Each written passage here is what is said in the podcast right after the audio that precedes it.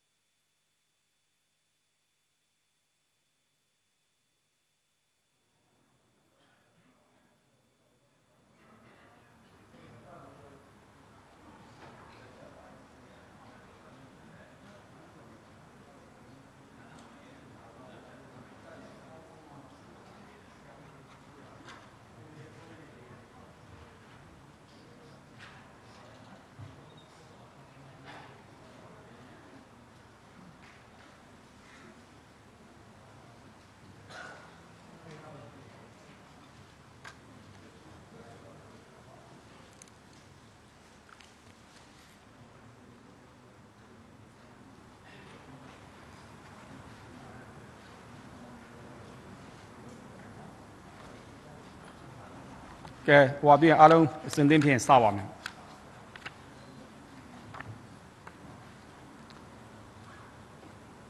ကဲအားလုံးမင်္ဂလာပါဗျာဒီနေ့သတင်းစာရှင်းလင်းပွဲတော့တက်ရောက်လာကြတဲ့ဝန်ကြီးဌာနများမှသတင်းထုတ်ပြန်ရေးနဲ့ပြောရေးဆိုခွင့်ရှိသူများသတင်းမီဒီယာများအားလုံးကြည့်ရှုနေကြတဲ့တိုင်းရင်းသားပြည်သူအားလုံးဒါကျမ်းမာရှင်လန်းကြပါစေလို့ဥစွာဆန္ဒမေတ္တာပို့သအပ်ပါတယ်ဒီနေ့သတင်းစာရှင်းလင်းပွဲမှာပြောမယ့်အကြောင်းအရာတွေတော့1 PDF အပါအဝင်အဖွဲ့အစည်းအမျိုးမျိုးအမည်ခံ၍လက်နက်ကင်စန့်ကျင်လျက်ရှိတဲ့အဖွဲ့အစည်းများမှာဥပဒေပေါင်းတွင်ဝင်ရောက်လိုသူများနဲ့ပတ်သက်ပြီးအသိပေးထုတ်ပြန်ရခြင်းအကြောင်းနဲ့အခြေအနေတွေနှစ်ကတော့ငြိမ်းချမ်းရေးဆိုင်ရာကိစ္စရပ်များနဲ့သုံးကတော့တာဝန်ကင်းတာဝန်မှကင်းကွာနေတဲ့အခြေခံပညာဝန်ထမ်းများပြန်လည်ဖိတ်ခေါ်ခြင်းနဲ့ PDF အမည်ခံအကြမ်းဖက်သမားများရဲ့အကြမ်းဖက်လုပ်ရပဲဖြစ်ပါတယ်။ထုံးစံတိုင်းပဲတစ်ကနေ3ထိကတော့ကျွန်တော်ရှင်းလင်း ပြောကြားတော့မှာဖြစ်ပြီးရွေးကောက်ပွဲကော်မရှင်အပိုင်းတော့ရွေးကောက်ပွဲကော်မရှင်အဖွဲ့ဝင်ဥက္ကမောင်ဦးကရှင်းလင်းပြောကြားတော့မှာဖြစ်ပါတယ်။ပြီးရင်တော့မေးဖြေကဏ္ဍဖြစ်ပါတယ်။ဒါအခမ်းအနားမှုကနေမီဒီယာအမီလိုက်ဖိတ်ခေါ်သွားမှာဖြစ်ပါတယ်။ပထမဦးဆုံးအနေနဲ့ကတော့ဒါ PDF အပါအဝင်အဖွဲ့အစည်းမျိုးမျိုးအမည်ခံပြီးလက်နက်ကင်စန့်ကျင်လျက်ရှိတဲ့အဖွဲ့အစည်းများကဥပဒေပေါင်းတွင်ဝင်ရောက်လိုသူများနဲ့ပတ်သက်ပြီးအသိပေး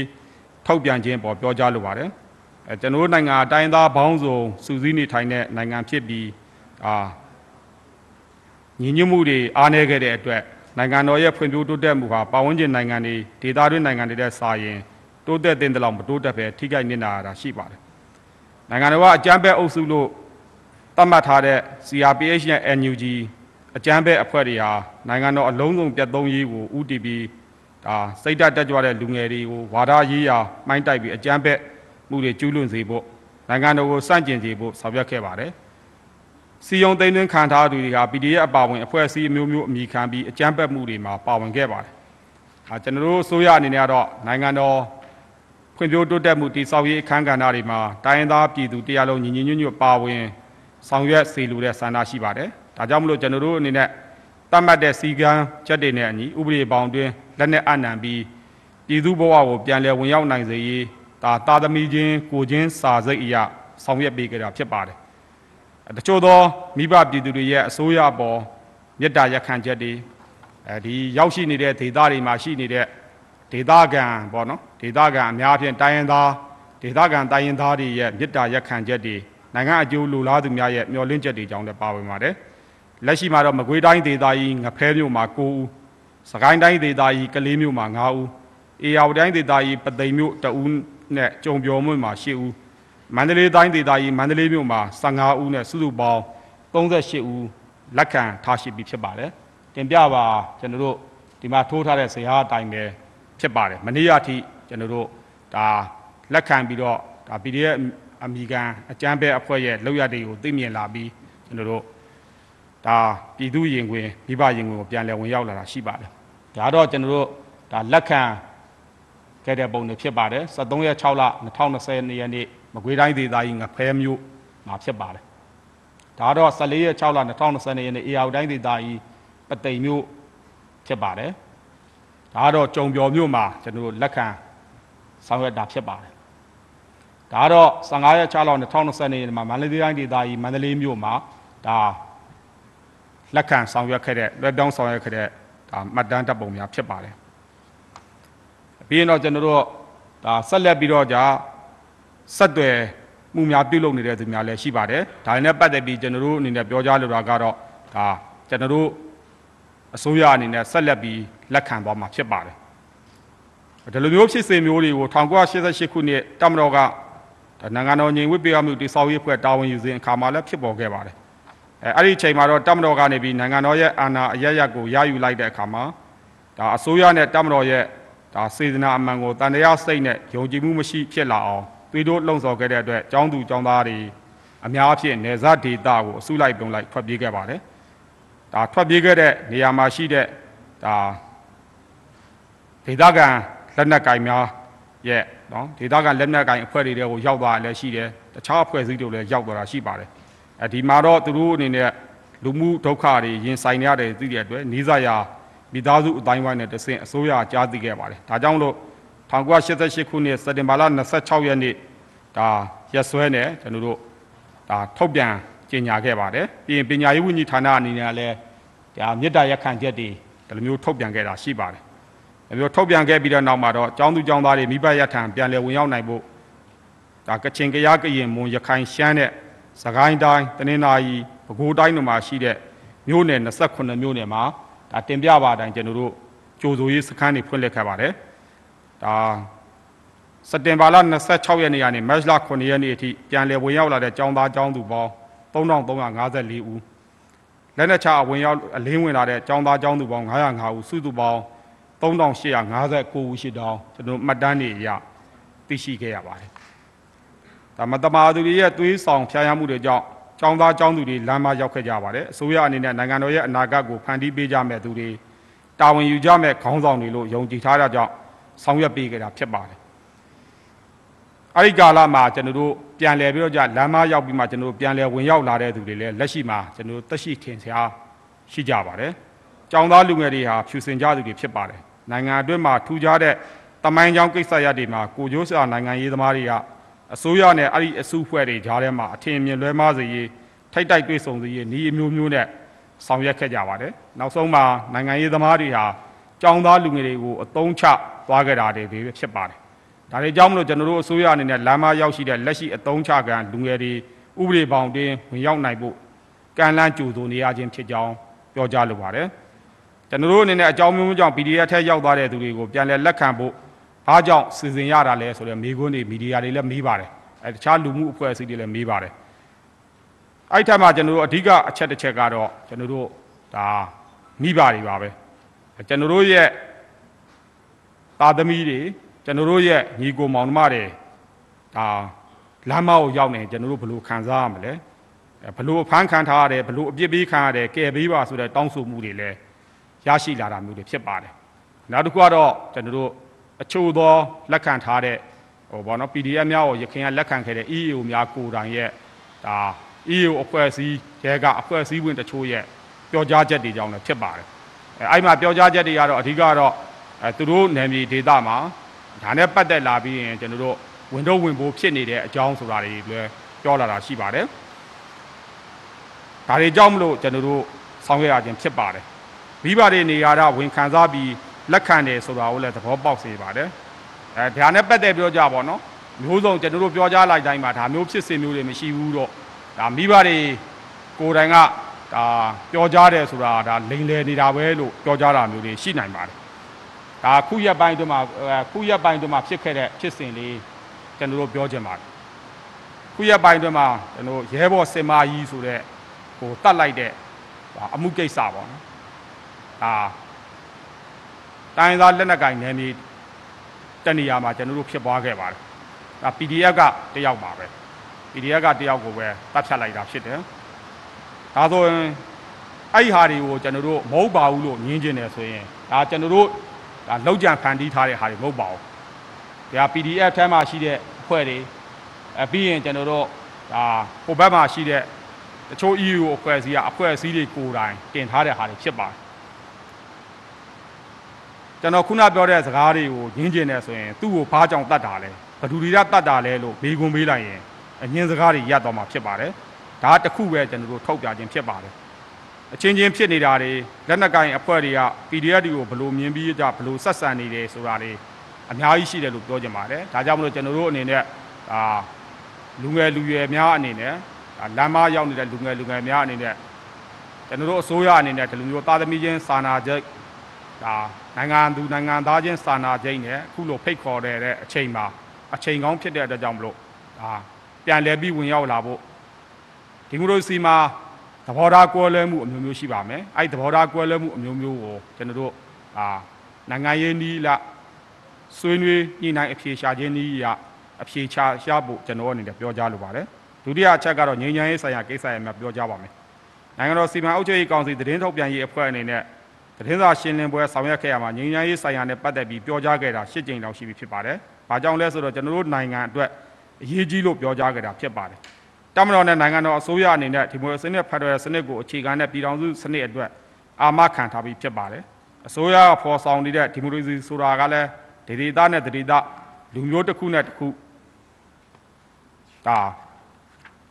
ကဲမှာညီးများစွာကျွန်တော်တို့ဒါဆောင်ရွက်သွားရမှာဖြစ်ပါတယ် တူညီတဲ့စနစ်ကိုပေါ်ဆောင်ရမယ့်ဟာပဲဖြစ်ပါတယ်ခေတ်ဆက်ဆက်အစိုးရအနေနဲ့ငြိမ်းချမ်းရေးလုပ်ငန်းစဉ်တွေကိုဆောင်ရွက်ခဲ့ရမှာတမိုင်းမှတ်တမ်းတွေမှာတွေ့ရပါတယ်နိုင်ငံတော်စီမံအုပ်ချုပ်ရေးကောင်စီအစိုးရအနေနဲ့ငြိမ်းချမ်းရေးလုပ်ငန်းစဉ်များအကျိုးဆောင်နိုင်ရေးနဲ့မြင့်တင်နိုင်ရေးဆောင်ရွက်ခြင်းတမတော်ရဲ့ငြိမ်းချမ်းရေးဆွေးနွေးမှုကော်မတီနဲ့ EAO များဓာတ်ရိုက်ဆွေးနွေးခြင်း NCA လက်မှတ်ရေးထိုးထားတဲ့တိုင်းရင်းသားလက်နက်ကိုင်အဖွဲ့အစည်းတွေနဲ့ငြိမ်းချမ်းရေးပုံမှုခိုင်မာအောင်ဆောင်ရွက်ခြင်း NCA လက်မှတ်မရေးထိုးထားသေးတဲ့တိုင်းရင်းသားလက်နက်ကိုင်အဖွဲ့တွေကို NCA လက်မှတ်ရေးထိုးနိုင်အောင်ရည်ရွယ်ပြီးပြစ်ခတ်တိုက်ခိုက်မှုရောနှဲလာစေရေးနဲ့နှစ်ဖက်သဘောတူညီချက်များရရှိစေရေးစတဲ့လုပ်ငန်းစဉ်တွေကိုချမှတ်ဆောင်ရွက်လျက်ရှိပါတယ်။နိုင်ငံတော်စီမံအုပ်ချုပ်ရေးကောင်စီအစိုးရ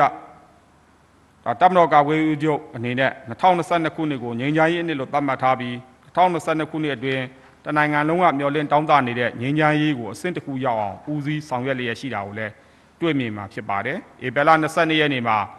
ငြိမ်းချမ်းရေးကိုလက်တွေ့ကြကြထိထိရောက်ရောက်အကောင့်ထဲပေါ်နိုင်ဖို့တိုင်းရင်းသားလက်နက်ကိုင်အဖွဲ့အားလုံးနဲ့တွေးဆောင်ဆွေးနွေးမှုများပြုလုပ်သွားမယ်လို့ပြောကြားခဲ့ပြီးငြိမ်းချမ်းရေးတကားကိုပုံမဒါဝင်ရောက်လာနိုင်စေရေးဖွင့်လှစ်ပေးခဲ့ပါတယ်။ငြိမ်းချမ်းရေးဆွေးနွေးရန်ကမ်းလှမ်းချက်တွေအပေါ်မှာကျွန်တော်တို့ဒါ NCA လက်မှတ်ရေးထိုးပြီးသားအဖွဲ့ NCA လက်မှတ်ရေးမထိုးတဲ့အဖွဲ့စုစုပေါင်း10ဘွဲကနေပြောကြကျွန်တော်တို့ဒါတက်ရောက်ခဲ့မယ်လို့ပြန်ကြားခဲ့တာရှိပါတယ်2022ခုနှစ်မေလ20နှစ်မှာတော့ ဒါ RCSS ဥက္ကဋ္ဌနဲ့ကျွန်တော်တို့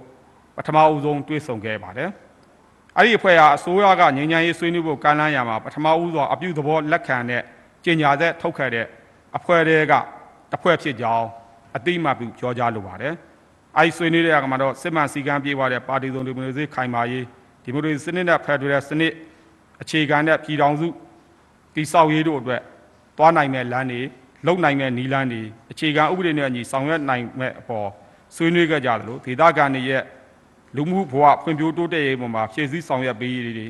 ငြိမ်းချမ်းရေးနဲ့ဆွေးနွေးမှုလုပ်ငန်းဆောင်ရွက်လုပ်ငန်းစဉ်တွေကိုကျွန်တော်ဆောင်ရွက်ရမှာတော့အချိန်စရာ time frame ကိုစနစ်တကျရေးဆွဲဆောင်ရွက်သွားမယ့်အခြေအနေတွေကိုဆွေးနွေးနိုင်ခဲ့ပါတယ်။နောက်ကျွန်တော်တို့မွန်ပြည်သစ်ပါတီ NMSP နဲ့ဆွေးနွေးခဲ့ပါတယ်။အဲဒီမှာတော့ Federal နဲ့ဆိုင်တဲ့မူတွေပြည်내ဖွဲ့စည်းပုံဆိုင်ရာကိစ္စရပ်တွေ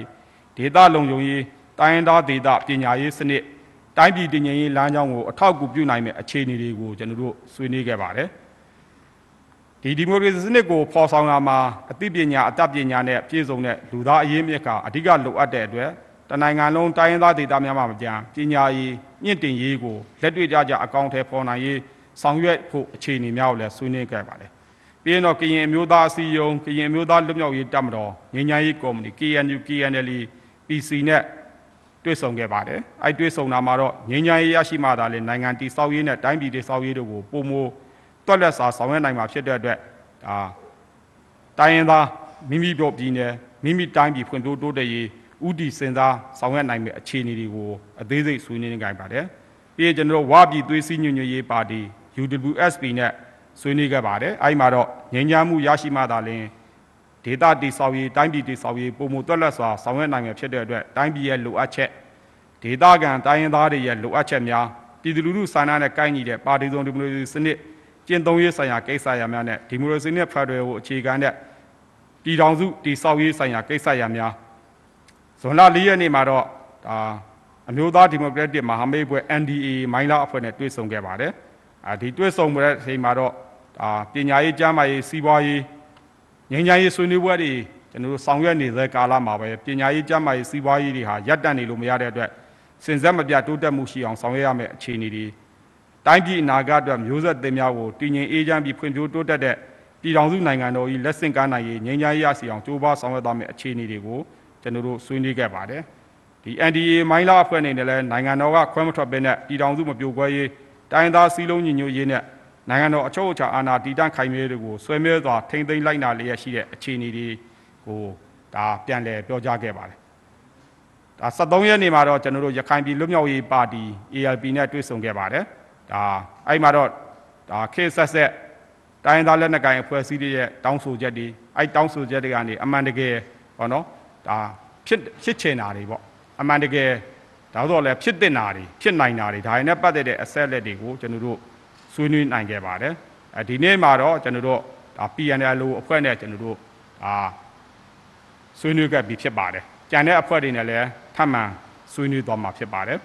ဒီအဲ့ဆွေးနွေးတဲ့အဖွဲ့တွေနဲ့ပဲကျွန်တော်တို့ဒါမြို့သားစည်းလုံးညီညွတ်ရေးနဲ့ငြိမ်းချမ်းမှုဖော်ဆောင်မှုညှိနှိုင်းရေးကော်မတီဥက္ကဋ္ဌဒါပြည်ထောင်စုအစိုးရအဖွဲ့ရုံးဝန်ကြီးဌာနပေါ့နော်ပြည်ထောင်စုဝန်ကြီးဗိုလ်ချုပ်ကြီးရာပြည်တို့နဲ့လည်းကျွန်တော်တို့အဖွဲ့တွေ အဖွဲ့အသီးသီးအားထပ်မံဆွေးနွေးခဲ့ပါတယ်ဆွေးနွေးပွဲသဘောတူညီကြများကိုလည်းကျွန်တော်တို့လက်မှတ်ရေးထိုးနိုင်ခဲ့ပါတယ်အကြံအဖွဲ့ကျွန်တော်တို့ဒီနေ့ဆိုရင်တော့ကျွန်တော်ဒါ PNL အဖွဲ့နဲ့ဆွေးနွေးပြီးတဲ့အခါမှာဆွေးနွေးရန်ကြံစည်တဲ့အဖွဲ့၃ဖွဲ့ရှိပါတယ်သူတို့နဲ့လည်းထပ်မံပြီးဆက်လက်ဆွေးနွေးသွားဖို့ရှိကြောင်းပြောကြားလိုပါတယ်ဒါငញ្ញရေးရရှိဖို့အတွက်ငញ្ញရေးဆွေးနွေးပွဲကိုရောက်ရှိလာကြတဲ့မရှိတဲ့ NCA လက်မှတ်ရေးထိုးပြီးတိုင်းသားလက်နက်ကိုင်အဖွဲ့တွေ ရေးထိုးကြခြင်းမရှိသေးတဲ့တိုင်းသားလက်နက်ကိုင်အဖွဲ့တွေကိုလည်းတိုင်းပြည်အကျိုးဒေသအကျိုးငញ្ញရေးဆွေးနွေးမှုတွေပြုလုပ်နိုင်ရန်အတွက်ရခိုင်ဖိတ်ခေါ်ကမ်းလှမ်းချက်များအတိုင်း2022ခုနှစ်ဒါဇွန်လ14ရက်နေ့မှာနိုင်ငံတော်စီမံအုပ်ချုပ်ရေးကောင်စီအစိုးရအဖွဲ့အနေနဲ့ထပ်မံဖိတ်ခေါ်ခဲ့ပါတယ်ထပ်မံဖိတ်ခေါ်မှုအပေါ်တက်ရောက်ဆွေးနွေးမဲ့တိုင်းသားလက်နက်ကိုင်အဖွဲ့အသီးသီးမှဥက္ကဋ္ဌသို့မဟုတ်ဥက္ကဋ္ဌကိုယ်စားအဆုံးဖြတ်ပေးနိုင်မဲ့ခေါင်းဆောင်တဲ့အဖွဲ့ဝင်2ဦးရဲ့အမည်အစင်းကိုဒီလဇွန်လ30ရက်နေ့နောက်ဆုံးထား ပြန်ကြားပေးဖို့ကမ်းလှမ်းထားပါတယ်။ဒါ NCA ရရေးဆွဲထားတဲ့နိုင်ငံရေးဆွေးနွေးမှုမူပေါင်းတွေမှာအစိုးရလွတ်တော်တပ်မတော်တိုင်းသားလက်နက်ကိုင်အဖွဲ့အစည်းနိုင်ငံရေးပါတီများစတဲ့အစုအဖွဲ့အသီးသီးကပါဝင်တဲ့ကိုယ်စားလှယ်များနဲ့နိုင်ငံရေးဆွေးနွေးပွဲတွေကိုလည်းကျွန်တော်တို့အခုချိန်မှာတော့ကျွန်တော်တို့နိုင်ငံရေးပါတီတွေနဲ့ဆွေးနွေးတာတွေကိုကျွန်တော်တို့ဆောင်ရွက်လျက်ရှိပါတယ်။အချို့တိုင်းသားလက်နက်ကိုင်များပြောဆိုနေကြတာရှိပါတယ်။ဒါမီဒီယာတွေမှာလှုံ့ဆော်နေတာရှိပါတယ်။လက်ရှိအနေအထားအရ နိုင်ငံရေးအခင်းချင်းအစုအဖွဲ့စုံလင်မှုမရှိဘူးဆိုတဲ့ဟာတွေနိုင်ငံရေးအခင်းချင်းအပေါ်မှာဒါဆွေးနွေးလို့ရမယ်နိုင်ငံရေးအခင်းချင်းမဟုတ်ဘူးလို့ပြောနေတာတွေရှိပါတယ်လက်ရှိငြိမ်းချမ်းရေးဖိတ်ကိုဆွေးနွေးချက်တွေဟာကျွန်တော်တို့ကကျွန်တော်တို့လှုပ်ဆောင်နေရသည်လက်ရှိမှာကျွန်တော်တို့ဒါတပ်မတော်အနေနဲ့ကောကျွန်တော်တို့အစိုးရအနေနဲ့ကောဆွေးနွေးနေတာဖြစ်ပါတယ်အဒီဆွေးနွေးချက်တွေကိုကျွန်တော်တို့ကဒီဆွေးနွေးချက်တွေထဲမှာခုနကျွန်တော်ပြောခဲ့တဲ့အာဖြစ်ချင်တာတွေကိုဆွေးနွေးကြတယ် ဖြစ်ချင်တာတွေဆွေးနွေးတဲ့အထက်မှာကျွန်တော်တို့ကဖြစ်တင်တာတွေကိုနော်ဖြစ်တင်တာတွေကိုကျွန်တော်တို့ပြောဆိုခဲ့တာတယ်အဲ့ထက်မှာမှကျွန်တော်တို့ဖြစ်နိုင်တာတွေကဘာတွေဆက်လက်ဆွေးနွေးသွားမှာဘာတွေဆိုတာပြောခဲ့တယ်ဒါတွေကကျွန်တော်တို့ကပြီးရင်တော့လွတ်တော်မှာဒါဆွေးနွေးပြီးတော့ကြလွတ်တော်မှာဆွေးနွေးပြီးတော့ကြအတီးပြုတာတွေပြင်ဆင်တာတွေလုပ်ရမယ့်ဟာတွေဖြစ်ပါတယ်အဒါတွေကိုကျွန်တော်တို့ဘာကြောင့်ဆောင်ရွက်နေရတော့ဆိုတော့ကျွန်တော်ရခင်ကပြောခဲ့သလိုပဲကျွန်တော်တို့ဒါလွတ်တော်ဆိုတာပေါ်ပေါက်လာလို့ရှိရင်လည်း ဒီခုဆွေးနွေးနေတဲ့နိုင်ငံရေးပါတီတွေပေါ့နိုင်ငံရေးပါတီများအစုအဖွဲ့ကပဲကျွန်တော်တို့ဒါလွတ်တော်ကိုယ်စားလှယ်တွေဖြစ်လာမှာဖြစ်တယ်ဒါပြင်တော့တမတော်သားလွတ်တော်ကိုယ်စားလှယ်အစုအဖွဲ့တွေလည်းပါပြီးဖြစ်တယ်အဒီကိစ္စတွေမှာပြင်ဆင်ဖို့ကိစ္စတွေရှိလာလို့ရှိရင်အဲဘယ်အဖွဲ့အစည်းကပို့ပြီးတော့ကြတော့အဓိကကြတယ်ဘယ်အဖွဲ့အစည်းနဲ့ကြိုပြီးညှိနှိုင်းရမယ်ဆိုတဲ့ဟာမျိုးတွေကဒါအခြေခံဥပဒေကိုလေ့လာထားတဲ့သူတိုင်းသိရှိပြီးဖြစ်မှာဖြစ်ပါတယ် အဲဒါကြောင့်မလို့တော့ကကျွန်တော်တို့ကြိုတင်ဆွေးနွေးနေခြင်းဖြစ်ပါတယ်အဲကြိုတင်ဆွေးနွေးပြီးတော့ကြဒါရရှိလာတဲ့အချက်လက်တွေကိုကျွန်တော်တို့ဒါတဆင်ပြီးတဆင်ထပ်မံဆွေးနွေးတော့မှာဖြစ်ပါတယ်ဒါကြောင့်မလို့ကျွန်တော်ပြောချင်တာကတော့လက်ရှိအခြေအနေထက်ပေါ့နော်ကောင်းတဲ့နီလန်းဒါအခွင့်အခါတဲ့တဲ့နီလန်းအခွင့်အခါတဲ့တဲ့အချိန်ပေါ့လေဒါကတော့နော်ပို့ပြီးတော့ကြာရှိလာမှာမဟုတ်ဘူးလို့ပြောချင်ပါတယ်ဒီကိစ္စနဲ့ပတ်သက်ပြီးငញ្ញရေးဆွေးနွေးပွဲနဲ့ပတ်သက်ပြီးတော့ကြ တိုင်းသားလက်နက်ကိုင်အဖွဲ့အစည်းများအနေနဲ့လည်းမိမိတိုင်းသားလူမျိုးတွေရဲ့အကျိုးမိမိဒေသရဲ့အကျိုးမိမိနိုင်ငံတော်ရဲ့အကျိုးပြည်ထောင်စုရဲ့အကျိုးကိုကြည့်ပြီးတော့ဒါဆောင်ရွက်တဲ့တယ်လို့ကျွန်တော်အနေနဲ့တိုက်တွန်းလိုပါတယ်ငញ្ញရေးအတွက်အတူတကွဆောင်ရွက်ရမယ့်နည်းလမ်းတွေကတော့ဒါညီညွတ်တာတွေတီးခန့်တာတွေခွင့်လွတ်တာတွေကောင်းကျိုးလိုလားခြင်းကောင်းကျိုးကိုဆောင်ရွက်နိုင်ခြင်းတို့ပဲဖြစ်ပါတယ်ဒီလိုဆောင်ရွက်နိုင်မှသာလျှင်လည်းညီညွတ်ရေးရရှိမှာဖြစ်ပါတယ်ညီညွတ်ရေးနီလန်းအသာလေငြိမ်းချမ်းရေးနီလန်းဖြစ်ပါတယ်ဒါကြောင့်ငြိမ်းချမ်းရေးတည်ဆောက်မှု ရလို့ရင်ကျွန်တော်တို့နိုင်ငံသူနိုင်ငံသားအားလုံးညီညွတ်ရေးကိုဒါတည်ဆောက်သွားမှာဖြစ်ပါတယ်နိုင်ငံတော်ဖွံ့ဖြိုးတိုးတက်ရေးအတွက်တိုင်းရင်းသားပြည်သူများရဲ့အားဟာအဓိကကြတဲ့အခမ်းကဏ္ဍပါဝင်ပြီးပြည်အင်အားဟာပြည်တွင်းမှာသာရှိတယ်လို့နိုင်ငံတော်အကြီးအကဲကပြောခဲ့ပါတယ်ဒါကိုကျွန်တော်တို့အလေးနဲ့ခံယူရမှာဖြစ်ပါတယ်ပြည်ပကဆောင်ရွက်ချက်တွေပြင်ပကလာတဲ့ဟာတွေကကျွန်တော်တို့ဒါအားဖြည့်အကူလောက်တာဖြစ်ပါတယ်အားဖြည့်အကူညီလောက်တာဖြစ်ပါတယ် အဓိကကတော့တိုင်းပြည်တွေရဲ့အဓိကစစ်မှန်တဲ့အင်အားကပြည်တွင်းမှာသာရှိကြောင်းအလေးနက်ခံယူပြီးပြည်အင်အားကိုတိစောက်နိုင်မဲ့မျိုးသားစီးလုံးညညရေးနဲ့ငြိမ်းချမ်းရေးလုပ်ငန်းစဉ်တွေမှာအားလုံးပါဝင်ကြဖို့ကျွန်တော်တို့တိုက်တွန်းလိုပါတယ်။ဆက်လက်ပြီးတတိယအချက်အနေနဲ့ကတော့ကျွန်တော်တာဝန်မှကင်းကွာနေတဲ့အခြေခံပညာဝန်ထမ်းများပြန်လည်ဖိတ်ခေါ်ခြင်းနဲ့ဒါအကြမ်းဖက်လောက်ရတွေကိုပြောလိုပါတယ်။ဒါနိုင်ငံတော်စီမံအုပ်ချုပ်ရေးကောင်စီအနေနဲ့နိုင်ငံတော်ရဲ့အနာဂတ်ခေါင်းဆောင်မှဖြစ်လာတဲ့မျိုးဆက်သစ်လူငယ်များရဲ့ ပညာရေးမြင့်မားရေးဆောင်ရွက်ရမှာပညာသင်ကြားရေးအတွေ့အကြုံရင့်ကျက်တဲ့ဆရာစမားများအခန်းကဏ္ဍဟာလည်းအရေးပါတဲ့အခန်းကဏ္ဍပါဝင်ခဲ့ပါတယ်။ဒါကြောင့်မလို့ကျွန်တော်တို့ဒါပညာရေးတာဝန်တွေထမ်းဆောင်တဲ့နေရာမှာနိုင်ငံရေးသမားများရဲ့တွေးထိုးလှုံ့ဆော်မှုများကြောင့် CDN လောက်တာတွေချင်းချောက်အကြခံအကြကန်ခံရမှုတွေဒါငြိမ်းချမ်းသာဆန္ဒပြဝင်မှုမှာပါဝင်ခဲ့တဲ့အကြောင်းစိုးရိမ်ကြောင်းကြမှုတွေကြောင့်တာဝန်မှကင်းကွာနေတဲ့ဆရာဆရာမတွေရှိပါတယ်။အဲဒါတွေကိုကျွန်တော်တို့အနေနဲ့ ဒါတင် जा ရေးတာဝန်တွေပြန်လည်ထမ်းဆောင်နိုင်ရေးမိမိတို့သဘောဆန္ဒအလျောက်နောက်ဆုံးတာဝန်ထမ်းဆောင်ခဲ့တဲ့ကြောင်မျိုးနယ်ပညာရေးမှုရုံးတွေကိုတတ်မှတ်ပုံစံဖြည့်သွင်းပြီးအယူခံလာတင်သွင်းကြဖို့ဒါအတိပေးကြေညာခဲ့ပါတယ်။မေလ31ရက်နေ့အထိကနဦးလက်ခံမှာဖြစ်တယ်ဆိုပြီးကျွန်တော်တို့ဒါကြေညာခဲ့ပါတယ်။နောက်ပိုင်းမှာတော့ကျွန်တော်လမ်းမဆက်သွယ်ရေးနဲ့အခြားသောအခက်အခဲတွေကြောင့်တတ်မှတ်ရက်အတွင်းသတင်းပို့နိုင်ခြင်းမရှိသေးပဲအကြောင်းကြားလာတယ်ရှိပါတယ်။ဒါကြောင့်မလို့ကျွန်တော်တို့က ဇွန်လ14ရက်နေ့အထိထပ်မံပြီးတိုးမြင့်လက်ခံပေးပါတယ်ဇွန်လ14ရက်နေ့အထိကတော့ကျွန်တော်တို့အထက်တန်းပြ389ဦးအလယ်တန်းပြ1005ဦးမူလတန်းပြ982ဦးစုစုပေါင်း3156ဦးစည်ရင်ပေးထားရှိပါတယ်လက်ခံဆောင်ရွက်မဲ့လုပ်ငန်းစဉ်များကိုကျွန်တော်တို့ဆောင်ရွက်လျက်ရှိကြောင်းပြောကြားလိုပါတယ်နိုင်ငံတော်စီမံအုပ်ချုပ်ရေးကောင်စီကနိုင်ငံတော်တာဝန်ရယူပြီးတဲ့နောက်ပိုင်းမှာအကြမ်းဖက်အဖွဲ့အစည်းတွေကအစိုးရရန်နေရာရပ်တန့်ပြင်နိုင်မဲ့နီလန်းတွေအစိုးရပြုတ်ကြရေးအတွက် နီလန်းနေဆောင်ရွက်ခဲ့ပါတယ်ဒါလို့ဆောင်ရွက်ခဲ့ရမှာအစိုးရကိုဓာတ်ရိုက်တော်၎င်းတွယ်ပွား၍တော်၎င်းပတ်သက်နေတဲ့သူတွေပါဝင်ပတ်သက်နေတဲ့သူတွေရဲ့မိသားစုတွေအစိုးရကိုနိုင်ငံရေးရစီးပွားရေးရနော်ပါဝင်နေတဲ့သူတွေကိုဖမ်းဆီးတာတွေတပ်ဖြတ်တာတွေလောက်ကျန်တပ်ဖြတ်တာတွေအဆောက်အုံတွေကိုဖောက်ခွဲဖျက်ဆီးခြင်းမီးရှို့ခြင်းစတဲ့အကြမ်းဖက်နီလန်းတွေကိုဆောင်ရွက်ခဲ့ပါတယ်ဒီ2022 23ပညာသင်နှစ်အတွင်းမှာအကြမ်းဖက်သမားများကဆရာဆမားများကိုအကြမ်းဖက်ကျူးလွန်ခဲ့တဲ့ အခြေအနေပေါ့ခုရက်ပိုင်းအခြေအနေမှာဇွန်လ9ရက်နေ့မှာဆိုရင်စကိုင်းတိုင်းဒေသကြီးမုံရွာမြို့နယ်ဒါရွာတုံကျေးရွာအနီးမှာတော့အခြေခံပညာအလဲတန်းကျောင်းစီတာအကျောင်းဆရာမကြီးတနတ်ပြက်ပြစ်ကတ်ခံခြင်းဖြစ်ခဲ့တာတွေ့ရပါတယ်ဇွန်လ6ရက်နေ့မှာတော့ဝက်လက်မြို့နယ်မင်းသားကန်ကျေးရွာကအခြေခံပညာမူလတန်းလွန်ဒါကျောင်းဆရာမကြီးတဦးကိုဒါတပ်ဖြတ်ခဲ့တာတွေ့ရပါတယ်ဇွန်လ7ရက်နေ့မှာတော့တနင်္လာရီတိုင်းဒေသကြီးတဝဲခရိုင်လောင်းလုံးမြို့နယ်ပန်းတင်ရင်ကျေးရွာမှာရှိတဲ့တဝဲတက္ကသိုလ် မြန်မာသားဌာနကကတိကတဦးနဲ့ဒါအမျိုးသမီးတဦးကိုပြစ်ခတ်ခဲ့တဲ့ဖြစ်စဉ်ဖြစ်ပါခဲ့ပါတယ်73ရက်နေ့မှာတော့ဒါ PDF အကြမ်းဖက်15ဦးကနေပြီးတော့ကြာကျွန်တော်တို့ရွှေကူမြို့နယ်ကျွန်းတော်ကျေးရွာအခြေခံပညာမူလတန်းတော်ကျောင်းကိုရောက်ရှိလာပြီးကျေးရွာကဆရာဆရာမ9ဦးတို့ကိုဖမ်းဆီးခေါ်ဆောင်သွားတဲ့ဖြစ်စဉ်တွေဖြစ်ခဲ့ပါတယ်။ဒါ2021ခုနှစ်ဧပြီလ1ရက်နေ့ကနေ2022ခုနှစ်ဇွန်လ23ရက်နေ့ထိပညာရေးဝန်ထမ်းဖမ်းဆီးတပ်ဖြတ်မှု 20ကြိမ်ဖြစ်ပေါ်ခဲ့ပြီးတော့ကြ44ဦးသေဆုံးခဲ့ပါတယ်။ဒါအပြင်ကျွန်တော်တို့ဇွန်လ9ရက်နေ့နေ့လယ်12နာရီလောက်မှာစကိုင်းတိုင်းဒေသကြီးရွှေဘိုမြို့နယ်ရှိကျောင်းသူကျောင်းသား130ဦးပညာသင်ကြားနေတဲ့အာမကမူလွန်တည်သီးသောကျောင်းကိုအကြမ်းဖက်သမားတွေကဒီဒရုန်းမှာဘုံချိတ်ဆွဲပြီးပြစ်ခတ်မှုတွေဆောင်ရွက်ခဲ့တာတွေတွေ့ရှိခဲ့ပါတယ်အဆောက်အအုံကိုထိမှန်ခဲ့ပါတယ်ဒါကျောင်းအဆောက်အအုံထဲမှာကျွန်တော်တို့ဒါပညာသင်ကြားနေတဲ့ကျောင်းသားကျောင်းသူ130ဦးရှိတာဖြစ်ပါတယ်ဒါကိုကျွန်တော်တို့ ဒရုန်းမှာဘုံချိတ်ဆွဲပြီးဒါတိုက်ခိုက်ခဲ့ပါတယ်အဲ့မှာကျွန်တော်တို့ဒါတိုက်ခိုက်ခဲ့တဲ့ပုံဖြစ်ပါတယ်အပြင်ကျွန်တော်တို့ဖန်ဆီးရမိတဲ့သူတို့အသုံးပြုသွားတဲ့ဒါ drone ပုံအဲ့ထဲမှာကျွန်တော်သိမ်းဆည်းရမိတဲ့ဒါ drone မှတ်တမ်းပုံဖြစ်ပါတယ်ပြီးရင်ကျွန်တော်တို့ဒါဒါတွေနဲ့ပတ်သက်ပြီးတော့ကြပေါ့နော်ဒီတပ်စကန်ရဲစကန်တွေကိုကျွန်တော်တို့ဒါမျိုးတွေတိုက်ခိုက်တာတွေလည်းရှိပါတယ်အဲ့ဒါဆိုရင်တော့ကျွန်တော်တို့ သူတို့ထုတ်ပြန်တာပေါ့တမတော်ကဘယ်နှဦးသေးတယ်ဆိုပြီးတော့ကြထုတ်ပြန်တယ်မျိုးတဲ့ရွာထဲမှာဘုံသီးကြရင်တော့သူကတော့ဒါအတက်နိုင်ဆုံးဒါယူကြည်အောင်ဆောင်ပြီးရင်ဒါဒလန်အင်ကိုတိုက်ခိုက်တယ်ဆိုတဲ့အကြောင်းပြချက်မျိုးပြပါတယ်အဲကျွန်တော်ပြောကြရတော့ဗီဒီယိုများနဲ့ကျွန်တော်ပြောကြဒီ drone တွေကို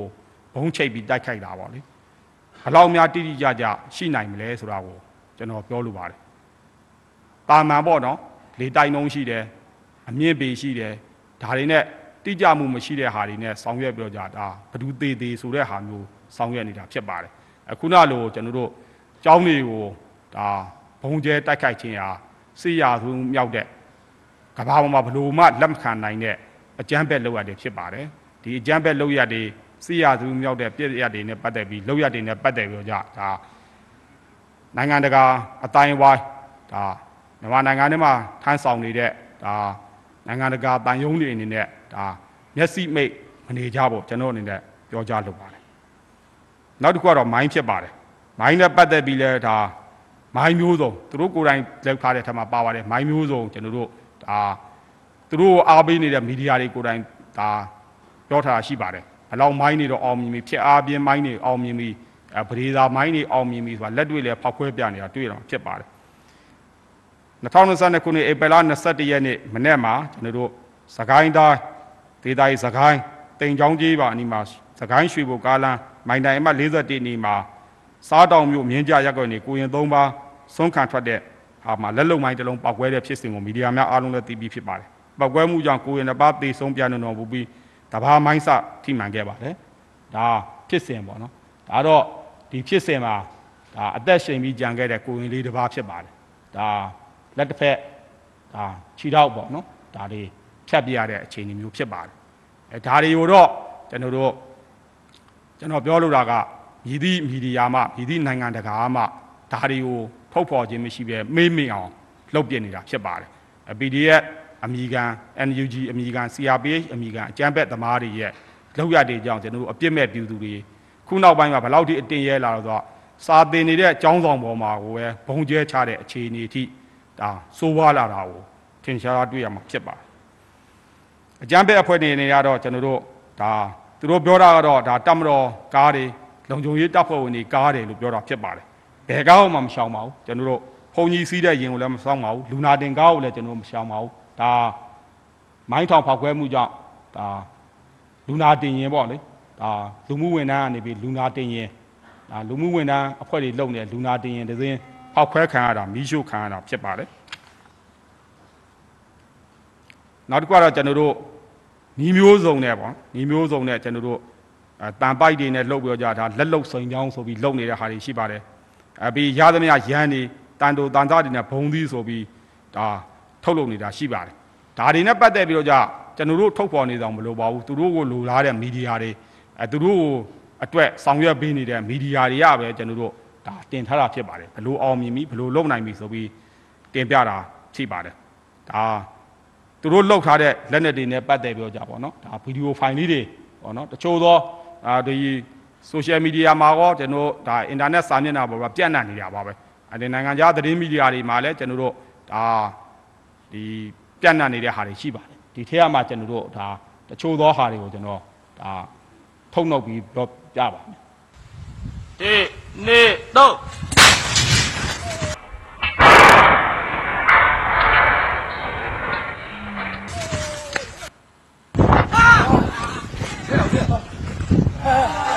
လုံးနေခွာဗျာပြပါကားကြီးမလေးငါလို့တိတ်တောင်ကွာ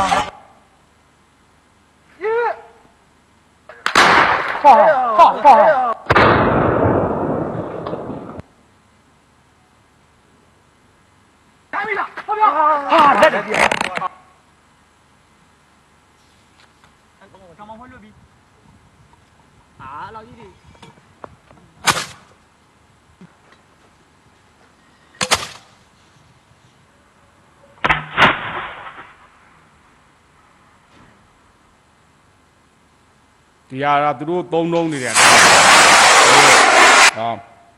ရန်တန်းပြီးတော့ကြရန်တန်းပြစ်ခတ်တယ်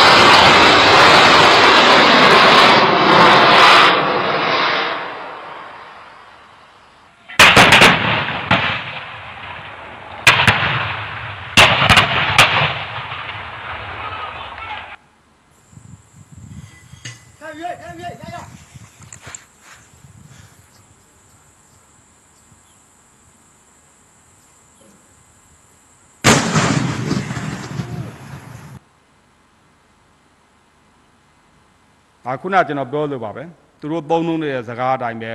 ဒါရန်တန်းပြစ်ခတ်နေတာဖြစ်ပါတယ်အဲပြစ်ပြီးတော့ကြခုနပြောလို့ဒါပြစ်လိုက်တယ်ပြစ်ပြီးတော့ကြဒါထွက်ပြေးတယ်နိုင်ငံတကာမှာကျွန်တော်တို့စစ်အသုံးဆောင်ပစ္စည်းတွေရှိပါတယ်လက်နက်တွေပေါ့နော်စစ်အသုံးဆောင်ပစ္စည်းတွေဒီဒါတိတိကျကျလောက်ရတဲ့ပစ္စည်းများပဲဖြစ်ပါတယ်တိတိကျကျလောက်ရတဲ့ပစ္စည်းများပဲဖြစ်ပါတယ်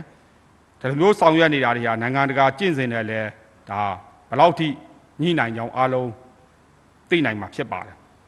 ဒီထက်မှကျွန်တော်တို့တွေ့ရမှာဖြစ်ပါတယ်ဒါချိန်ရွယ်ခြင်းမရှိဘဲနဲ့လည်းဒါဒီတိုင်းပြစ်ခတ်နေတာမျိုးတွေအပြီးရင်တွေ့ရကြုံတာတွေနဲ့လုံဆောင်နေတာမျိုးတွေရှိပါတယ်ဒါတွေဟာပေါ့နော်ဘယ်လောက်ထိလုံနိုင်မလဲဘယ်လိုလုံနိုင်မလဲဘယ်လိုဖြစ်နိုင်မလဲဒါဒီထက်မှလည်းကျွန်တော်တို့ပြင်းခိုင်းနေပဲပြောင်းကွဲသွားတဲ့ဟာမျိုးတွေရှိတယ်ပောက်ကွဲသွားတဲ့ဟာမျိုးတွေရှိတယ်ဒါသူတို့သုံးနေကြစကားဖြစ်တဲ့ရန်တန်းပြစ်ခတ်နေတာဖြစ်ပါတယ်အ ပြောရမယ်ဆိုတော့ကုန်းမော်ကြထင်းရရေထဲကြ900ပေါ့ရွာထဲကြရင်တော့သူကရွာသူရွာသားလို့မပြောဘူးသူတို့ဟာတွေရွာထဲကြရင်တော့ရွာထဲကြဒလန်ရဆိုတဲ့ဟာမျိုးဒလန်လို့ပဲတန်းဆွဆွဲတာပဲဖြစ်ပါတယ်လက်တန်းတွေ့ကြရပစ္စည်းတွေယူပြီးတော့ကြဒါလှုပ်ပြီးတော့ကြထင်းရမြေရပြစ်ခတ်နေတာဖြစ်ပါတယ်ဒါဘ ᱹ ကိုပြစ်ကတ်နေတာလဲဘ ᱹ တွေပုံမူပြီးထိခိုက်စေစေလဲဆိုတာကိုမြင်စေချင်တာပဲဖြစ်ပါတယ် အဲဒါနဲ့ပတ်သက်ပြီးတော့じゃကျွန်တော်တို့ပြောချင်တာက ဒီလိုလူမျိုးတွေကိုပဲမျိုးစုံပေါ့နော်နိုင်ငံတကာကနေပြီးမြောက်ပင်ပေးနေတာရှိတယ်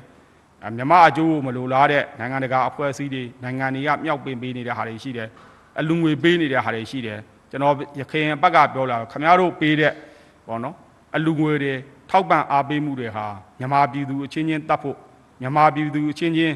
ရန်တမ်းပြစ်ခတ်ဖို့တည်ခြင်းတဲ့လူတည်ဖို့ဆိုတဲ့ဟာမျိုးတွေဖြစ်နေကြောင်းကျွန်တော်ဒါအတိပေးပြောလို့ပါတယ်ဒါ ဒီလိုမျိုးဆောင်ရွက်နေတာနဲ့အမျှဒါအပြစ်မဲ့ပြည်သူတွေအနေနဲ့ထိခိုက်နစ်နာမှုတွေရှိနေအောင်မှာပဲဖြစ်ပါတယ်အဲဆက်လက်ပြီးတော့ကျွန်တော်ပြည်ထောင်စုရွေးကောက်ပွဲကော်မရှင်အပိုင်းကိုတော့ဥက္ကမောင်ဦးကဆက်လက်ပြောကြားတော့မှာဖြစ်ပါတယ်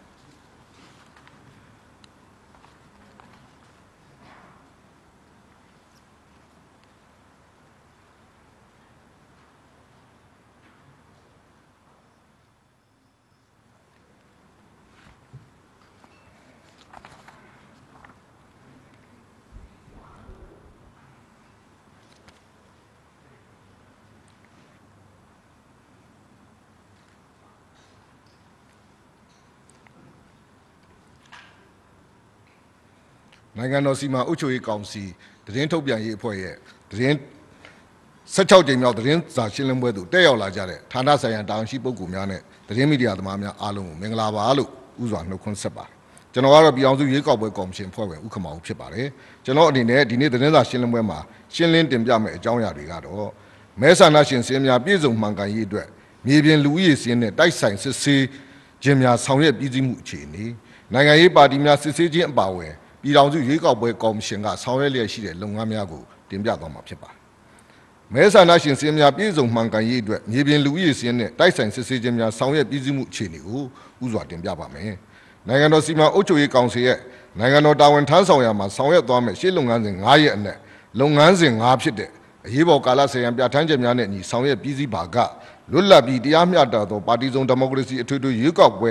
ကျင်းပပေးရမယ်တာဝန်ဟာ ကျွန်တော်တို့ပြည်ထောင်စုရွေးကောက်ပွဲကော်မရှင်ရဲ့တာဝန်ဖြစ်ပါတယ်ပြည်ထောင်စုရွေးကောက်ပွဲကော်မရှင်အနေနဲ့ဒီတာဝန်ကိုဆောင်ရွက်နိုင်မှုကြိုတင်ပြင်ဆင်ဆောင်ရွက်လျက်ရှိတဲ့နေရာမှာအရေးကြီးပြီးတော့ပမာဏကြီးမားတဲ့လုပ်ငန်းကတော့မဲဆန္ဒရှင်စီရင်ပြုစုခြင်းဖြစ်ပြီးဒီလုပ်ငန်းစဉ်ကိုကျွန်တော်တို့ရွေးကောက်ပွဲအကြိုကာလနဲ့ရွေးကောက်ပွဲကာလနှစ်ခုလုံးမှာဆောင်ရွက်ရတာဖြစ်ပါတယ်ဒီလိုဆောင်ရွက်ရမှာဆန္ဒမဲပေးပိုင်ခွင့်ရှိသူများဖြစ်တဲ့ရွေးကောက်ပွဲကျင်းပတဲ့နေ့မှာအသက်16နှစ်ပြည့်ပြီး ဥပဒေပြဋ္ဌာန်းချက်များနဲ့မဆန့်ကျင်တဲ့နိုင်ငံသားဧည့်နိုင်ငံသားနိုင်ငံသားပြုခွင့်ရသူတွေကိုစည်ရင်ပြုစုရမှာဖြစ်ပါတယ်သက်ဆိုင်ရာလွတ်တော်ရွေးကောက်ပွဲဥပဒေပါရွေးကောက်ပွဲတဲ့ဆန္ဒမဲပေးပိုင်ခွင့်မရှိသူများမပါရှိစေရေးကိုလည်းစီစစ်ဆောင်ရွက်ရမှာဖြစ်ပါတယ်။သက်ဆိုင်ရာမျိုးနဲ့ရွေးကောက်ပွဲကော်မရှင်အဖွဲ့ခွဲနဲ့ရက်ကွက်သို့မဟုတ်ကြီးပါအုပ်စုကော်မရှင်အဖွဲ့ခွဲတွေဟာအထက်ပါမဲပေးပိုင်ခွင့်ရှိသူတိုင်းကိုရင်းတို့ကင်ဆောင်တဲ့နိုင်ငံသားစီစီကတ်အဲနိုင်ငံသားသို့မဟုတ်နိုင်ငံသားပြုခွင့်ရလက်မှတ် အိမ်အောင်စုလူဦးရေစီရင်ပုံစံ66မြင်းဆောင်6တို့နဲ့တိုက်ဆိုင်စစ်ဆေးပြီးမှ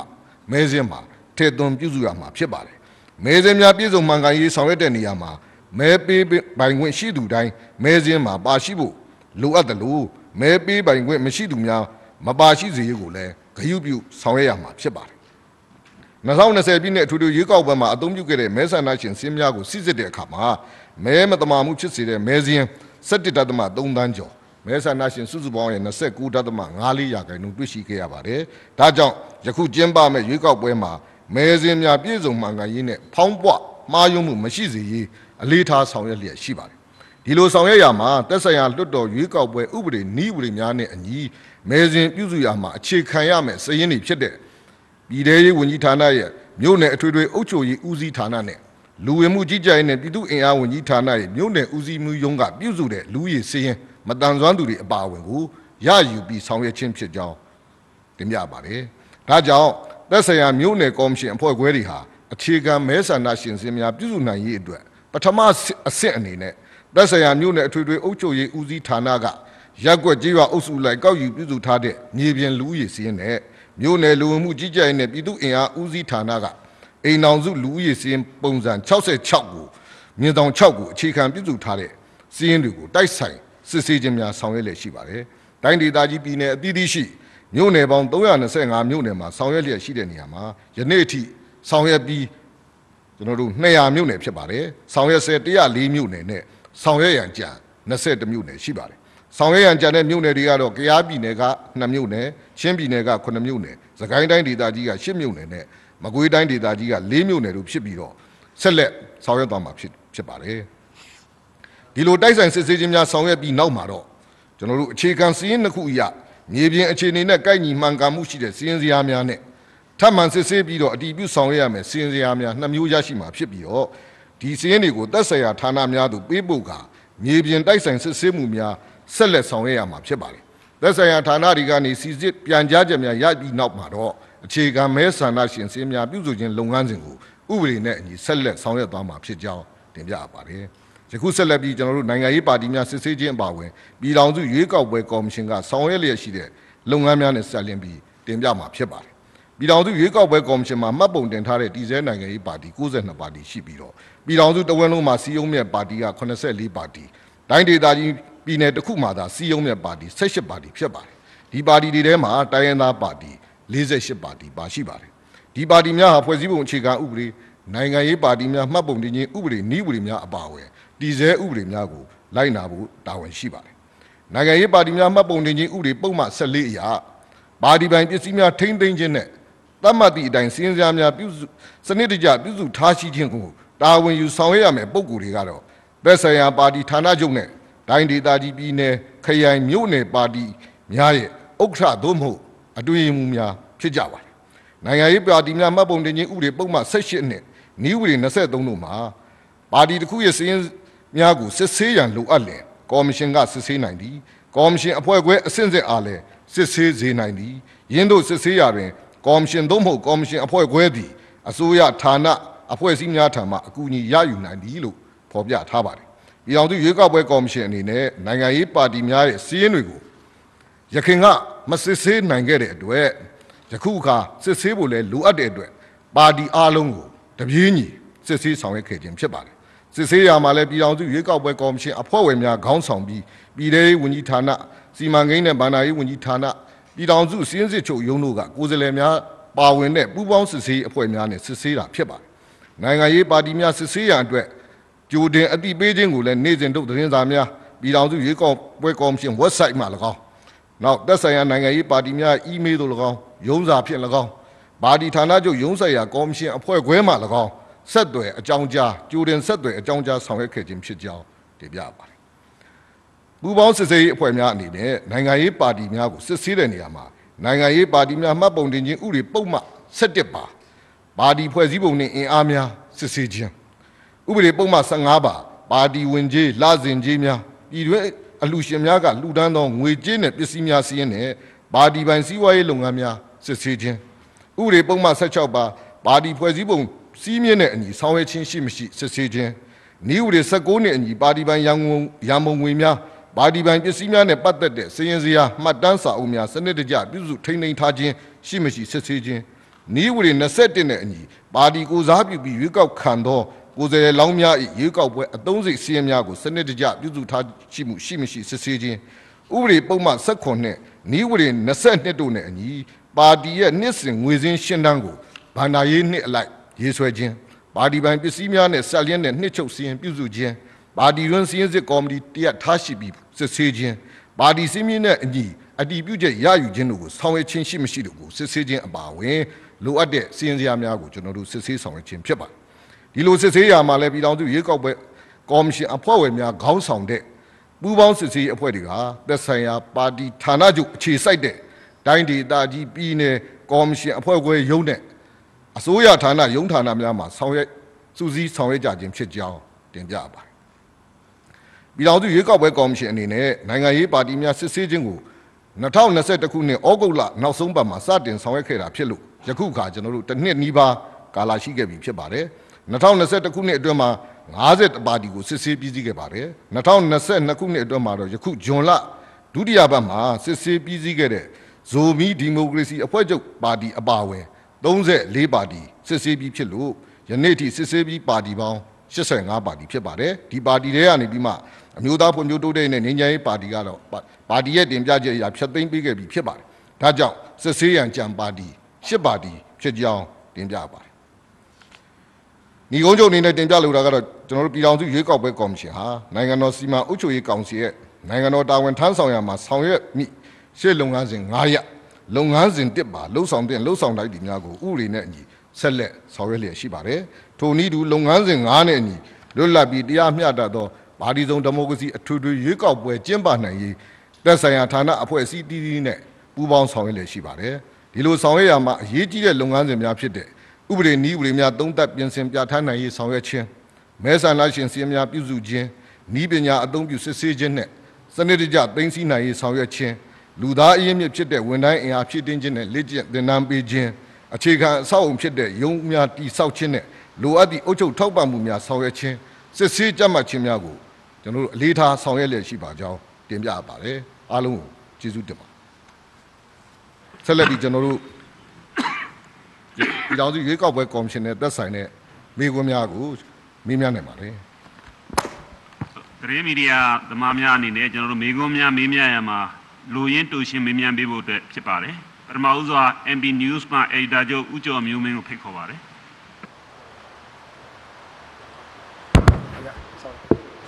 ဟုတ်မင်္ဂလာပါဗျာကျွန်တော် MB News ကကျော်မျိုးမင်းပါဟုတ်ကျွန်တော်သိချင်တာကဒီလက်ရှိဒီရွေးကောက်ပွဲကော်မရှင်ကအဲရွေးကောက်ပွဲပြန်လည်ကျင်းပပေးရမှာပေါ့လက်ရှိရွေးကောက်ပွဲကော်မရှင်ရွေးကောက်ပွဲကျင်းပပေးမယ့်နေရာမှာအာလူမှုမယုံကြည်မှုနိုင်ငံတကာအတိုင်းဝိုင်းရဲ့မယုံကြည်မှုသို့မဟုတ် အာတက်ဆိုင်ရာနိုင်ငံရေးအတိုင်းဝိုင်းရဲ့မယုံကြည်မှုတွေနဲ့ရင်ဆိုင်ရနေကြီးရှိတယ်ဆိုတော့သိမယ်ထင်ပါတယ်ဘာဖြစ်လို့လဲဆိုတော့ဒီရွေးကောက်ပွဲကော်မရှင်ရဲ့2020မဲစင်းစစ်ဆေးမှုနဲ့ပတ်သက်ပြီးတော့ထုတ်ပြန်ချက်ကိုတောင်မှပဲနိုင်ငံတကာအတိုင်းဝိုင်းမှာရောအာနောက်တစ်ခါတချို့နိုင်ငံရေးအတိုင်းဝိုင်းတွေမှာရောတချို့လူမှုအတိုင်းဝိုင်းတွေမှာပါလစ်လျူရှုထားတာတွေ့ရတယ်အဲ့တော့ဒီစစ်တပ်ကဖွဲ့စည်းပေးထားတဲ့ရွေးကောက်ပွဲကော်မရှင်ရဲ့ပြန်လည်ကျင်းပပေးမဲ့ရွေးကောက်ပွဲဟာဘယ်လောက်ထိယုံကြည်မှုရှိမလဲဘယ်လောက်ထိယုံကြည်စိတ်ချရမလဲ ဟိုယုံကြည်မှုမရှိနိုင်ဘူးဆိုတဲ့မိကုံးပေါင်းများစွာကိုဘယ်လိုပြန်ဖြေခြင်းလဲခင်ဗျဟုတ်ကဲ့ဒါနဲ့ပတ်သက်လို့ရှိရင်ကျွန်တော်တို့ပြည်ထောင်စုရွေးကောက်ပွဲကော်မရှင်ကိုကျွန်တော်တို့ဖွဲ့စည်းပုံအခြေခံဥပဒေရတော့၎င်းနိုင်ငံတော်စီမံအုပ်ချုပ်ရေးကောင်စီရဲ့ရှေ့လုပ်ငန်းစဉ်တစ်အရတော့၎င်းကျွန်တော်တို့ဖွဲ့စည်းခဲ့ခြင်းဖြစ်ပါတယ်ဖွဲ့စည်းတဲ့အခါမှာကျွန်တော်တို့ကျွန်တော်တို့ပြည်တော်စုရွေးကောက်ပွဲကော်မရှင်ဟာလုပ်ငန်းစဉ်9နဲ့အညီလွတ်လပ်ပြီးတရားမျှတတဲ့ပါတီစုံဒီမိုကရေစီအထွေထွေရွေးကောက်ပွဲကိုကျင်းပပေးရမယ်တာဝန်ရှိပါတယ်။ အဲ့တော့ဒီတာဝန်ကိုထမ်းဆောင်မှုအတွက်ကျွန်တော်တို့ကော်မရှင်ကိုဖွဲ့စည်းထားပါတယ်။ဖွဲ့စည်းတဲ့အခါမှာကျွန်တော်တို့ကော်မရှင်အဖွဲ့ဝင်တွေဟာကျွန်တော်တို့ပါတီနိုင်ငံရေးကင်းရှင်းတဲ့လူတွေဖြစ်ပါတယ်။အတွေ့အကြုံရင့်ကျက်တဲ့လူတွေအများစုဖြစ်ပါတယ်။ဒါကြောင့်ဒီပုံကိုယ်တွေကကျွန်တော်တို့ပြည်ရွေးကောက်ပွဲကိုလွတ်လပ်ပြီးတရားမျှတတဲ့ရွေးကောက်ပွဲကိုအောင်မြင်စွာကျင်းပဖို့ကျွန်တော်တို့ဥတီပြီးအလေးထားဆောင်ရွက်လျက်ရှိပါတယ်။ဒီလိုဆောင်ရွက်တဲ့အခါမှာခုနပြောတဲ့အာဝေဖန်တဲ့လူတွေဟလာဒီနိုင်ငံကာတို့ပြည်တို့နဲ့ပြောတာတွေတော့ရှိမှာပါဒါကတော့သူတို့သဘောထားပဲဖြစ်ပါ ဒါပေမဲ့ကျွန်တော်တို့ပြည်တော်စုရွေးကောက်ပွဲကော်မရှင်ကတော့ရွေးကောက်ပွဲဆောင်ရွက်တဲ့အခါမှာအရေးကြီးတဲ့လုပ်ငန်းစဉ်တွေဖြစ်တဲ့မဲစင်းတွေပြုစုတာနောက်ပြီးကကြတော့ကြိုတယ်မဲတွေပါတာတဲ့ကြိုတယ်မဲပေးခြင်းပါမဲပေးတာနောက်ပြီးကကြတော့မဲရည်တွက်ခြင်းနဲ့ရလက်ထုတ်ပြန်ခြင်းဒီလိုလုပ်ငန်းစဉ်အဆင့်ဆင့်တွေရှိပါဒီလုပ်ငန်းစဉ်အဆင့်တိုင်းမှာကျွန်တော်တို့ကနိုင်ငံရေးပါတီတွေ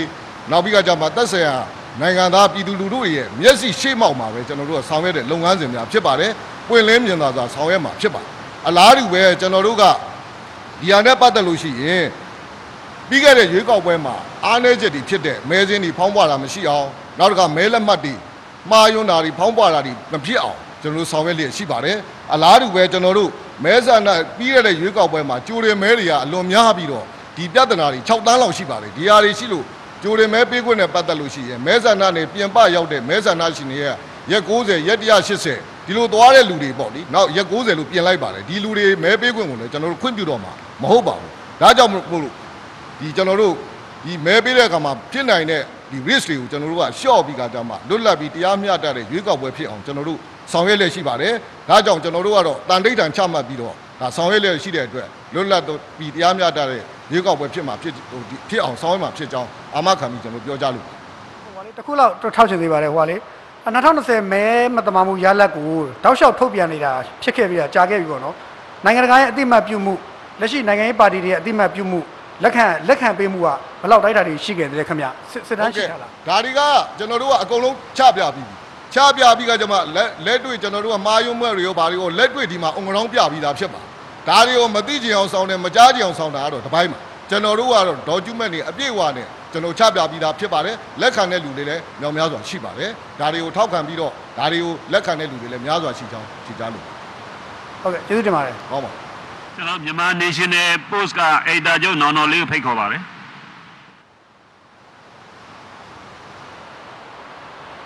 ဆရာမင်္ဂလာပါကျွန်တော်မြန်မာ National Post ကနောက်တော်လေးပါဆရာပေါ်တော့ဒီ UEC ရဲ့စစ်ဆေးခြင်းကိုမခံတဲ့ပါတီတွေရှိတယ်ပေါ့ဆရာရဲ့အဲ့ဒီပါတီတွေဘိုင်းကအဲဆရာတို့ကိုစစ်ဆေးခံမှုဆက်သွယ်လာတာမျိုးတွေရှိပြီလားဘဏ္ဍပါတီလောက်များအဲ့လိုမျိုးဆက်သွယ်ဆောင်ရွက်လာတာရှိပါသလဲပေါ့နော်အဲ့ဒီစစ်ဆေးမခံတဲ့ပါတီတွေကိုရောရွေးကောက်ပွဲမှာ ဝင်ရောက်ခွင့်ပြုသွားမှာလားဆိုတာလေးသိကြပါရစေဟုတ်ကဲ့ပါအဲ့တော့ဒီမေကွန်းနဲ့ပတ်သက်လို့တော့ဟိုကျွန်တော်တို့နိုင်ငံရေးပါတီတွေစစ်ဆေးတဲ့အခြေအနေကျွန်တော်ခုနလည်းတင်ပြပြီးပါပြီဟလာ62ပါတီမှာကျွန်တော်တို့စစ်ဆေးရန်ကြံ10ပါတီရှိပါတယ်ဒီပါတီတွေကတော့ကျွန်တော်တို့သိရသလောက်တချို့ကလည်းဒါကျွန်တော်တို့ဒါသိရတဲ့အနေအထားအရတချို့ကတော့အစင်သက်မဖြစ်သေးတာအခက်အခဲတွေရှိတယ်တချို့ကကြတော့နယ်မြေလုံခြုံရေးအခြေအနေရတချို့ကြတော့လည်းထွက်ပြေးတိမ်းရှောင်နေတဲ့အဖွဲ့တွေလည်းရှိပါတယ် ဒါကြောင့်ဒီအဖွဲ့အစည်းဟာအကြောင်းမျိုးမျိုးကြောင့်ကြာနေပါတယ်ဒီပါတီဒီစစ်ဆေးရေးကိုလည်းကျွန်တော်တို့ဆက်ပြီးဆောင်ရွက်နေပါတယ်ဒီ process အရကျွန်တော်တို့ဆောင်ရွက်နေပါတယ်စစ်ဆေးမှုများဆက်လက်ပြီးရှိမှာဖြစ်ပါတယ်အဲ့တော့ဒီပါတီတွေနဲ့ပတ်သက်လို့ရှိရင်ရွေးကောက်ပွဲမှာဝင်ရောက်ခွင့်ရမရဆိုတာဒါကတော့ကျွန်တော်ဓာတ်ရိုက်ကြီးတော့မသက်ဆွက်ပါဘူးမသက်ဆိုင်ပါဘူးရွေးကောက်ပွဲမှာဝင်ရောက်ရှင်ပြိုင်ခွင့်ကိစ္စနဲ့ပါတီစစ်ဆေးတဲ့ကိစ္စဓာတ်ရိုက်မဆက်ဆံဘူးသို့တော်လည်းအဲ့ဒီပါတီတွေကရွေးကောက်ပွဲကျင်းပတဲ့အချိန်မှာအဲ့ဒီပါတီရဲ့အခြေအနေပေါ်မှာမူတည်ပါအဲ့ဒီပါတီဟာ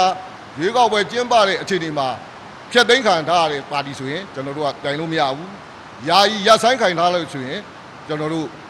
ပြိုင်လို့မရဘူး။နောက်တစ်ခုက तू ကတတ်မှတ်ထားတဲ့မဲဆန္ဒနယ်ကိုမပြိုင်နိုင်ဘူးဆိုရင်တော့ तू ကရှင်ပြိုင်ခွင့်ရမှာမဟုတ်ပါဘူး။အဲ့ဒါကြောင့်ဒီအခြေအနေပေါ်မှာမူတည်ပြီးတော့ဒါပါတီတွေကရွေးကောက်ပွဲမှာဝင်ရောက်ရှင်ပြိုင်ခွင့်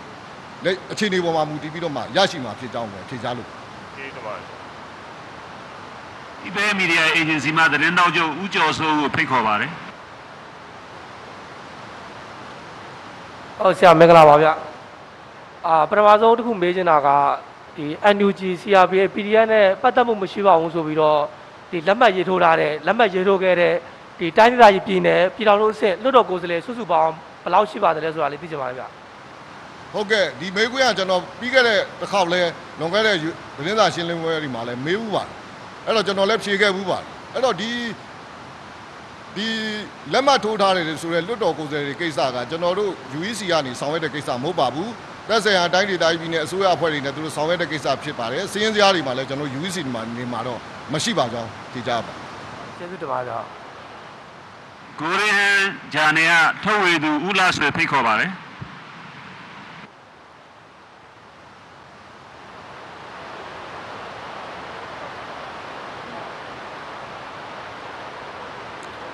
ဟောသတင်းထုတ်ပြန်ရေးအဖွဲ့ကောင်းဆောင်တဲ့တကွာခမ်းမထဲမှာရှိတဲ့ပုံကူများအားလုံးကြက်သေးမင်္ဂလာအဖျားဖျားနဲ့ပြည့်စုံပါစေကျွန်တော်ဦးလာဆွေဖြစ်ပါတယ်ခင်ဗျာကျွန်တော်သိကျင်တဲ့အကြောင်းအရာကတော့ကျွန်တော်တို့လာမဲ့ရွေးကောက်ပွဲဟာကျွန်တော်တို့ PR စနစ်ဖြစ်မယ်ဆိုတော့ PR လည်းကျွန်တော်တို့ကမ္ဘာနိုင်ငံအသီးသီးမှာတချို့အမျိုးမျိုးဖြစ်နေတဲ့အချိန်မှာ open list တွေ close list တွေဖြစ်နေတဲ့အချိန်မှာကျွန်တော်တို့ဥပမာမှာ close list ဆိုလို့ရှိရင်ဒီရွေးကောက်ပွဲနေမြေက ရွေးကောက်ခံမဲ့ပုံကူကဘယ်သူမှမသိဘူးပါတီကိုပဲကြည်ပါလူကိုမကြည်ပါနဲ့ဆိုပြီးတော့ဟလာတစ်ချိန်က NLD ပါတီခေါင်းဆောင်ဒေါ်စုကြည်ပြောသလိုအဲ့ဒီပုံစံကြီးဖြစ်နေမလားဒါတချို့နေကြတော့လဲ PR ဆိုပေမဲ့လို့ကိုယ်နယ်မြေမှာရွေးခံမဲ့ပုံကူသည်ဥဖြူဥနီဖြစ်တယ်ဆိုတာကိုအဲကျွန်တော်တို့ဒီဟလာမဲယုံမှာကိုစပုံနေကတ်ထားပြီးတဲ့တိုင်းပြည်တွေလည်းရှိပါတယ် အဲ့တော့ကျွန်တော်တို့လုံမဲ့ဟာကရှေ့လာမဲ့ကျွန်တော်တို့နိုင်ငံကလုံမဲ့ PR စနစ်ဒီပါတီကိုပဲကြည်ပါလူကိုမကြည်ပါနဲ့ဆိုတော့လေးတန်းအောင်လဲရပါတယ်ဆိုတဲ့ပုံစံဖြစ်မလားကျွန်တော်တို့ပြည်သူလူထုကကိုရွေးချယ်လိုက်မဲ့ပုံကိုယ်ဒီဥဖြူဥနီဆိုတာကိုယ်နဲ့မြေကအမတ်ပါလားဆိုတာကိုသိနိုင်တဲ့ PR စနစ်ဖြစ်မလားအဲ့ဒါလေးကိုမဲဆန္ဒရှင်ပြည်သူများသိရှိနားလည်အောင်တူတူနဲ့လိုရင်းဖြည့်ပေးပါခင်ဗျာဟုတ်ကဲ့ အဲ့တော့ဒီမေးခွန်းကကောင်းပါတယ်အဲ့တော့ကျွန်တော်အနေနဲ့ဒီ PR စနစ်နဲ့ပတ်သက်လို့ရှိရင်လည်းပြီးခဲ့တဲ့သတင်းစာရှင်းလင်းပွဲတွေမှာလည်းဟိုကျွန်တော်ရှင်းလင်းတင်ပြခဲ့တာရှိပါတယ်အဲ့တော့ကျွန်တော်တို့နိုင်ပြည်တော်စုရွေးကောက်ပွဲကော်မရှင်ကနိုင်ငံရေးပါတီတွေနဲ့ကျွန်တော်၄ချိန်တွေ့ပါတယ်တွေ့တဲ့အနေအထားအရကျွန်တော်နိုင်ငံရဲ့အနေအထားအရကျွန်တော်တို့ close list PR ကိုသုံးမယ်ဆိုပြီးတော့အတည်ပြုထားပါတယ်အဲ့ဒီအတိုင်းပဲကျွန်တော်တို့ကဆောင်ရွက်ဖို့အတွက်လည်းဥပဒေနည်းဥပဒေများကိုလည်းပြင်ဆင်ထားပါတယ်အဲပြဋ္ဌာန်းပြီးရင်တော့အတည်ဖြစ်သွားပါအဲ့တော့အဲ့ဒီ close list PR ရဲ့သဘောတရားအရတော့ မဲဆန္ဒရှင်တွေကမဲပေးတဲ့အခါမှာသူကပါတီပါတီအမည်သာပါတီဟူသာပေးရမှာဖြစ်ပါတယ်ပါတီအမည်ရဲ့ logo ရဲ့ပဲပါမှာဖြစ်ပါတယ်ပြီးရင်ဆန္ဒပြုရပါတတိပုဂ္ဂလဆိုရင်တော့တတိပုဂ္ဂလကိုယ်စားလှယ်ရဲ့အမည်ပါမှာဖြစ်ပါတယ်အဲ့တော့ကျွန်တော်တို့က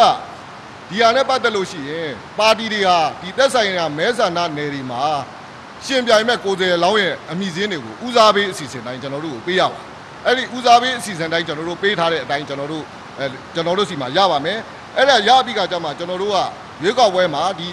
ပါတီရဲ့အမည်တတိပုဂ္ဂလအမည်ကိုမဲပေးပါတယ်မဲပေးတဲ့အခါမှာရရှိတဲ့မဲရက်လက်ကိုကျွန်တော် largest reminder formula နဲ့သုံးပြီးကကြမှာကိုယ်စားလှယ်လောင်းအမည်စင်းကိုကျွန်တော်တို့ကသက်ဆိုင်ရာပါတီရဲ့ဦးစားပေးအစီအစဉ်တိုင်းထုတ်ပြန်ရတဲ့သဘောထားဖြစ်ပါတယ်ဒါတတ်မှတ်ကြေညာပေးပါဖြစ်ပါတယ်အဲ့တော့ဒီနေရာမှာကျွန်တော်တို့က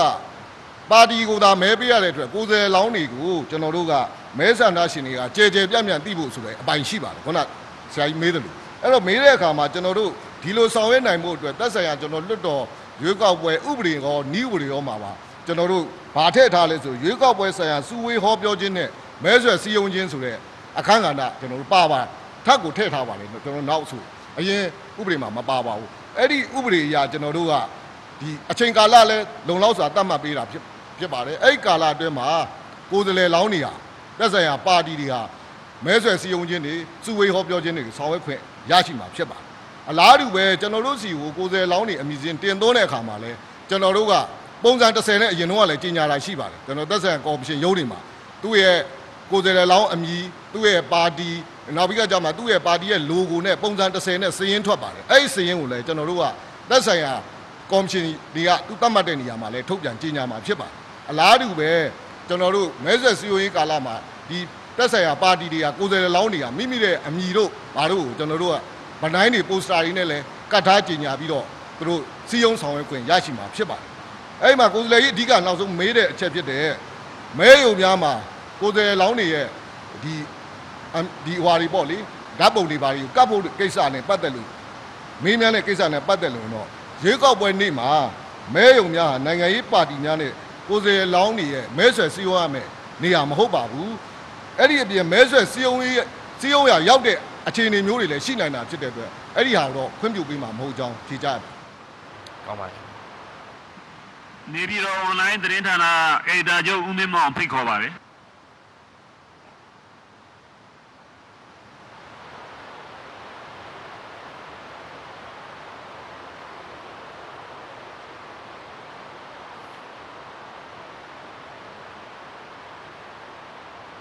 အဲကျွန်တော်မင်္ဂလာပါနေပြည်တော်တိုင်း online agency ကဦးမင်းမောင်ပါ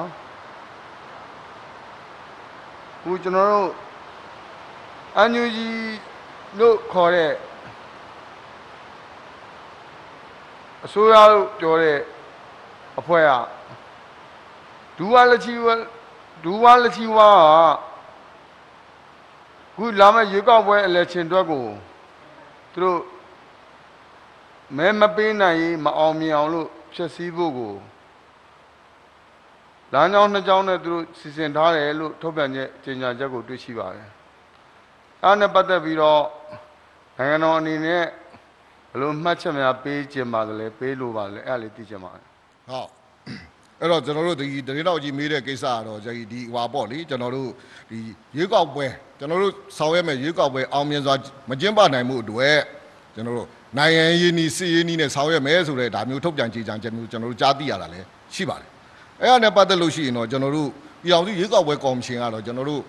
နိုင်ငံတော်စီမံအုပ်ချုပ်ရေးကောင်စီရဲ့ရှစ်လုံငန်းစဉ်9နဲ့အညီအရေးပေါ်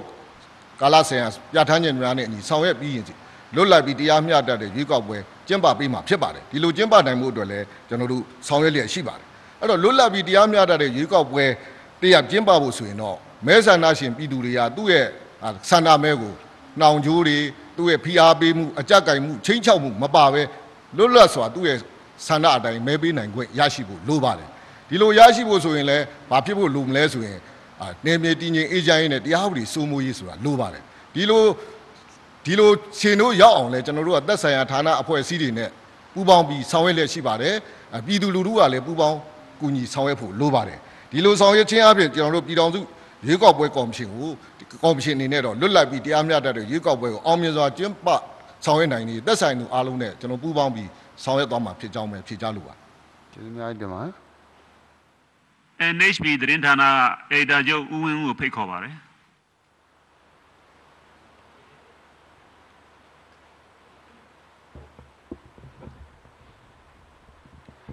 မင်္ဂလာပါရှင်။ကျမတို့ NHB သတင်းဌာနမှသတင်းထောက်ထထအောင်ဖြစ်ပါတယ်ရှင်။ UEC ကိုမင်းမြလိုတာကနိုင်ငံတကာအဖွဲ့အစည်းတွေလာရောက်တွေ့ဆုံမှုပြုတဲ့အခါမှာ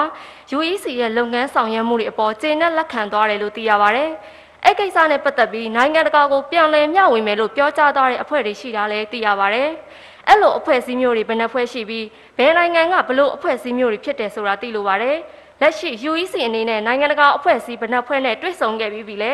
ထပ်မံတွေ့ဆုံမှုဘယ်နှဖွဲ့ရှိနေရဆိုတာသိကြပါတယ်ရှင်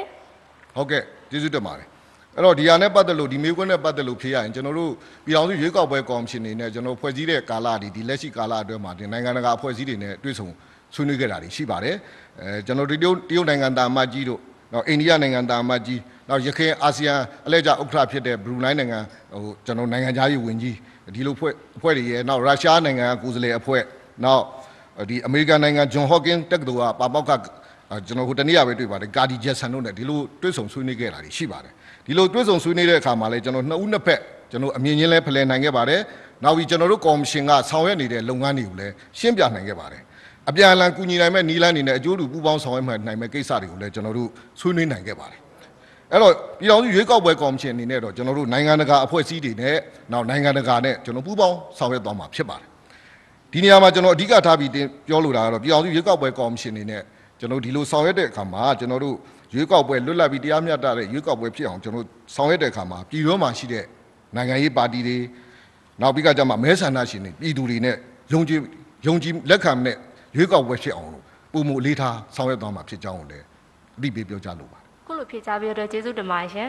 ။ One New Channel ကကျွန်တော်ထုတ်လုပ်သူဦးသွင်ထူအောင်ဖိတ်ခေါ်ပါတယ်မင်္ဂလာပါခင်ဗျာ One News သတင်းဌာနကပါ ရွေးကောက်ပွဲစနစ်ကို PR စနစ်နဲ့လုပ်မယ်ဆိုတော့ PR စနစ်နဲ့လုပ်ဖို့ကအားလုံးရေးဆွဲပြီးပြီလားအဲ့ဒီရွေးကောက်ပွဲစနစ်ကိုပြည်သူကိုချပြသွားဖို့ရှိသလားသိပါရစေခင်ဗျာဟုတ်ကဲ့အဲ့တော့ကျွန်တော်တို့ကရွေးကောက်ပွဲနဲ့ပတ်သက်လို့ရှိရင်ကျွန်တော်တို့အဓိကသက်ဆိုင်တဲ့အဖွဲ့အစည်းတွေဖြစ်တဲ့နိုင်ငံရေးပါတီတွေနဲ့ကျွန်တော်တို့လေးချိန်တိုင်တွေ့ပြီးတော့ဆွေးနွေးခဲ့ပါတယ်အဲ့တော့ပြီးခဲ့တဲ့ရွေးကောက်ပွဲအတွေ့အကြုံတွေအဲဒါတွေကိုအားလုံးကိုလုပ်ပြီးကြကြမှာကျွန်တော်တို့ PR စနစ်ပေါ့လေ PR စနစ်မှာမှာ close list PR ကိုကျင့်သုံးကြဖို့အများစုအားလုံးက သဘောတူပြီးဖြစ်ပါတယ်အဲ့ဒါကြောင့်ကျွန်တော်တို့ PR စနစ်နဲ့ရွေးကောက်ပွဲကျင်းပနိုင်မှုအတွက်လည်းသက်ဆိုင်ရာလွတ်တော်ရွေးကောက်ပွဲဥပဒေနည်းဥပဒေကိုလည်းပြင်ဆင်ကျွန်တော်တို့ဆောင်ရွက်ပြီးဖြစ်ပါတယ်အဲကျွန်တော်တို့ဥပဒေထုတ်ဒါအဲဥပဒေထုတ်ပြန်တာနဲ့ကျွန်တော်တို့ဒါအားလုံးသိရမှာဖြစ်ပါတယ်အဲ့လိုဆောင်ရွက်တဲ့အခါမှာကျွန်တော်တို့ PR နဲ့ပတ်သက်တဲ့ civic education voter education ပေါ့မဲဆန္ဒရှင်တွေပြည်သူအသိပညာပေးဖို့ကိစ္စတွေလည်းကျွန်တော်တို့အသင့်ဆောင်ရွက်ထားပြီးဖြစ်ပါတယ်ဒီဥပဒေပြဋ္ဌာန်းပြီးတာနဲ့ကျွန်တော်တို့တောက်လျှောက် follow up ကျွန်တော်တို့ဆောင်ရွက်သွားမှာဖြစ်ပါတယ် အဲ့တော့ကျွန်တော်တို့ခုနမီဒီယာကြီးမိတဲ့အဲဒီရွေးကောက်ပွဲကျင်းပခြင်းဟာကျွန်တော်တို့ဒီဖွဲ့စည်းပုံအခြေခံဥပဒေရတော့၎င်းနောက်ပြီးကကြောင့်ကော်မရှင်ဥပဒေရတော့၎င်းကျွန်တော်ပြည်ထောင်စုရွေးကောက်ပွဲကော်မရှင်တာဝန်နဲ့လုပ်ပိုင်ခွင့်ပဲဖြစ်ပါတယ်ဒါကြောင့်ကျွန်တော်တို့ပြည်ထောင်စုရွေးကောက်ပွဲကော်မရှင်ကဒီသတ်မှတ်ထားတဲ့ဥပဒေနဲ့အညီ PR စနစ်ကိုအသုံးပြုပြီးဆောင်ရွက်သွားမှာဖြစ်ပါတယ်ပြည်သူလူထုရဲ့အဲဒီဟွာပေါ့လေဥပဒေနဲ့အညီပဲကျွန်တော်တို့ PR စနစ်ကိုကျင့်သုံးပြီးရွေးကောက်ပွဲဆောင်ရွက်သွားမှာဖြစ်ပါတယ်လူထုဆန္ဒခံယူပွဲကျင်းပဖို့တော့မရှိကြောင်းဖြေကြားပါတယ်ဟုတ်ကဲ့ကျေးဇူးတင်ပါတယ်ခင်ဗျာ Cohesion News Agency ကသတင်းတောက်ဦးရဲလင်းထွန်းကိုဖိတ်ခေါ်ပါတယ်မင်္ဂလာပါဆရာကိုရှင်နယူးရဂျာနယ်ရပါရဲလင်းတော့ပါကျွန်တော်အခုမေးမဲ့မေကွန်ကတော့ဟိုလာမယ့်ရွေးကောက်ပွဲက2023မှာလုပ်မယ်လို့သိရပါတယ်ဒီလိုမျိုးလုပ်တဲ့အခါမှာရောအရင်ရွေးကောက်ပွဲကာလတွေကလို့ပဲဟိုပညာရေးချင်းကန့်သက်ထားခြင်းရှိမရှိလဲသိကြပါတယ်ဥစ္စာဒနာပကရောင်းတတ်မှတ်ထားခြင်းရှိမရှိလေးကိုသိကြပါတယ်ဟုတ် ကျေးဇူးတင်ပါတယ်အဲ့တော့ကျွန်တော်တို့လွတ်တော်ကိုယ်စားလှယ်တွေကတော့ကျွန်တော်တို့အချုပ်ချာအာဏာ300မှာရှိတဲ့ဥပဒေပြုရေးမန်နိုင်ပေါ့လေအဲ့ဒါအဓိကတာဝန်ထမ်းဆောင်ရတာဖြစ်ပါတယ်အလားတူပဲရွေးချယ်ခံရရင်ကျွန်တော်တို့ကဒီအုပ်ချုပ်ရေးမန်နိုင်ကိုပါတာဝန်ထမ်းဆောင်ရတာဖြစ်တဲ့အတွက်ဒီလွတ်တော်ကိုယ်စားလှယ်များကဒါအရေးပါပါတယ်ဒါကြောင့်သူတို့ရဲ့အရေးချင်းနဲ့စွမ်းဆောင်ရည်မြင့်မားဖို့လည်းလိုအပ်ပါတယ်အဲ့တော့ကျွန်တော်ပြည်အောင်စုရွေးကောက်ပွဲကော်မရှင်နေနဲ့တော့ပြီးခဲ့တဲ့လွတ်တော်သက်တမ်း နောက်ပြီးကကြတော့ပြီးတဲ့နိုင်ငံရေးပါတီတွေများကိုသွားပြီးတော့စစ်ဆေးတဲ့အခြေအနေအထိဒီဟာတွေကိုသုံးသပ်ပြီးကကြတော့ဒီကိုယ်စားလှယ်လောင်းရဲ့ပညာအီချင်းဒါတွေကတတ်မှတ်တဲ့အတိုင်းအတာတစ်ခုကိုကျွန်တော်တို့တတ်မှတ်ဖို့ကျွန်တော်တို့ဥပဒေထဲမှာကျွန်တော်တို့ယာထားဆောင်ရွက်ထားရပါတယ်အတီးပြုပြဋ္ဌာန်းပြီးရင်တော့ကျွန်တော်တို့သိရှိရမှာဖြစ်ပါတယ်အတီးပြုပြီးရင်တော့ဒီဒီတိုင်းတာကိုသိရမှာဖြစ်ပါတယ်အလားတူပဲကျွန်တော်တို့လွတ်တော်ကိုယ်စားလှယ်လောင်းတဦးချင်းစီရဲ့ ဒီပိုင်ဆိုင်မှုပဲလေပစ္စည်းဥစ္စာစီးပွားရေးဒါတွေနဲ့ပတ်သက်ပြီးတော့ကျွန်တော်ကန့်သတ်ဖို့မရှိပါဘူးသို့တော်လည်းပါတီတွေစစ်ဆေးတဲ့အနေအထားအရဒီသက်ဆိုင်ရာပါတီတွေအနေနဲ့တော့ပါတီတစ်ခုချင်းဟာရှိတဲ့ဥစ္စာကျွန်တော်တို့ပိုင်ဆိုင်မှုဗန္ဒာရမှုကိုရှိဖို့တော့လိုအပ်တဲ့အတွက်ကျွန်တော်တို့ယာထားဆောင်ရွက်ထားပါကြောင်းဖြေကြားပါကျေးဇူးတင်ပါတယ်ဒေပြောသတင်းမီဒီယာအေဒါချုပ်ဦးစောမင်းကိုဖိတ်ခေါ်ပါတယ်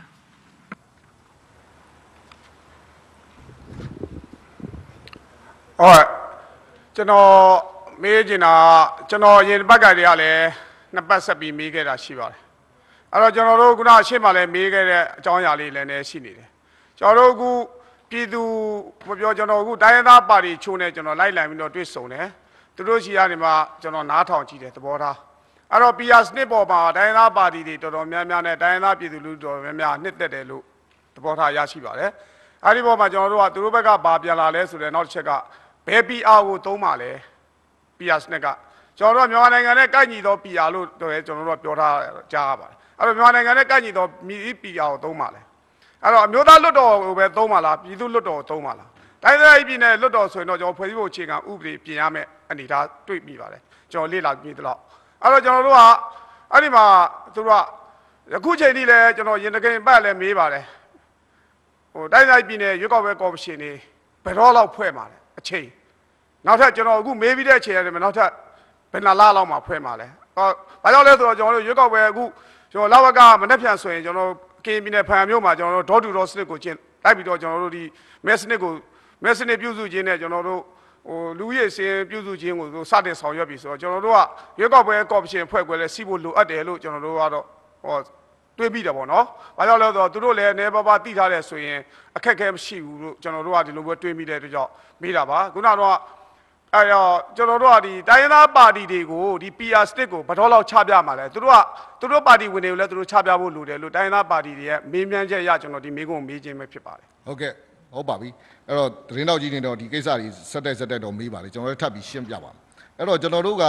ဒီ PR စနစ်ပေါ့နော် PR စနစ်ကတော့ကျွန်တော်တို့လည်းဒီကဟိုဒီကျွန်တော်သတင်းစာရှင်းလင်းပွဲတင်ပြပြီးပါ PR စနစ်ဆိုတော့မဲဆန္ဒတွေကိုကျေပြန့်စွာတတ်မှတ်တယ်အဲ့ဒီထဲမှာကိုယ်စားဥယျာဉ်ပါတတ်မှတ်တယ်တတ်မှတ်ပြီးကကြမှာဒါ မဲပေးကြတယ်မဲပေးကကြမှာဒီပါတီတွေတတိပုဂ္ဂလတွေကရှင်းပြိုင်တယ်ရှင်းပြိုင်တဲ့ပါတီနဲ့တတိပုဂ္ဂလတွေရရှိတဲ့မဲဆန္ဒခိုင်လုံမဲပေါ်မှာမူတည်ပြီးကကြမှာဒီလွတ်တော်စစ်နေရာတွေကိုအချိုးကျရရှိတဲ့ဒါစနစ်ပဲဖြစ်ပါတယ်ဒီထောက်ခံဆန္ဒမဲပေါ်မှာမူတည်ပြီးတော့အချိုးကျရရှိတဲ့စနစ်ဖြစ်ပါတယ်အဲ့တော့ PR စနစ်နဲ့ပတ်သက်လို့ရှိရင်ကျွန်တော်တင်ပြခဲ့တဲ့လိုပါပဲပါတီတွေနဲ့တွေ့တယ်တွေ့ပြီးကကြမှာ၄ချိန်လုပ်ပြီးစာတမ်းတွေဖတ်ပြီးအသေးစိတ်ကျွန်တော်ဆောင်ရွက်တဲ့အခါမှာမြန်မာနိုင်ငံရဲ့အာပညာရေးအနေထားနောက်ပြီးရွေးကောက်ပွဲအတွေ့အကြုံတွေရ PR ထဲမှာမှာ close list PR နော်ဒါကျင့်သုံးမယ်ဆိုတဲ့အနေထားပေါ့လေခုနက close list PR နဲ့ပတ်သက်လဲကျွန်တော်ဆွေးနွေးပြီးဖြစ်ပါတယ်အဲ့ဒါကြောင့်ကျွန်တော်တို့လိုအပ်တဲ့ဥပဒေနည်းဥပဒေကလည်းကျွန်တော်တို့ပြင်ဆင်ပြဋ္ဌာန်းနိုင်ရေးဆောင်ရွက်ပြီးဖြစ်ပါတယ်အဲဥပဒေထွက်လာတာနဲ့ဒါ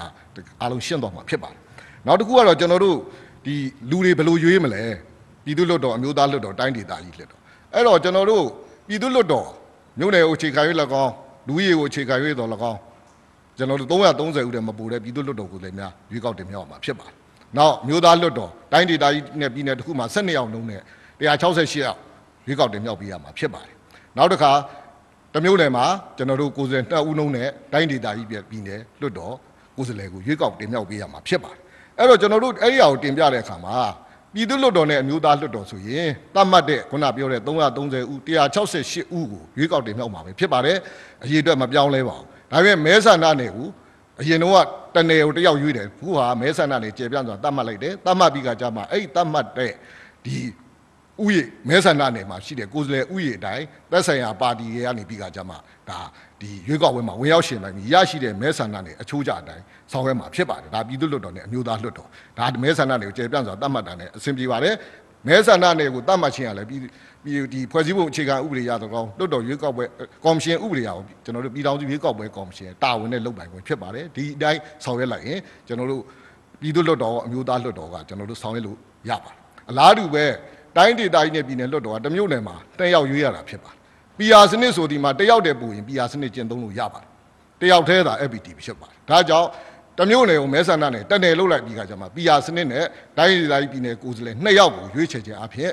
PR စနစ်ကိုတိုင်းဒေသကြီးနဲ့ပြည်နယ်လွှတ်တော်မှာလည်းဆောင်ရွက်လို့ရပါတယ်ဒါကြောင့်ပြည်သူ့လွှတ်တော်ရောအမျိုးသားလွှတ်တော်ရောတိုင်းဒေသကြီးပြည်နယ်လွှတ်တော်အားလုံးကိုကျွန်တော်တို့ PR စနစ်နဲ့ရွေးကောက်ပွဲကိုကျင်းပပေးသွားမှာဖြစ်ပါတယ်အဲ့ဒီမှာတစ်ခုပါပဲအမျိုးသားလွှတ်တော်ထဲမှာပါတဲ့တိုင်းဒေကိုယ်ပိုင်အုပ်ချုပ်ခွင့်ရတိုင်းဒေသနဲ့ပြည်တိုင်းတိုင်းနဲ့ဒေသ6ခုရှိပါတယ်အဲ့ဒီ6ခုကတော့တဦးစီအမျိုးသားလွတ်တော်ကိုယ်စားလှယ်တဦးစီရွေးကောက်တင်မြှောက်ရတာဖြစ်တဲ့အတွက်ဒီတဦးစီလုပ်တဲ့နယ်တွေကတော့ဒါ FPTP စနစ်ကျင့်သုံးအောင်မှာဖြစ်ပါတယ်အလားတူတိုင်းဒေသကြီးနဲ့ပြည်နယ်လွတ်တော်မှာ သက်ဆိုင်ရာဥပဒေနဲ့အညီရရှိတဲ့တိုင်းသားလူမျိုးလွတ်တော်ကိုယ်စားလှယ်တွေနေရာတွေရှိပါတယ်အဲ့ဒီတိုင်းသားလွတ်တော်ကိုယ်စားလှယ်တွေကလည်းတယောက်ပဲရွေးရတာဖြစ်တဲ့အတွက် FPTP စနစ်နဲ့ကျင့်သုံးပြီးတော့ဆောင်ရွက်သွားမယ်ဖြစ်ကြောင်းပြောလိုပါတယ်အဲ့ဒီခါမှာကျွန်တော်တို့မဲဆန္ဒနဲ့တတ်မှတ်ခြင်းဆိုတာပေါ်ပေါက်လာပါအဲ့တော့မဲဆန္ဒနဲ့တတ်မှတ်တဲ့အခါမှာပြည်သူ့လွတ်တော်နဲ့တိုင်းဒေသကြီးပြည်နယ်လွတ်တော်ကတော့တစ်မျိုးနဲ့တစ်နယ်ပဲဒါရှင်းပါတယ်အဲ့တော့ပြည်သူ့လွတ်တော်နဲ့အမျိုးသားလွတ်တော်မဲဆန္ဒနဲ့ဒီတတ်မှတ်တဲ့အခါမှာတော့ကျွန်တော်တို့ကအဲ့ဒီတိုင်းဒေသကြီးနဲ့ပြည်နယ်ရဲ့အကျယ်ဝင်း နောက်ပြီးကကြမှာပထဝီအနေထားပြီးကကြမှာနေထိုင်တဲ့ဒါလူဦးရေပြီးရင်တိုင်းရင်းသားလူမျိုးစုများဒါဘယ်လိုရှိပြီးတော့ဒီနေထိုင်တဲ့အနေအထားစုဖွဲ့နေထိုင်တဲ့အနေအထားဒါတွေပေါ်မူတည်ပြီးကကြမှာကျွန်တော်မျှတအောင်ကျွန်တော်တို့တတ်မှတ်ပေးသွားမှာဖြစ်ပါတယ်ဒီလိုတတ်မှတ်ပြီးတော့ဆောင်ရွက်တဲ့အခါမှာကျွန်တော်တို့ခုလိုဖွဲ့စည်းထားတဲ့ခုမြို့နယ်တွေရှိပါတယ်နောက်ခရိုင်တွေရှိပါတယ်ဒါတွေပေါ်မူတည်ပြီးကကြမှာကျွန်တော်တို့စနစ်တကျချိုးညီအောင်ကျွန်တော်တို့တတ်မှတ်ဆောင်ရွက်သွားမှာဖြစ်ပါတယ်ဒီလိုဆောင်ရွက်တဲ့အခါမှာကျွန်တော်တို့ကိုယ်စားလှယ်တွေကခုနလို ဒါပါတီတွေကနေပြီးကကြမှာတတိပုဂ္ဂလတွေကနေပြီးကကြမှာသက်ဆိုင်ရာမဲဆန္ဒနယ်လိုက်ရှင်ပြိုင်မဲ့ကိုယ်စားလှယ်တွေကိုတခါလဲစင်းနေပေးမယ်ဦးစားပေးအတိုင်းအဲ့ဒီအတိုင်းပဲကျွန်တော်တို့ကအဲသူတို့ရရှိတဲ့အဲခိုင်လုံမဲ့အပေါ်မှာမူတည်ပြီးတော့အချိုးကျကိုယ်စားလှယ်များရရှိမှာဖြစ်ပါတယ်တနည်းအားဖြင့်ပြောရင်တော့ PR စနစ်ကိုကျင့်သုံးခြင်းအားဖြင့်နော်တိုင်းရင်းသားလူနည်းစုတွေမိမိဒေတာအလိုက်ကျွန်တော်ရွေးကောက်တင်မြှောက်ခံရတဲ့အခွင့်အရေးတွေပုံမှန်ရရှိပြီးခါကြတော့ဒါမိမိလူမျိုးစုနဲ့မိမိဒေတာအကျိုးကိုဒါဆောင်ရွက်နိုင်မဲ့အကျိုးကျေးဇူးရလဒ်ကောင်းများရရှိမယ်လို့ဖြေကြားလိုပါတယ် အဲ့တော့ခုနဆရာတစ်ဆက်တည်းပြောသွားတယ်ဒီကော်မရှင်တွေအဖွဲ့အစည်းတွေခတ်မို့အဲ့တော့ကော်မရှင်တွေကအဖွဲ့အစည်းအဆင့်ဆင့်မှာကျွန်တော်တို့ရုံးနေရှိပါတယ်ကျွန်တော်တို့ရုံးတွေမှာအဆက်ဒီဟောပေါ့နော်ဒီတီတုကော်မရှင် တိုင်းအဆင့်ခရိုင်အဆင့်မြို့နယ်အဆင့်မှာကော်မရှင်ရုံးအသီးသီးရှိပါတယ်အဲ့ဒီရုံးအသီးသီးဟာကျွန်တော်တို့ဒီခုလက်ရှိမဲစင်းတွေနဲ့ပတ်သက်ပြီးအခြေခံအကြဆုံးပထမအဆင့်ကိုဆောင်ရွက်ဆဲဖြစ်ပါတယ်ဒီစံရင်းတွေကိုကျွန်တော်စနစ်ကြသက်ဆိုင်ရာဌာနအဖွဲ့အစည်းတွေနဲ့ပူးပေါင်းဆောင်ရွက်ဆဲဖြစ်ပါတယ်ဒီလုပ်ငန်းစဉ်တွေကိုကျွန်တော်ဆက်ပြီးဆောင်ရွက်သွားမှာဖြစ်ပါတယ်နောက်တူအလားတူကျွန်တော်ထပ်ပြီးဆောင်ရွက်ရမယ့်ကိစ္စတွေကိုလည်းကျွန်တော်တို့အဲဒါဆက်ပြီးကကျွန်တော်ဆောင်ရွက်နိုင်မှုအတွက်ကျွန်တော်တို့စီစဉ်ထားပါတယ်အဲ့တော့ဒီကော်မရှင်တွေဒီဟွာပေါ့လေဒီအများယုံကြည်တဲ့ပုံကိုယ်တွေနဲ့ကော်မရှင်ခတ်တဲ့ကိစ္စကလည်းကျွန်တော်တို့ အရင်ဖြစ်သလိုပါပဲကျွန်တော်တို့အချိန်မီဆောင်ရွက်သွားမှာဖြစ်ကြောင်းဖြေကြလို့ပါဟုတ်ကဲ့ခုနကတော့ဆရာပြောတဲ့အထဲမှာကျွန်တော်မရှင်းတဲ့ချက်တစ်ခုရှိတယ်။ဟောခုနကတော့ပြည်သူ့လွတ်တော်မျိုးသားလွတ်တော်ကိုငကိုမူလအတိုင်းပဲကျွန်တော်ရွေးချယ်မယ်လို့ဆိုထားတယ်။နောက်တဲ့ဆရာရဲ့နောက်ဆက်တွဲဖြေကြားတဲ့အထဲမှာအဲ့ဒီဒေသမှာနေတော့တိုင်းရင်းသားလူမျိုးစုရဲ့အရေးအတွက်လို့ပြောထားတယ်။ကျွန်တော်တိုင်းသားပြည်နယ် လွတ်တော်မှာဆိုရင်တိုင်းသားလူမျိုးစုကိုယ်တည်းလေပေါ့အာတိုင်းသားလူဝင်ကြီးနေရာတွေပေါ့အဲအဲ့လိုပုံစံမျိုးတွေကိုပါဒီပြည်သူ့လွတ်တော်မျိုးသားလွတ်တော်မှာထည့်သွင်းစဉ်းစားထားတဲ့ဆိုတဲ့သဘောကိုဆိုလိုတာလားဆရာကျွန်တော်နားမရှင်းလို့ဗျကျွန်တော်တို့ဒီဥပဒေနည်းဥပဒေကျွန်တော်တို့ထုတ်ပြန်ထားတာလေးလည်းဆရာတို့နည်းနည်းလေးအပါဖြစ်ဖို့လိုပါတယ်အဲ့တော့ကျွန်တော်တိုင်းဒေသကြီးနဲ့ပြည်နယ်တိုင်းဒေသလူမျိုးလွတ်တော်ကိုယ်စားဆိုတော့သက်ဆိုင်ရာတိုင်းတိုင်းလုံးနဲ့ပဲဆိုင်ပါတယ်အဲ့သက်ဆိုင်ရာတိုင်းတိုင်းမှာမှသူတက်သူနဲ့ပတ်ဆိုင်တဲ့သက်ဆိုင်တဲ့တိုင်းဒေသလူမျိုးမဲစင်းရတာမဲပေးရတာဖြစ်ပါတယ် အဲ့ဒီတိုင်းပဲကျွန်တော်တို့ဆောင်ရွက်ရတာဖြစ်ပါတယ်ပြည်သူ့လွတ်တော်နဲ့မျိုးသားလွတ်တော်အတူတူဆိုတာကကိုယ်စားလှယ်အရေးအတွက်အတူတူပဲဖြစ်ပါတယ်မဲဆန္ဒနဲ့တတ်မှတ်တာကွဲပြားသွားပါတယ်ကျွန်တော်တေချာရှင်းခဲ့ပြီဖြစ်ပါတယ်လောက်ပါဟုတ်ကျေးဇူးပါဒီအောင်ရေကောက်ဝဲကော်မရှင်ကိုနောက်ဆုံးမေးမြန်းပေးဖို့အတွက်ဒါမြန်မာ Public Press ကတာဝန်ခံ editor ဒေါက်တာစိုးမြင့်ကိုဖိတ်ခေါ်ပါတယ်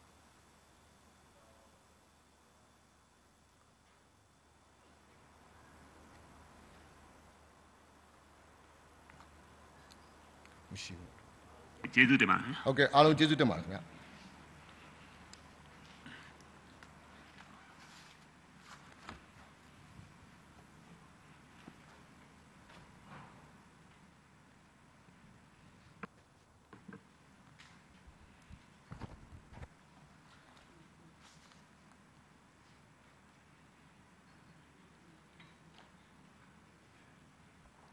ကျွန်တော် People Media Agency ကသတင်းတောက်ချုပ်ဦးကျော်စိုးကိုဖိတ်ခေါ်ပါတယ်ဟောဘိုးချုပ်မင်္ဂလာပါဗျအော်ပထမဆုံးတစ်ခုမေးချင်တာကကျွန်တော်တို့ဒီဖြိုးစရာတော့ပါဝင်ကိုဂျင်မီတော့ဗောလေသူတို့ဒီတေတံချခံတာနဲ့ပတ်သက်ပြီးတော့နိုင်ငံတကာနေပြီးတော့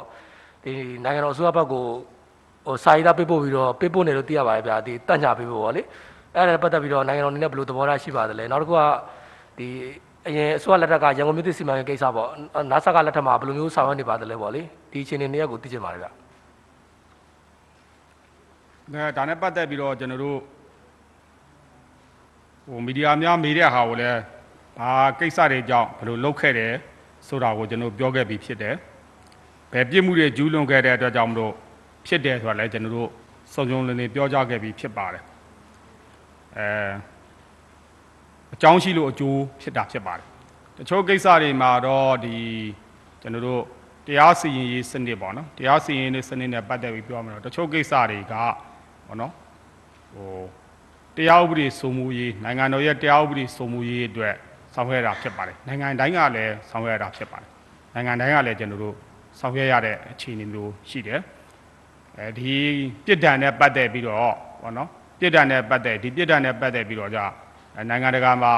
ဒီလိုပြစ်ဒဏ်မျိုးမပေးတဲ့နိုင်ငံတွေရှိသလိုဒီလိုမျိုးပြစ်ဒဏ်မျိုးပေးတဲ့နိုင်ငံပေါင်းလဲကျွန်တော်တို့ဒါ80 80နီးပါးရှိသေးတယ်အတိုးတော့ဒီလိုပြစ်ဒဏ်မျိုးတော့ရှိတယ်ဆိုင်းငံခုလောဆယ်တော့မပေးသေးဘူးဆိုတဲ့နိုင်ငံတွေနဲ့ပေါင်းရင်ဒီလိုပြစ်ဒဏ်မျိုး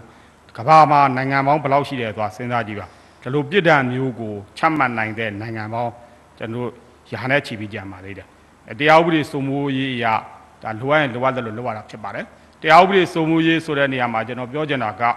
ဒီဘောနော်သူတို့ကိုဆိုတာထက်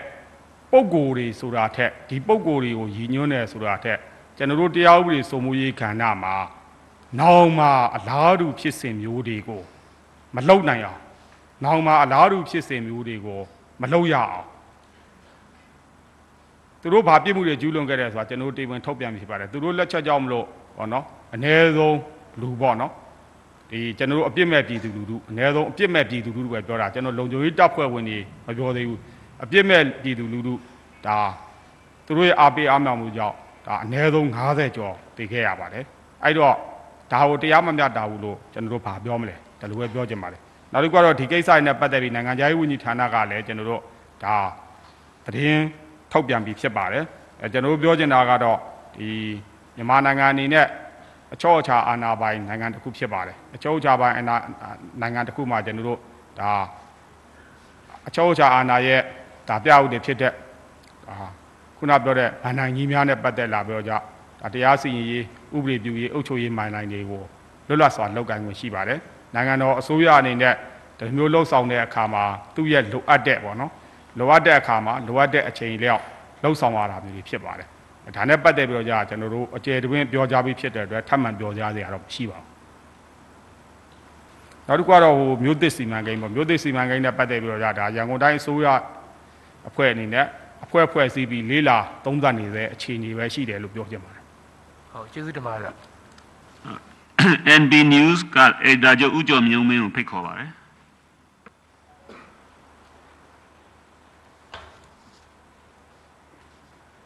မင်္ဂလာပါခင်ဗျအာကျွန်တော်သိချင်တာကြီးတစ်ခုတော့ရှိပါတယ်ဒါဘာလဲဆိုတော့ဒီမြန်မာဒီမြန်မာနိုင်ငံရဲ့ဒီလွတ်လပ်ရေးကာလအနေစပြီးဒီနေ့အထိပေါ့တောက်လျှောက်တစ်လျှောက်လုံးမှာအဲတက်မတော်ကဒီနိုင်ငံရေးအတိုင်းဝိုင်းနေနောက်နိုင်ငံတကာအတိုင်းဝိုင်းနေနောက်တချို့သောလူမှုအတိုင်းဝိုင်းတွေရဲ့ဒီလက်ညှိုးဝိုင်းထိုးစရာပုံရံသူဗီလေအဲ့နေရာနေပဲပုံမှန်တောက်လျှောက်သုံးတော်ခံလာရတာတွေ့ရတယ်ဆိုတော့တောက်လျှောက်သုံးတော်ခံလာတာနှစ်ပေါင်း80ကျော်လာပြီပေါ့နော်ဘယ်ချိန်ခေတ်ဘယ်ခေတ်ရောက်ဆိုတော့အခု တက်မတော်ကနောက်ဆုံးဖိတ်ခေါ်ထားတဲ့ NASA ကနောက်ဆုံးဖိတ်ခေါ်ထားတဲ့ညီချင်းဆွေးနွေးပွဲအခြေအနေအရကြည့်ရတာတော့တက်မတော်ဟာဒီနိုင်ငံရေးအတိုင်းဝိုင်းထဲမှာဘီလိန်ဖြစ်အသုံးတော်ခံနေရတဲ့သုံးဘုံရန်သူဖြစ်လက်ညှိုးဝိုင်းထိုးခံနေရတဲ့အထက်ကနေဖြည်းဖြည်းချင်းပြန်နှုတ်ထွက်နေတဲ့သဘောမျိုးလားပြန်နောက်ပြန်ဆုတ်ပြီးတော့ကိုဟိုဟာကိုယ့်ရဲ့ဘယ်လိုပြောမလဲကိုယ့်ရဲ့အခန်းကဏ္ဍကိုတာဝန်ထမ်းထမ်းဆောင်မှုပြင်ဆင်နေတဲ့သဘောမျိုးလားဒါမှမဟုတ်တက်မတော်လိုချင်တဲ့အနာဂတ်နိုင်ငံရေးပုံစံပါလဲဟောတာလေးသိချင်ပါတယ်အဲဒီကတော့ညီညာရေးဆွေးနွေးပွဲနဲ့ တမတော်ရဲ့အခြေအနေပေါ့နော်တမတော်ရဲ့အဲနိုင်ငံရေးနဲ့ပတ်သက်ပြီးမေးတာလို့ကျွန်တော်ယူဆပါတယ်အဲကျွန်တော်ညီညာရေးဆွေးနွေးပွဲအကြောင်းကိုအရင်ဖြေလိုက်မယ်အဲမှာညီညာရေးဆွေးနွေးရမှာကျွန်တော်တို့အနေနဲ့အဓိကအချက်နှစ်ချက်ကိုပဲအခြေခံပြီးဆွေးနွေးတယ်အဲ့ဒါကတော့ပါတီစုံဒီမိုကရေစီစနစ်နဲ့ဒီမိုကရေစီနဲ့ဖက်ဒရယ်ကိုအခြေခံတဲ့ပြည်ထောင်စုပေါ့နော်ဒါတွေနဲ့ပတ်သက်ပြီးတော့ကျွန်တော်တို့အခြေခံမူဝါဒရေးဆွဲပြီးတော့じゃဆွေးနွေးကြတာဖြစ်တယ်အဲ့ဒီနှစ်ချက်ကတော့ ကျွန်တော်တို့ရဲ့အမျိုးသားရေးရည်မှန်းချက်ပါပဲ national goal လည်းဖြစ်ပါတယ်အဲ့ဒါကိုမူတည်ပြီးဆွေးနွေးကြတာဖြစ်တယ်ဒါနိုင်ငံနဲ့ပြည်သူအတွက်ဖြစ်တင်ဖြစ်တိုက်တဲ့ကိစ္စလေးဖြစ်ပါတယ်အဲ့ဒါလို့ဆွေးနွေးရမှာ EAO တွေနဲ့လည်းလည်းအဲ့အခြေခံမူတွေနဲ့ပတ်သက်ပြီးတော့じゃဒါလက်ခံခဲ့ပါတယ်ခင်ဗျားမေးတဲ့မေကွန်းထဲမှာပါတဲ့ဟာမေကွန်းထဲမှာပါတဲ့အမေးကဒါနဲ့ဆိုတဝက်ပြည်လေလောက်မနဲ့တူပါတယ်ကျွန်တော်ပါတီစုံဒီမိုကရေစီစနစ်ကိုဒါခိုင်ခိုင်မာမာအာမခံထားတယ်ဒီမိုကရေစီနဲ့ဖက်ဒရယ်စနစ်ကိုအခြေခံတဲ့ပြည်ထောင်စုစနစ်ကိုကျွန်တော်တို့ ခိုင်ခိုင်မာမာအာမခံထားတာဖြစ်ပါတယ်အဲ EU ဖွဲ့စည်းပြီးနဲ့ဆွေးနွေးတဲ့အခါမှာဒီနှစ်ချက်အပေါ်မှာအခြေခံပြီးတော့ကြာဒါသူတို့ရဲ့အမြင်တွေတောင်းဆိုမှုတွေဒါဖြစ်ချင်တာတွေပေါ့နော်သူတို့ဖြစ်ချင်တာတွေတော့ကျွန်တော်သိခဲ့ရပါတယ်ဒါတွေအပေါ်မှာလည်းကျွန်တော်တို့လေးစားမှတ်သားမှုရှိပါတယ်လေးစားမှတ်သားမှုရှိပါတယ်လို့ဒီနေရာနေပြောချင်ပါတယ်အဲ့ဒီထဲမှာကျွန်တော်တို့ကတော့ဖြစ်နိုင်တာတွေပေါ့နော်ဖြစ်နိုင်တာတွေဖြစ်တင်တာတွေဖြစ်တင်တာတွေဖြစ်နိုင်တာတွေကိုလည်းကျွန်တော်တို့ဒါလှုပ်ဆောင်ခဲ့ပါတယ် ဒါတွေကကျွန်တော်တို့ခုနပြောတဲ့လိုက်လောမှုတွေလှုပ်ဆောင်နေရတာဒါတွေကကျွန်တော်တို့ရဲ့လိုက်လောမှုပါပဲကျွန်တော်တို့ရဲ့လိုက်လောမှုပဲဖြစ်ပါတယ်အဲနောက်ဝေးပြောလို့ခုနပြောတော့တမတော်အနေနဲ့ဆိုတာကျွန်တော်တို့ပြောခဲ့ပြီးပြတယ်ရခင်ကျွန်တော်တို့တမတော်သတင်းစာရှင်းလင်းပွဲတွေမှာလည်းဒီမေးခွန်းမှမေးတာဖြစ်ပါတယ်အဲ့မှာကျွန်တော်တို့ဖြေကြားခဲ့ပြီးဖြစ်ပါတယ်တမတော်အနေနဲ့ဘလို့အခြေအနေမျိုးဘလို့ရည်မှန်းချက်မျိုးရှိတယ်ဆိုတာပြောတာခုနပြောတဲ့ကျွန်တော် national goal နှစ်ခုကျွန်တော်တို့ပြောခဲ့ပြီးပြီအဲ့ဒီလုံနိုင်ဖို့အတွက်ကျွန်တော်တို့အဓိကလိုအပ်ချက်ကငြိမ်းချမ်းရေးလုပ်ငန်းတွေဖြစ်တယ်။ အဲဒါကြောင့်ငြိမ်းချမ်းရေးလုပ်ငန်းစဉ်တွေကိုကျွန်တော်တို့အားစိုက်လုပ်တာ။ရခင်တော့ကျွန်တော်ဖြေခဲ့မှုတဲ့အဖြေနဲ့ဒါဒီလိုမျိုးလုံနိုင်ဖို့အတွက်ဘလို့အခြေအနေဖန်တီးမှုတဲ့လူတယ်ဆိုတဲ့ဟာမျိုးနဲ့ဆက်ဆက်ပြီးတွေးကြည့်ရင်သိနိုင်တယ်လို့ပဲကျွန်တော်ဖြေကြားလိုပါတယ်။ကျေးဇူးတင်ပါတယ်ဟိုလေဖြစ်ဆွဲလေးတစ်ခုလောက်ပါခုနကျွန်တော်ပြောလို့ဒီတက်မတော်ကခက်ဆက်ဆက်နိုင်ငံရေးအတိုင်းဝိုင်းမှာပြောတာအကုန်လုံးကတော့ပြီးလိမ့်ပေါ့သူဟိုခုနပုံရန်သူဖြစ်လက်ညှိုးထိုးခံရတာအဲ့ဒါနဲ့တောက်လျှောက်ထိုးခံနေရတာဆိုတော့ဒါနဲ့ပတ်သက်ပြီးတော့ရောတက်မတော်ရဲ့ကဘာများပြောချင်တာမျိုးရှိမလဲဟော။ ဒီတမတော်အနေနဲ့ကတော့ကျွန်တော်တို့ပေါ့နော်။ဒီပုံဖော်ခမ်းမှုမျိုးစုံပေါ့ပုံဖော်ခမ်းမှုမျိုးစုံရှိပါတယ်။ပုံဖော်ခမ်းမှုမျိုးစုံဆိုတာဒါဘယ်လောက်ကနေစပြီးပုံဖော်တာလို့ဆိုတော့1900ကျွန်တော်တို့ဒါ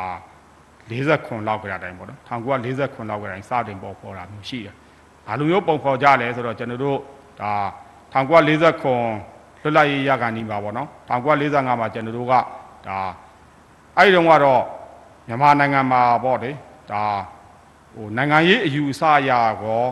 ဒါဖြစ်တည်နေတဲ့နိုင်ငံရေးအယူအဆအရာကျွန်တော်တို့ပြောနေရမှာမဟုတ်ဘူးဖြစ်တည်နေတဲ့သဘောတရားအရာပြောချင်းဖြစ်တယ်အဲဒီတော့တပ်မတော်နေရလို့တော့ပြောလို့ရပါတယ်ဘာဖြစ်လို့အင်္ဂလိပ်တီတီထောင်ခဲ့တဲ့တပ်မတော်ပေါ့နော်အဲသူတို့က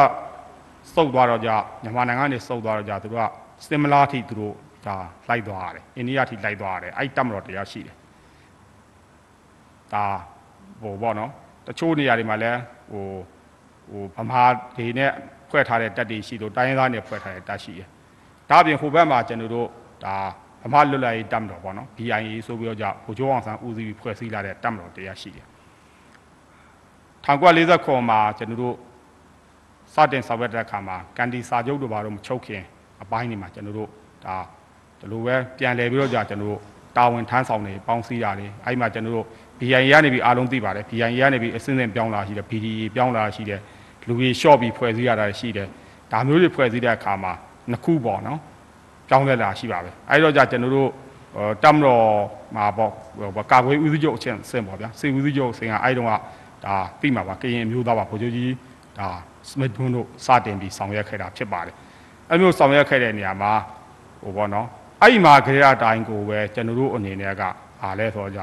ဒါနေသူတွေလူလူအစည်းအဝေးပွဲကြီးတို့ဘာလို့လုပ်ပြတတ်မတော်ဒီ ခိုင်မာရေးတတ်မတော်တရက်ထဲထားရှိရေးဆိုတဲ့ဟာမျိုးရှိပါတယ်အဲ့ဒီကြရတိုင်းတချို့သောနိုင်ငံရေးသမားတွေကဒီဘက် BIA BDA ကိုကျွန်တော်တို့လက်ညှိုးထိုးတာမျိုးရှိပါတယ်တရားမဝင်မှုဆိုတဲ့ဟာမျိုးတွေလက်ညှိုးထိုးတာဖြစ်ပါတယ်အဲ့တော့ကြာကြာဒီဟာကိုကျွန်တော်တို့ပုံဖော်လာတာဒီဘယ်လောက်ကြာပြီလဲဆိုတာသိရမှာဖြစ်ပါတယ်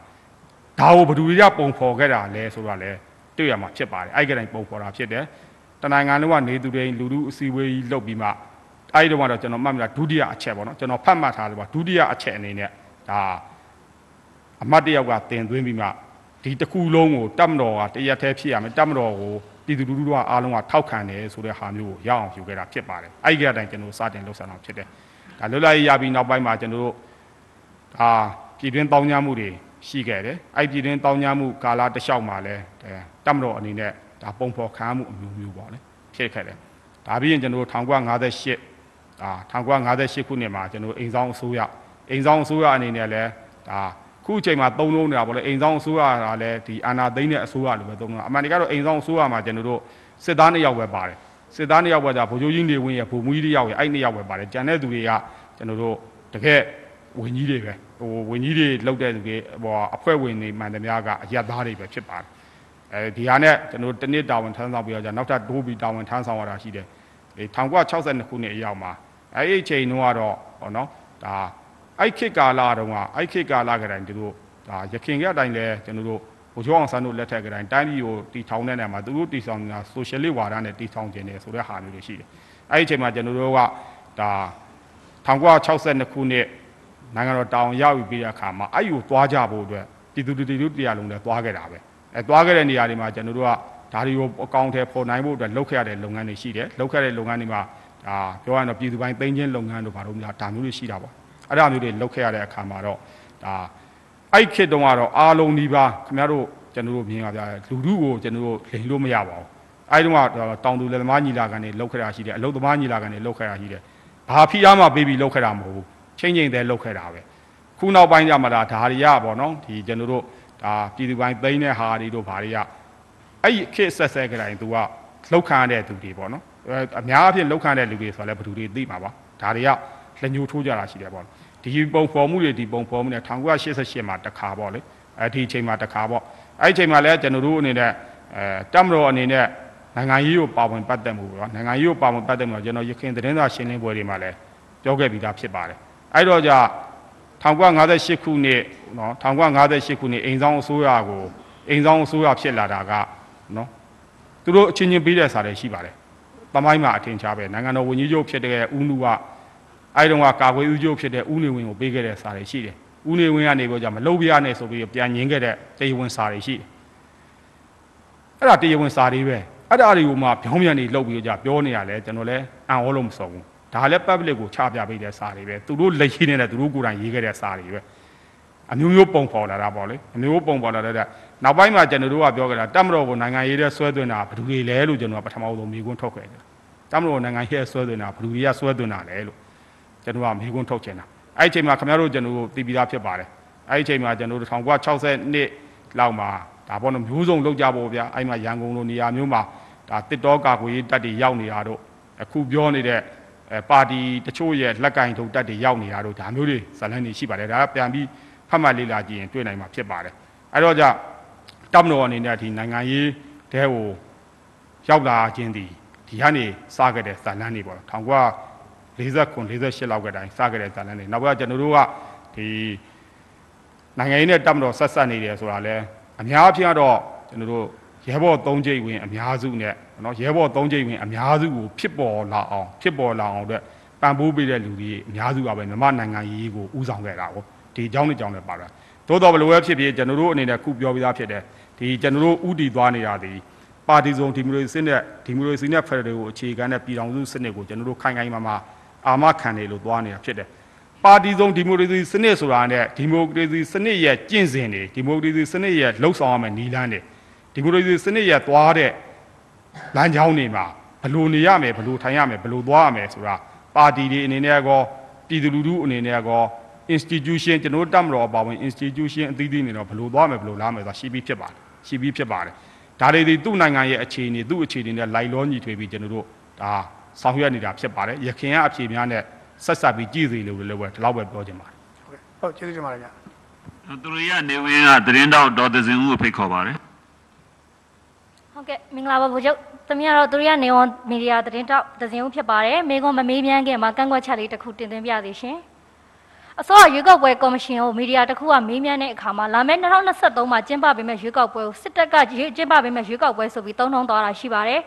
အဲ့ဒီမီဒီယာကြီးကိုပြောကြားလိုတာကတော့ရွေးပြည်တော်စုရွေးကောက်ပွဲကော်မရှင်ကကျင်းပပေးမယ့်ရွေးကောက်ပွဲကိုနိုင်ငံတော်စီမံအုပ်ချုပ်ရေးကောင်စီကအောင်မြင်စွာကျင်းပနိုင်ရေးဆောင်ရွက်မှာဖြစ်တယ်လို့ပြောကြားလိုပါတယ်ပြီးတော့နိုင်ငံတော်အဆင့်သတင်းစာရှင်းလင်းပွဲဖြစ်တဲ့အတွက်စစ်တပ်လို့မသုံးတော့မှနဲ့မြန်မာတပ်မတော်သို့မဟုတ်တပ်မတော်လို့သုံးဆွဲပေးပါရန်တင်ပြအပ်ပါတယ်ရှင်ဆက်လက်ပြီးတော့ PDF အဖွဲ့တွေကိုပြန်လည်ဖိတ်ခေါ်တာနဲ့ပတ်သက်ပြီးတော့မေးမြန်းလိုပါတယ်ရှင် အကြမ်းဖက်ဖြစ်ကြီးညာထားတဲ့ CRPH NUG တို့ရဲ့ကြိုးကန်ချဲလဲခြင်းကိုခံနေရတဲ့ PDF တွေကိုလက်နက်အံ့နံပြီးပြည်သူ့ဘဝတဲ့သို့ပြန်လည်ဝေရောက်ကြဖို့နိုင်ငံတော်စီမံအုပ်ချုပ်ရေးကောင်စီသတင်းထုတ်ပြန်ရေးအဖွဲ့ရဲ့ထုတ်ပြန်ချက်ကိုတွေ့မြင်ရပါတယ်ရှင်အခုလိုမျိုးဒါပြဖြတ်မိပြဖြတ်သမားတွေနိုင်ငံရေးအမိခံပြီးတော့တိုင်းပြည်ဖြတ်စည်းရုပ်ကိုဒီဇိုင်းမမတ်လုပ်နေတဲ့အကြမ်းဖက်တွေရဲ့ကြိုးကင်ခြင်းခံလဲချန်လဲခြင်းကိုပြီးအသုံးချခြင်းခံနေရတဲ့လူငယ်တွေကိုပြည်သူ့ဘဝဝင်ရောက်ကြဖို့အတွက် ဒါကြိုးစိုးပေးတဲ့နိုင်ငံတော်စီမံအုပ်ချုပ်ရေးကောင်စီဥက္ကဋ္ဌနိုင်ငံတော်ဝန်ကြီးချုပ်ဗိုလ်ချုပ်မှုကြီးမင်းအောင်လှိုင်နဲ့အဖွဲ့ဝင်များအားလုံးကိုလည်းကျမတို့သူရိယနေဝန်မီဒီယာကနေပြီးတော့အထူးပင်ကျေးဇူးတင်ရှိပါတယ်။နောက်ဆက်ကနေလည်းအခုလိုမျိုးနိုင်ငံတော်တည်ငြိမ်အေးချမ်းရေးအတွက်အစမ်းကုန်ကြိုးပမ်းဆောင်ရွက်ပေးနေပေမဲ့လည်းတစ်ဖက်မှာကဒါ DKBA စစ်ဦးစီးချုပ်ဗိုလ်ချုပ်ကြီးစောစတီပြောသလိုပဲစစ်တိုက်စားနေတဲ့လူရန်စာတစုကပေါ်ပေါက်လာနေပြီးတော့စစ်တိုက်စားရတဲ့အရာတော်ကောင်းကောင်းကြီးတွေ့နေကြပါတယ်။ငင်းကြရေးဆွေးနွေးပွဲကိုတက်မလာနိုင်သေးတဲ့အဲ့လိုအဖွဲ့ချုပ်ကစစ်တိုက်စားရတော့အရာတော်တွေ့ပြီးတော့လက်နက်ချအလင်းဝင်ဖို့မဆိုထားနဲ့မိမိဒေတာမှာမိမိ ယခုထပ်ပို့ပြီးတော့ကိုပိုင်အုပ်ချုပ်ခွင့်ယခုထပ်ပုံမှုပြီးတော့ပြဋ္ဌာန်းခွင့်တွေရရှိလာရရှိနိုင်တာကိုသိပါလျက်နဲ့ငင်းကြရေးဆွေးနွေးပွဲကိုတက်ရောက်မလာကြသေးသလို PDF အဖွဲ့အစည်းတွေကလည်းလက်နက်ကင်ပြီးတော့အကြမ်းဖက်ရတဲ့အရာသာစက်ကြီးတက်ရတဲ့အရာသာဓမြတိုက်ချင်းချောရတဲ့အရာသာကိုကောင်းကောင်းကြီးတွေ့နေကြပါပြီ။ RCSS ကောင်းဆောင်ဗိုလ်ချုပ်ကြီးရွက်စစ်ပြောသလိုပဲ PDF တွေကကြာလာရင်ဓမြခိုင်းတွေဖြစ်လာနိုင်တဲ့အတွက်ခေတ်သစ်ဘာကဘာကခေတ်သစ်ဘာကဘာတွေဖြစ်တဲ့ PDF နဲ့အခြားအမိကအဖွဲအမျိုးမျိုးကို လက်နက်အနှံပြီးတော့ပြည်သူ့ဘဝပြန်လည်ဝင်ရောက်လာဖို့နတ်ဆက်ကအနေနဲ့အချိန်အတိုင်းတာကန့်သက်ချက်ရှိပါလားအချိန်အတိုင်းတာကြောင်းလွန်သွားတဲ့အခါမှာရောဘလို့နှိမ်နှင်းမှုတွေပြုလုပ်မလဲဆိုတာကိုသိရှိလိုပါရဲ့ရှင်ဒီကျွန်တော်တို့ EA EO များပေါ့နော် EO များနဲ့ဒီ PDF အဖွဲ့ရဲ့ကျွန်တော်တို့ကွာခြားချက်တွေကိုလည်းကျွန်တော်တို့ပြောပြီးဖြစ်ပါတယ်ဒါ EAO အဖွဲ့တွေအနေနဲ့ကတော့သူကနှစ်ပေါင်းများသွားပါတော့နှစ်ပေါင်းများသွားသူတို့ဒါတချို့ EAO အဖွဲ့တွေလည်းဒါ2019လောက်မှာပေါ်လာတဲ့ EAO အဖွဲ့တွေလည်းရှိပါတယ်အဲတော်တော်များများကတော့သူတို့ရဲ့တိုင်းသားလူမျိုးတွေရဲ့အရေးသူတို့ရဲ့ဒေသအရေးတွေကိုအဲတောင်းဆိုရင်းနဲ့ဖြစ်လာတယ်ရှိပါတယ်ဒီပြင်အခြားအခြားအကြောင်းကြောင့်ဖြစ်လာတဲ့ EAO အဖွဲ့များလည်းရှိပါလိမ့်မယ်အဲဒီ EAO အဖွဲ့တွေအနေနဲ့တော့ကျွန်တော်လက်နက်ကင်ပြောကြဒါဆောင်ရွက်နေရခြင်းဒီအရေးတွေဆောင်ရွက်နေကြဖြစ်တယ်အဲ PDF အဖွဲ့တွေရဲ့လက်နက်ကင်ဆောင်ရွက်နေရခြင်းကတော့ဒါနဲ့တခြားစီပါပဲ အဲကျွန်တော်ပြောကြလေဒီမဲမတမာမှုတွေကြောင့်ဖြစ်ခဲ့တဲ့ဟာကိုဒါမဲမတမာမှုတွေကိုကျွန်တော်တို့အနေနဲ့ဒါရှင်းလင်းပေးပါဆိုတဲ့ဟာကိုအကြိမ်ကြိမ်ပေါ့နော်ချိန်များစွာကျွန်တော်တောင်းဆိုခဲ့တယ်ပြောခဲ့တယ်လူသိစင်ကပြောတယ်ဒါတွေကိုမလုပ်ဖက်နဲ့ဒါထွက်ပြေးသိမ်းရှောင်သွားတဲ့လူတွေကလောက်တာပြောအဲ့တော့ EAO များအနေနဲ့ကသူ့ရဲ့ဟောနော် EAO များအနေနဲ့သူ့ရဲ့တိုက်ခိုက်တဲ့ဟာပေါ့နော်သူ့ရဲ့ရီမန်းနဲ့တိုက်ခိုက်တဲ့ဟာကဘ누구ကိုတိုက်ခိုက်တောင်းတော့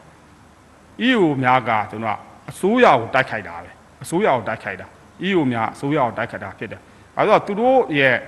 ဒေသရဲ့အကျိုးသူတို့လူမျိုးရဲ့အကျိုးပေါ့နော်ပတ်သက်ပြီးတော့ကြာလူမျိုးရဲ့အကျိုးနဲ့ပတ်သက်ပြီးတော့ကြာသူက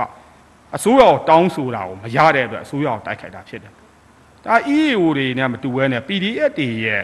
လှုပ်ရှားမှုကကြာဘာတုံးတော့ PDF တွေရဲ့လှုပ်ရှားမှုကခုခင်ဗျားတို့ကျွန်တော်မြင်တာအစိုးရကိုတိုက်ခိုက်တာတဲ့သူကပြည်သူလူထုကိုတိုက်ခိုက်တာကျွန်တော်ပြောတာမှန်လားမမှန်ဘူးတော့သေချာစဉ်းစားတာတယ် EAO များကကျွန်တော်ပြောလို့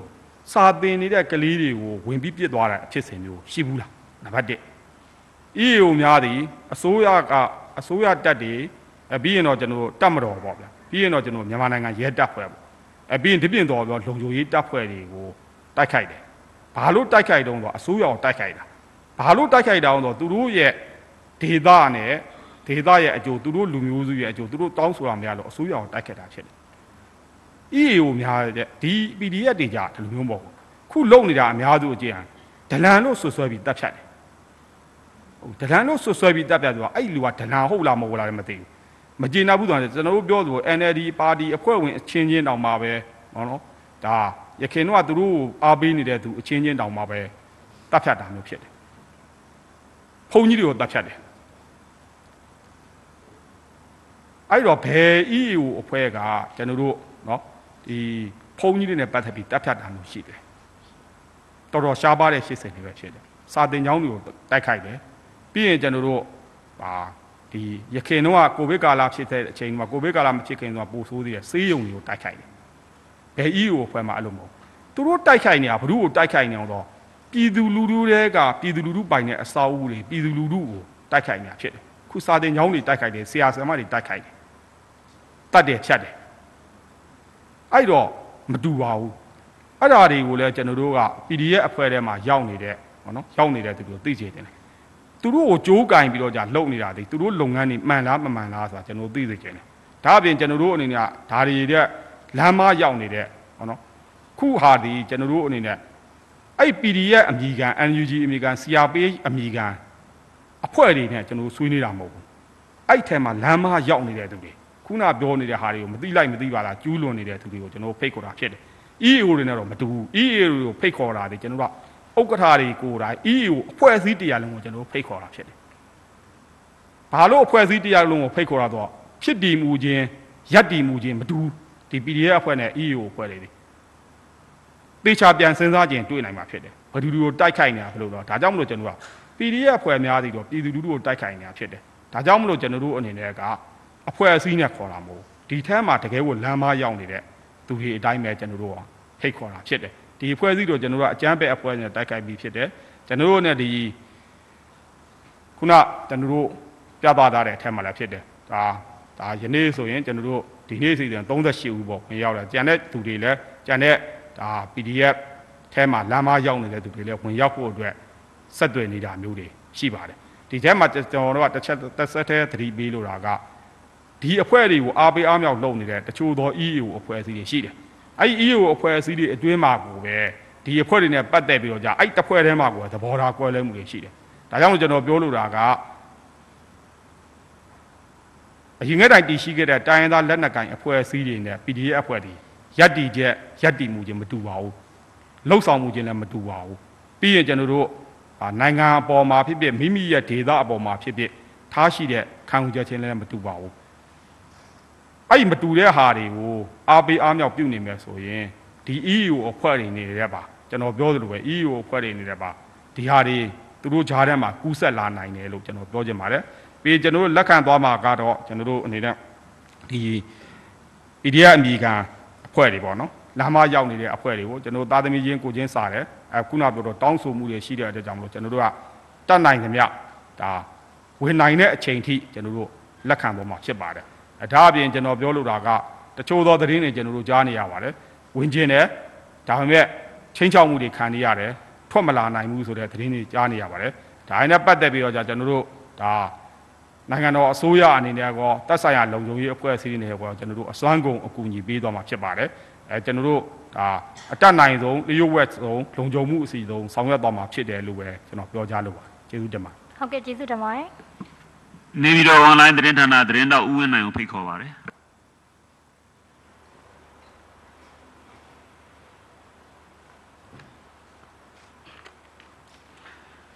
ကျွန်တော်ကတော့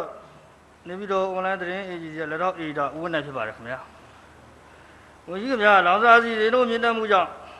လက်ရှိကားကားစီတို့များအစမတန်မြင့်တက်နေပြီးခီးသွွားအခြေခံလူဒန်းစားမိဘပြည်သူများခီးစိတ်တက်တာတွေတော့မြမမီးထားကိုအာကူရတာပြီးသွာလာနေတာကိုတွေ့မြင်ကြရပါတယ် မြမမိရထားပြည့်စွဲနေမှုကလည်းဥပမာအရင်ကရန်ကုန်မှာလေးအမြန်ထား၃သိန်းအစုံအစံပြည့်စွဲနေရကယခုကအမြန်ထားတစ်စင်းသာပြည့်စွဲအစုံအစံပြည့်စွဲနေပြီးတချို့နေရာတွေမှာနေကျင်ပြည့်စွဲနေမှုမရှိသေးကြောင်းနဲ့ယာယီဖြတ်သိမ်းထားသောကြောင့်ခီးသောမိဘပြည်သူများခီးသွားလာမှုအစင်မပြေမှုများကိုကြားသိခဲ့ရပါတယ်။ဒါကြောင့်နိုင်ငံတော်စီမံအုပ်ချုပ်ရေးကောင်စီဆိုရနေဖြင့်မမမီရထားခီးသွားအခြေခံလူရန်စားမိဘပြည်သူများခီးသွားလာမှု အစင်ပြေရှောမွေးစေရမည်တို့စီစဉ်ဆောင်ရွက်ထားကြပါတဲ့ဆိုတာကိုဖြေကြားပေးစီခြင်းပါတယ်ခင်ဗျာ။အဲကျွန်တော်တို့ဒီဟိုတချို့လမ်းပိုင်းတွေလည်းမပြေးဆွဲနိုင်တွေကတော့ခုထီတော့ရှိတယ်ဗျတချို့လမ်းပိုင်းတွေလည်းမပြေးဆွဲနိုင်တာရှိတယ်သွားဒီဟိုဘောနော်မိုင်းထောင်မိုင်းခွဲတိုက်ခိုက်ခဲရတိုက်ခိုက်ခံရလို့ရလုံုံရေးအခြေအနေကမပြေးဆွဲနိုင်တာရှိပါတယ်ခုလောဆယ်မှာတော့ကျွန်တော်တို့ကဒီလမ်းပိုင်းအသီးသီးမှာတော့ခီးဝေးယထာ28စီရင်ကျွန်တော်ပြေးဆွဲနေတယ် အဲရန်ကုန်မြို့ရန်ကုန်မြို့ဘက်ပေါ့22စင်စုပေါင်း90တော့ကျွန်တော်ပြေးဆွဲလျက်ရှိတယ်အဲရန်ကုန်မန္တလေးလမ်းပိုင်းမှာတော့လက်ရှိကတော့ကျွန်တော်ယထာ6စင်ပြေးဆွဲပေးလျက်ရှိတယ်အဲကျွန်တော်တို့ဒါခုနပြောလို့ခီးသွားတွေအခက်အခဲရှိတယ်ဆိုတော့လည်းသိပါတယ်ဒါကြောင့်မလို့ကျွန်တော်တို့ကဒီပို့ဆောင်ရေးဝန်ကြီးဌာနအနေနဲ့ကျွန်တော်မကြခင်ပေါ့မကြခင်ဆိုတော့ဒီလာပိုင်းလောက်အတွင်းမှာပဲကျွန်တော်တို့အစုံစံယထာ2စင်ပေါ့ထပ်မံပြေးဆွဲဖို့စီစဉ်ဆောင်ရွက်လျက်ရှိပါတယ် ပြီးရင်တော့ရန်ကုန်မော်လမြိုင်လမ်းမပေါ့အဲ့မှာလည်းကျွန်တော်တို့ကခုလောဆယ်မှာ2စင်ပြေးဆွဲနေတယ်ရှိတယ်ထပ်ပြီးတော့ကြာကျွန်တော်2စင်ထပ်တိုးပြေးဆွဲဖို့အတွက်ကျွန်တော်တို့ဆောင်ရွက်ပေးသွားရမယ်ရန်ကုန်ပြည်လမ်းမှာတော့ကျွန်တော်တို့6စင်ပြေးဆွဲနေတယ်ထပ်ပြီးတော့ကြာ2စင်ပြေးဆွဲဖို့ကျွန်တော်တို့စီမံဆောင်ရွက်သွားရမယ်ဒီဟိုရန်ကုန်ရလူကြီးလည်းထူတတ်တယ်ဒီနဲ့ပတ်သက်ပြီးရန်ကုန်ကတော့ကျွန်တော်တို့အခမ်းအဆုံးပေါ့ဒါကြောင့်မို့ရန်ကုန်မှာတော့ကျွန်တော်တို့ကလက်ရှိကျွန်တော်တို့ မြို့ပတ်ပေါ့22စင်ပြေးဆွဲနေတယ်နောက်ထပ်ကျွန်တော်တို့၄စင်ထပ်မံပြေးဆွဲဖို့ဒါစီစဉ်ဆောင်ရွက်လျက်ရှိပါတယ်ကုံရထားတွေကတော့ကျွန်တော်တို့ဒါရန်ကုန်မန္တလေးလမ်းပိုင်းမှာတော့တရက်ကို၄စင်ပေါ့ဒါအခြေခံလူသုံးကုန်စားတော့ကုန်တင်တဲ့ဟာ2စင်ကိုဒိန်နာအထူးကတော့၄စင်ပြေးဆွဲလျက်ရှိတယ်ရန်ကုန်မော်လမြိုင်ရထားလမ်းပိုင်းမှာတော့ကျွန်တော်တို့ဒါကြောက်ရထားနှစ်စင်စုပေါင်း၈စင်ပြေးဆွဲလျက်ရှိတယ်အဲဒါနဲ့ပတ်သက်ပြီးတော့ကြာဒီပြည်သူလူထုကိုကျွန်တော်အတိပေးပြောကြားလိုတာကတော့ ဒီပို့ဆောင်ရေးဝန်ကြီးဌာနအနေနဲ့ကျွန်တော်ယထာလမ်းများယထာတွဲများဒါအစစ်မြင့်တင်ရေးကိုကျွန်တော်တို့ဆောင်ရွက်လျက်ရှိပါတယ်အာနိုင်ငံတော်ဝန်ကြီးချုပ်အနေနဲ့လည်းဒီယထာလမ်းပိုင်းများမြင့်တင်ရေးယထာပြေးဆွဲနိုင်ရေးနဲ့ပတ်သက်ပြီးတော့ကြာမကြာခဏကျွန်တော်တို့စစ်ဆေးလျက်ရှိပါတယ်အထူးစိတ်ပါဝင်စားမှုလည်းရှိပါတယ်အခုလိုဒီပြည်သူလူထုလိုအပ်ချက်တွေရှိလာရင်ပို့ဆောင်ရေးဝန်ကြီးဌာနနဲ့ပတ်သက်ပြီးကြပြည်သူလူထုရဲ့ အဲကျွန်တော်တို့အနေနဲ့လမ်းမဆက်သွယ်မှုလုံခြုံချောမွေ့စေရေးပေါ့နော်လမ်းမဆက်သွယ်မှုကောင်းမွန်စေရေးကိုလည်းအဓိကထားပါတယ်အဲလိုအပ်ချက်များရှိလာလို့ရှိရင်ဒါယခုလိုပဲပြောပြပါကျွန်တော်တို့အနေနဲ့လည်းသက်ဆိုင်ရာဝန်ကြီးဌာနတွေနဲ့ဒါဆက်လက်ညှိနှိုင်းဆောင်ရွက်ပေးပါမယ်အများဆုံးဖြစ်အောင်လည်းဆောင်ရွက်ပေးမယ်လို့ကျွန်တော်ပြောလိုပါတယ်ကျေးဇူးတင်ပါတယ်ကျွန်တော် weekly 11ကသတင်းတော့ဦးအောင်မင်းသိန်းကိုဖိတ်ခေါ်ပါတယ်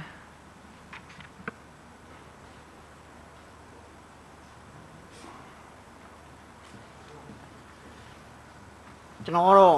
Level Media Group ကအေဒါကျုပ်တော်တော်မင်းလင်းဖြစ်ပါတယ်အဲကျွန်တော်မင်းနဲ့မိခွန်းနဲ့ပတ်သက်ပြီးတော့ဟိုချက်လက်တချို့ချပြဖို့လောက်ပါဒါပေမဲ့ဒီမှာချိန်မရတဲ့အတွက်ကျွန်တော်နောက်ပြီးစာရင်းနဲ့ပဲပေးခဲ့ပါမယ်ရောင်တိုင်းဝန်ကြီးချုပ်ဟောင်းဦးဖြိုးမင်းသိန်းရဲ့အာရီလိုက်စားမှုတွေနဲ့ပတ်သက်ပြီးတော့အမှုရတာရှိပါတယ်အဲ့ဒီထဲမှာမှဝန်ကြီးကိစ္စဆိုရင်သူ့ကဝန်ကြီးတွေနဲ့ဝန်ထမ်းတွေဟာအေးအေးခံရပါတယ်ဟိုတာဝန်ရှိဆုံးဖြစ်တဲ့ policy maker ဖြစ်တဲ့ သူရေးယူခံရတာမတွေ့ရပါဘူးတကယ်ကဥဖြိုးမင်းသိန်းကြောင့်နိုင်ငံတော်နင့်လာဆုံးချုံခံမှန်းတချက်ဖို့ရဆိုလို့ရှိရင်ကြက်ဘီလီယံထောင်ချီရှိနိုင်ပါတယ်အဲဂျန်တဲ့ပြည်내တိုင်းဝန်ကြီးချုပ်တွေကြောင့်နိုင်ငံတော်ထိခိုက်နေတာမှုပါဘီလီယံ100လောက်ပဲရှိပါတယ်အဲ့ဒီလိုပဲဒေါအောင်ဆန်းစုကြည်နဲ့ဦးဝင်းမြင့်ပေါ်ဆွဆွတာမှုရဆိုရင်လေသူတို့ရဲ့အဂတိလိုက်ဆောင်မှုကြောင့်နိုင်ငံတော် နင့်နာဆုံးရှုံးမှုတန်ဖို့ပါအဲကျပ်ငွေ4ဘီလီယံကျော်လောက်ပဲရှိပါလိမ့်မယ်ဒီတော့ NLD အစိုးရလက်ထက်ကကအဖွဲ့ဝင်တွေထဲမှာဥဖြိုးမင်းသိန်းရဲ့အကြောင်းနိုင်ငံတော်ထိခိုက်နေတာမှုတန်ဖို့ကအများဆုံးလို့ယူဆရပါတယ်ဒါပေမဲ့ तू ကတော့ကွက်ကြံနေပြီးတော့ကျွန်တဲ့လူတွေကိုပဲအရေးယူတယ်ဆိုတာကကျွန်တော်တို့က political motivated ဖြစ်နေလားလို့ မေးခွန်းထုတ်စရာရှိပါတယ်နောက်တစ်ချက်ကဥဖြုံးမသိရင်ကျွန်တော်ကျွန်တော်တို့သိထားတာကတော့ဝင်းကြီးကျုံဖြစ်ခင်ကသူမော်တော်လျှက်တိုက်ခန်းမှာနေမယ်သူ့မျိုးသမီးကရွှေဆိုင်ခတ်သေးသေးပါပဲပိုင်တယ်အဲအဲ့အဲ့ဒီနောက်တော့သူဝင်းကြီးကျုံဖြစ်လာပြီးတော့ဒေါ်ဆန်းစုကြည်ကိုဟိုရွှေခုနှစ်ပိတ်တာနဲ့ဒေါ်လာ6သိန်းပေါ့အဲ့လောက်ထိလက်ပေးနိုင်လောက်အောင်ချမ်းသာသွားတယ်ပေါ့အဲ့တော့သူ့ရဲ့ပိုင်ဆိုင်မှုတွေနဲ့ပတ်သက်ပြီးတော့စုံစမ်း စုံစမ်းစစ်ဆေးတာရှိသလားကိုသိကြပါတယ်နောက်တစ်ခုကအာရီလိုက်စားမှုတိုက်ဖျက်ရေးကော်မရှင်အနေနဲ့ဥဖြုံမဲသိန်းနဲ့ပတ်သက်တဲ့အာရီလိုက်စားမှုဖြစ်နိုင်ခြေတွေအားလုံးကိုကြေကြေပြန့်ပြန့်စုံစမ်းစစ်ဆေးဖို့အစီအစဉ်ရှိမရှိသိကြပါတယ်အဲစုံစမ်းစစ်ဆေးမှုလုပ်ခဲ့မယ်ဆိုရင်လည်းပွင့်လန်းပွင့်လင်းမျက်နှာတော့ထုတ်ပြန်ပေးဖို့အစီအစဉ်ရှိမရှိသိကြပါတယ်ဟုတ်ကဲ့ကျေးဇူးတင်ပါတယ်ခင်ဗျာအဲဒီကိစ္စနဲ့ပတ်သက်ပြီးကျွန်တော်ရခင်ကလည်းတစုံတစဖြေကြားပြီးတော့ဖြစ်ပါတယ်အဲတချို့သော အမှုကိစ္စတွေပေါ့တချို့သောအမှုကိစ္စတွေမှာတော့ကျွန်တော်တို့ကဒီအဂတိလိုက်စားမှုတိုက်ဖျက်ရေးကော်မရှင်အနေနဲ့ကအဲသူပေါ့နော်အဂတိလိုက်စားမှုတိုက်ဖျက်ရေးကော်မရှင်နဲ့ကစစ်ဆေးရတယ်ရှိပါတယ်စစ်ဆေးတယ်ဆိုတဲ့နေရာမှာမူလဟာကိုစစ်ဆေးတာရှိတယ်ဆက်ဆက်လာတဲ့ဟာတွေကိုစစ်ဆေးတာရှိပါတယ်အဲအဂတိလိုက်စားမှုတိုက်ဖျက်ရေးကော်မရှင်အနေနဲ့ကတော့အဲသူအနေနဲ့တွေ့ရှိမှုတွေပေါ့နော်တွေ့ရှိမှုတွေရရှိချက်တွေကိုလည်းရရှိချက်တွေကိုလည်းတော့ဒါဘယ်တော့မှသူတို့တွေနဲ့ ကွယ်ဝဲထားစရာအကြောင်းလည်းမရှိပါဘူးကွယ်ဝဲထားစရာအကြောင်းမရှိပါဘူးအဲကျွန်တော်ပြောခဲ့သလိုပဲအဲကျွန်တော်တို့အနေနဲ့ကတော့ဒီနိုင်ငံတော်အစိုးရအနေနဲ့ကတော့ဒီအဂတိလိုက်စားမှုတိုက်ဖျက်ရေးကော်မရှင်ပေါ့နော်ကော်မရှင်ရဲ့တင်ပြချက်တွေတွေ့ရှိချက်တွေပေါ်မှာမူတည်ပြီးတော့ကြာကျွန်တော်တို့ဒါတရားမျှတစွာဆုံးဖြတ်သွားပါလိမ့်မယ်လို့ပဲအခုချိန်မှာဒီလောက်ပဲကျွန်တော်ပြောချင်ပါတယ်အဲဒါနဲ့ပတ်သက်ပြီးအဂတိလိုက်စားမှုတိုက်ဖျက်ရေးကော်မရှင်ကကျွန်တော်တို့ဖြည့်စွတ်ဖြည့်ကြားတဲ့အရှင်ဖြည့်ကြားပေးနိုင်ပါတယ်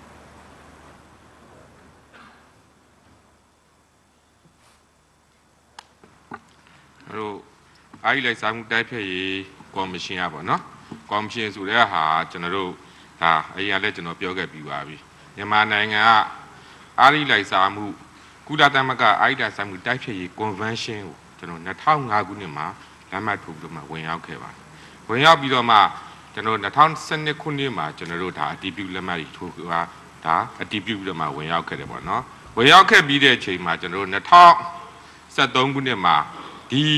ကုလသမဂ္ဂအာရိကဆာမှုတိုက်ဖြည့်ကွန်ဗန်းရှင်းကိုပြဋ္ဌာန်းချက်တွေကိုကျွန်တော်မူတည်ပြီးတော့မှဒီအာရိကဆာမှုတိုက်ဖြည့်ဥပဒေရေးဆွဲခဲ့တယ်။ရေးဆွဲပြီးတာနဲ့ကျွန်တော်တို့ဒါအာရိကဆာမှုတိုက်ဖြည့်ရေးကော်မရှင်ကိုဒီဥပဒေမှာပါတဲ့တာဝန်နဲ့လုပ်ပိုင်ခွင့်တွေအနှင်းပြီးတော့မှဒီကော်မရှင်ကိုဖွဲ့ခဲ့တာ။ဖွဲ့ခဲ့တဲ့အချိန်မှာကျွန်တော်တို့ဒါ2014ခုနှစ်မှာဒီအာရိလိုက်ဆာမှုတိုက်ဖြည့်ကော်မရှင်ကိုဖွဲ့ခဲ့တာပေါ့နော်။ဒီဖွဲ့ခဲ့တဲ့ရည်ရွယ်ချက်ကလည်းဒီ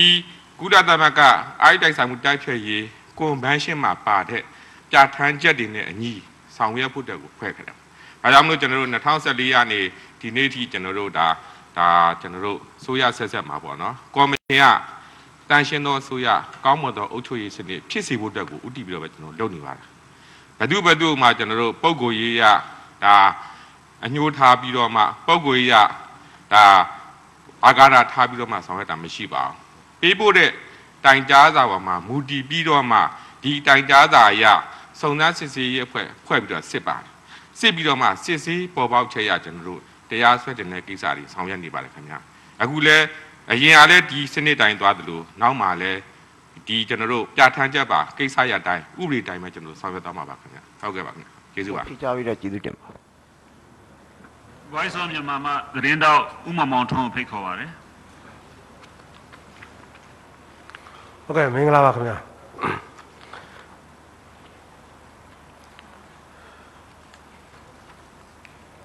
ဟိုလက်ရှိပါနော်ဟိုနိုင်ငံအကြီးအကဲတွေကလည်းအောက်ခြေကိုပြည်သူတွေကိုမမှန်ကန်ကန်ဆုံးဖြတ်ဖို့အတွက်ဟိုဩဝါဒတွေပေးနေတယ်အဲ့တော့အောက်ခြေရယ်လူကြီးတွေလာလို့ရှိရင်စာအုပ်လေးနဲ့မှတ်ခေါင်းလေးညိတ်အဲ့လိုပဲလုပ်ကြတာပေါ့နော်ဒါပေမဲ့အောက်ခြေမှာနေရာပေါင်းစုံမှာပြည်သူတွေအခက်အခဲတွေတွေ့နေရပါတယ်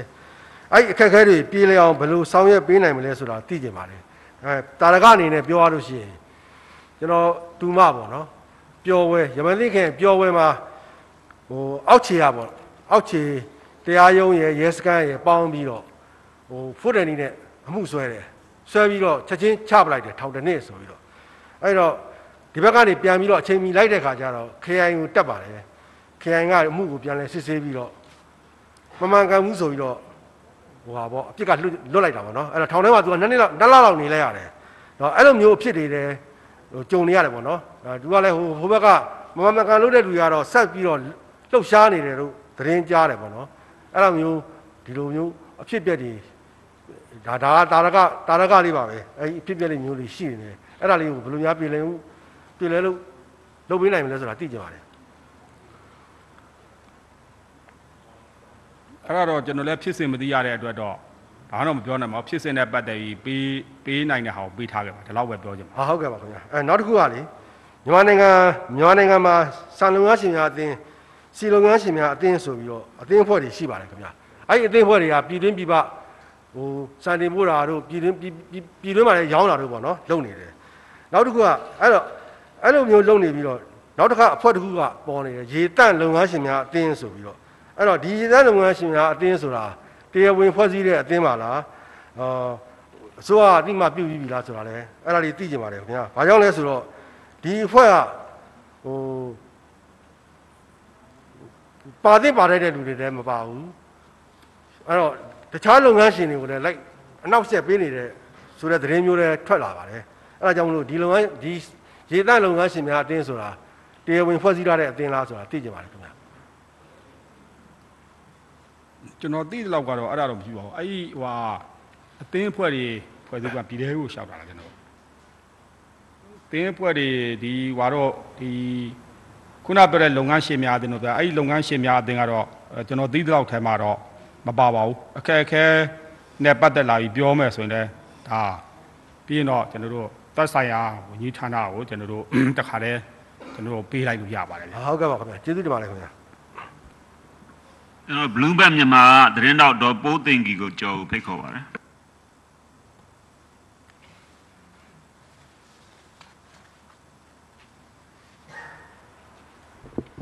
ဟုတ်ကဲ့မင်္ဂလာပါရှင်ကျမကတော့ Bloomberg မြန်မာပါရှင်သိချင်တာကပေါ့နော်လက်ရှိမှာသွင်းကုန်အမဲတချို့ကိုတင်သွင်းမှုယာယီပိတ်ပင်ထားတဲ့အပြင်တချို့သွင်းကုန်ပါမစ်တွေထုတ်ပေးတဲ့အပိုင်းမှာလည်းစံကြာတာတွေရှိတယ်လို့သွင်းကုန် သွင်းကုန်လုပ်ငန်းရှင်တချို့စီကနေသိရပါတယ်ရှင်ဒီပိုင်းနဲ့ပတ်သက်ပြီးတော့ဘယ်အချိန်ဘယ်လိုအချိန်ဒီမှာဖြေလျှော့ပေးဖို့ရှိမလဲဆိုတာသိချင်ပါတယ်ရှင်ဒီကျွန်တော်တို့ပစ္စည်းတွေမှာယူတင်သွင်းမှုပေါ့နော်ပစ္စည်းတွေမှာယူတင်သွင်းမှုအခြေအနေနဲ့ပတ်သက်ပြီးတော့ဒါလေချောင်းရေချောင်းတွေကဘက်ကပြီးတော့ကျွန်တော်နေစားကုန်သွယ်ရေးစခန်းတွေကလည်းကုန်သွယ်မှုတွေကျွန်တော်ဆောင်ရွက်ပေးလျက်ရှိပါတယ်လက်ရှိမှာတော့ ပြည်ပကနေကုန်ပစ္စည်းတင်သွင်းခြင်းအတွက်သုံးကြုံလိုင်စင်လျှောက်ထားမှုတို့ပေါ်မှာကုန်ပစ္စည်းတန်ဖိုးပေးချေရန်လိုအပ်တဲ့နိုင်ငံခြားသုံးငွေလဲလှယ်လွှဲပြောင်းခွင့်ရရှိရေးအတွက်ဒါနိုင်ငံခြားသုံးငွေကြီးကြပ်ရေးကော်မတီအစည်းအဝေးကိုတင်ပြပြီးခွင့်ပြုချက်ရရှင်တော့ကျွန်တော်သွင်းကုန်လိုင်စင်ပေါ့လေထုတ်ပေးလျက်ရှိပါတယ်ဒီနိုင်ငံခြားသုံးငွေကြီးကြပ်ရေးကော်မတီအစည်းအဝေးကိုတော့ဒီအပတ်စဉ်အင်္ဂါနဲ့ကြာတာပတိနေ့မှာတစ်ပတ်ကိုနှစ်ကြိမ်ကျင်းပလျက်ရှိပါတယ်ဒါပြည်သွင်းသုံးဆွဲရန်လိုအပ်တဲ့ ကုန်ပစ္စည်းများပြည်ပကနေဝယ်ယူတင်သွင်းခြင်းတို့အတွက်နိုင်ငံတော်အတွက်အခြေခံမရှိမဖြစ်လိုအပ်တဲ့ကုန်ပစ္စည်းတွေအတွက်ဦးစားပေးစီစစ်ခွင့်ပြုလျက်ရှိပါတယ်ခုနပြောလို့တချို့သောကုန်ပစ္စည်းများတော့ကန့်သတ်ထားတာရှိပါလိမ့်မယ်နိုင်ငံခြားသုံးငွေများကိုနိုင်ငံတော်ရဲ့လိုအပ်ချက်အတိုင်းအပြည့်အဝသုံးစွဲနိုင်ရေးနဲ့နိုင်ငံခြားသုံးငွေမလိုအပ်ဘဲပြည်ပသို့စီးထွက်မှုတားဆီးနိုင်ရေးတို့အတွက်ဒါစနစ်တကျစီစစ်ကြမှတ်လည်းရှိပါတယ်။ဒါကြောင့်မလို့ဒါနိုင်ငံတော်အတွက်အခြေခံမရှိမဖြစ်လိုအပ်ခြင်းမရှိတဲ့ ဒါဇင်ခံပစ္စည်းကဲ့သို့ကုန်ပစ္စည်းတင်သွင်းမှုတွေတော့ကျွန်တော်တို့စီစစ်ကန့်သတ်ဆောင်ရွက်လျက်ရှိပါတယ်။ကုန်သွယ်မှုလော်ကွယ်ချောမွေ့စေရေးအတွက်ဒါတရုတ်နယ်စပ်မှာယွမ်နဲ့ကြက်ငွေကြေးအသုံးပြုပြီးတော့လောက်တာတွေထိုင်းမြဝတီနဲ့တာချီလိတ်ကုန်သွယ်ရေးစကန်မှာဗတ်နဲ့ကြအသုံးပြုတွေတင်ပို့ခြင်းတင်သွင်းခွင့်များဆောင်ရွက်ပေးလျက်ရှိတဲ့အပြင်ဘိုးဘန်အနေနဲ့လည်းခွင့်ပြုထားတဲ့ငွေကြေးအမျိုးအစားအားလုံးနဲ့ကုန်သွယ်မှုလွယ်ကူလင်းမြန်ချောမွေ့စေရေးဒါဆောင်ရွက်ပေးလျက်ရှိပါတယ်အဲ ဒီຢာနဲ့ပတ်သက်ပြီးတော့ကျွန်တော်တို့ဒါလက်တွေ့လုပ်တာကျွန်တော်စီးပွားကူးသန်းဝန်ကြီးဌာနတော့ဒါဟွာတို့ကကျွန်တော်တို့ထပ်မံဖြည့်စု့ဖြည့်ကြမယ်ဆိုရင်ဖြည့်ကြပေးဖို့ပြောကြရပါတယ်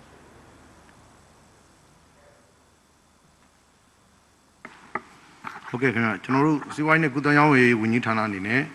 ကျွန်တော်တို့ဒီခုနဗိုလ်ချုပ်ရှင်းပြသူပဲပေါ့နော်ကျွန်တော်တို့ဒီကုန်သွယ်မှုနဲ့ပတ်သက်ပြီးတော့ဒါရေချောင်းပင်လေချောင်းလည်းခွင့်ပြုတယ်နောက်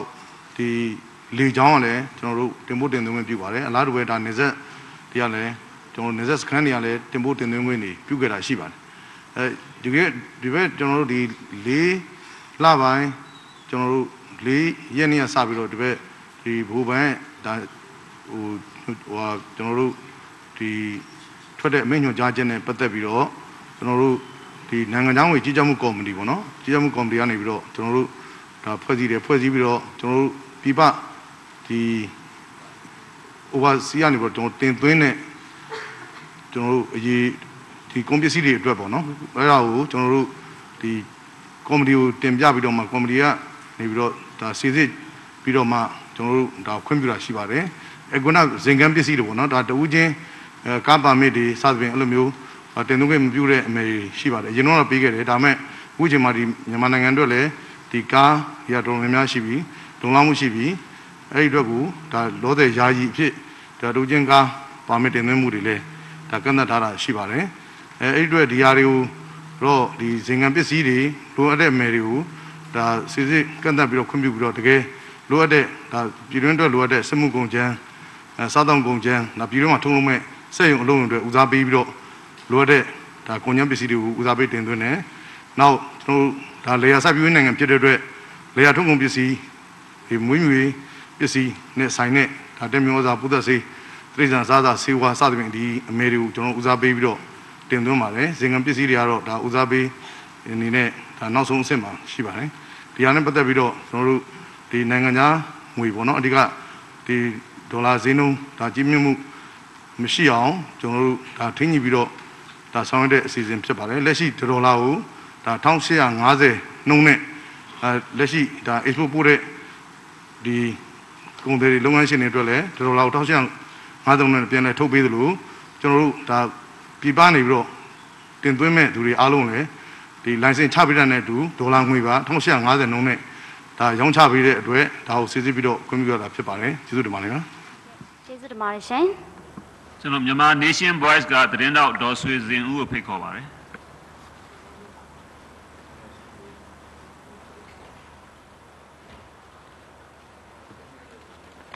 မင်္ဂလာပါဗိုလ်ချုပ်သတင်းစာရှင်းလင်းပွဲတစ်ပတ်နဲ့တစ်ပတ်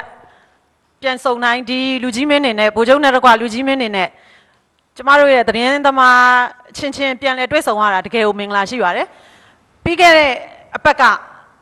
ကျမသတင်းစာရှင်းလင်းပွဲကိုမတက်ရောက်နိုင်ပါဘူးကျမရဲ့ဌာနကရဲလင်းထွန်းတက်ရောက်လာပါတယ်တေတံကိစ္စနဲ့မေးပြီးတော့ပြန်သွားတဲ့အချိန်မှာ Facebook ပေါ်မှာလိပ်စာတင်ခံရပါတယ်လိပ်စာတင်ခံရပြီးတော့ သတင်းစာရှင်းလင်းပွဲပြီးတပတ်ကျော်မှာပဲသူ့အိမ်ရကိုလက်ပစ်ဖုံးနဲ့ပစ်ချင်းတစ်နက်သုံးချက်ပစ်ချင်းကိုခံခဲ့ရပါတယ်အဲ့ဒီတော့တစ်ဖက်အဖွဲ့အစည်းကရှော့တော့လို့မရပါဘူးရန်တော်နေတယ်ဆိုတာလေးတော့ဗိုလ်ချုပ်ကိုအသိပေးခြင်းပါတယ်ကျမသတင်းစာရှင်းလင်းပွဲကိုအမိလာခဲ့ပေမဲ့အဲ့နေ့ကကြံ့ကြာမှုကတော့ကျမလမ်းမှာကီလိုကျော်နဲ့ဖမ်းခံရပါတယ်သတင်းမေကွန်းလင်းနဲ့တော့မဆိုင်ပေမဲ့ highway police များနဲ့အုပ်ချုပ်ရေးဌာနအသီးသီးကိုကျမတင်ပြခြင်းပါတယ်ဗိုလ်ချုပ်တင်ပြခွင့်လေးပေးပါ ကျမတို့ကားရဲ့ engine power ကြီးပါတယ်ဗိုလ်ချုပ်100နဲ့ဆိုတာလီဗာပူးခြေထောက်ကလေးတင်တာနဲ့ကို100ဖြစ်နေတော့တော်တော်လေးကိုဟိုအရှိကြည့်ရမယ်ဆိုကျမတို့အခုမိုင်းလေးခွက်ကိုပဲကြည့်နေရပါတယ်နောက်တစ်ခုကဒီ100နဲ့သာတကယ်မောင်းမယ်ဆိုရင်ဗိုလ်ချုပ်အိတ်ငိုက်ပါတယ်100နဲ့120ကြားမှာ100လောက်မောင်းလိုက်120လောက်မောင်းလိုက်ပြန်ထိန်းညှိလိုက်နဲ့ဆိုမှအဆင်ပြေပါမယ်အဲ့တော့ဒီ highway police ရဲ့လမ်းဦးစီးဌာနရဲ့အု ပ်ချုပ်ရေးပိုင်းဆိုင်ရာတွေရဲ့နဲ့ညှိနှိုင်းပြီးတော့ဒီကီလိုကိစ္စလေးကိုတစ်ချက်လောက်ပြန်ပြီးချင့်ချိန်ပြီးတော့တတ်မှတ်ပေးပါလို့ပြောချင်ပါတယ်နောက်တော့အဖမ်းခံရတဲ့အခါမှာလဲ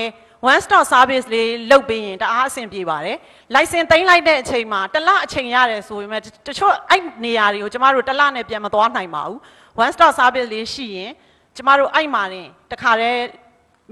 ဟိုအခွန်လေးဆောင် ဒဏ်ငွေလေးဆောင်ဆောင်ပြီးတော့ကျမတို့ license ပြန်ယူလာရရင်အတော်အဆင်ပြေမဲ့ကိစ္စလေးဖြစ်လို့အဲ့ဒါကိုတစ်ချက်လောက်စဉ်းစားပြီးတော့ကျမတို့ဆောင်ရွက်ပေးပါစဉ်းစားပေးပါလို့ပြောချင်ပါတယ်ရှင်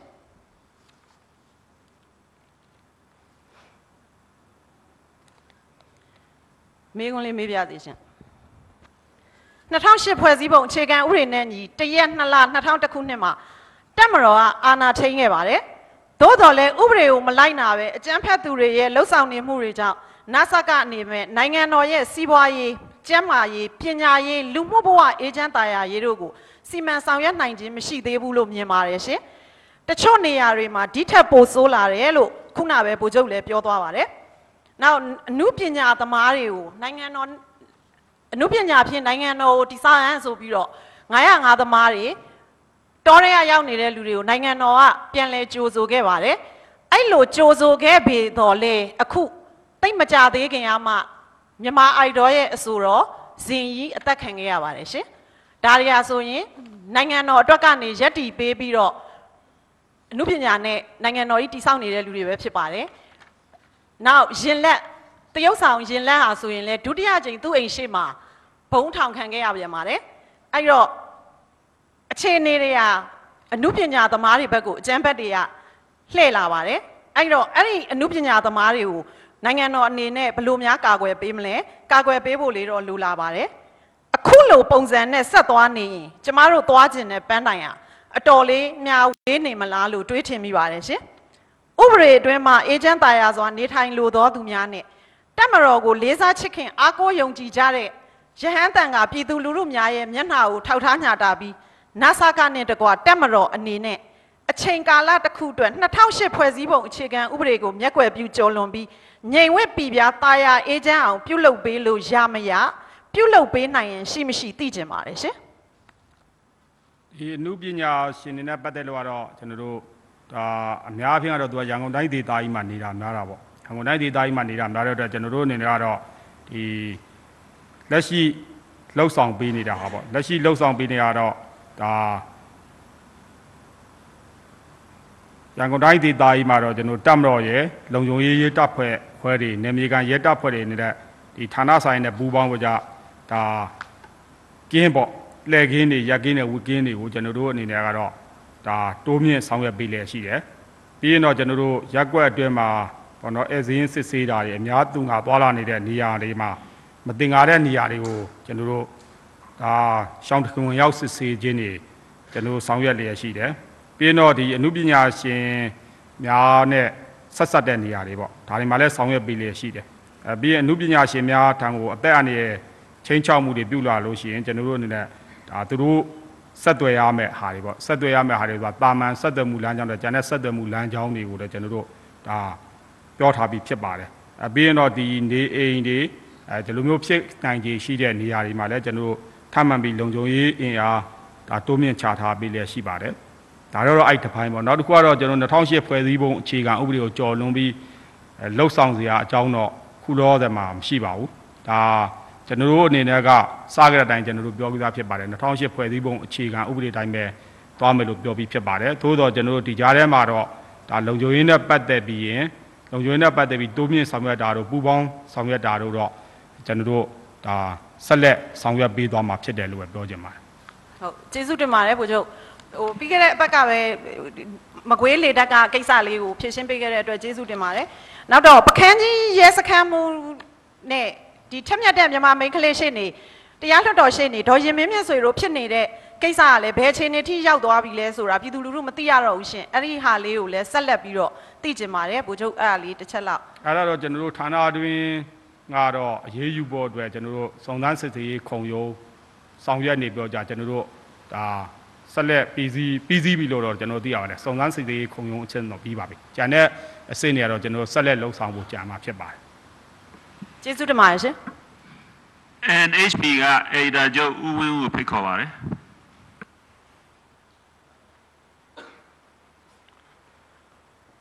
မင်္ဂလာပါခင်ဗျကျွန်တော် NHP က editor ချုပ်ဝင်းဦးပါ ကျွန်တော်မေးခွန်းမမေးခင်ထိုင်းနိုင်ငံမှာ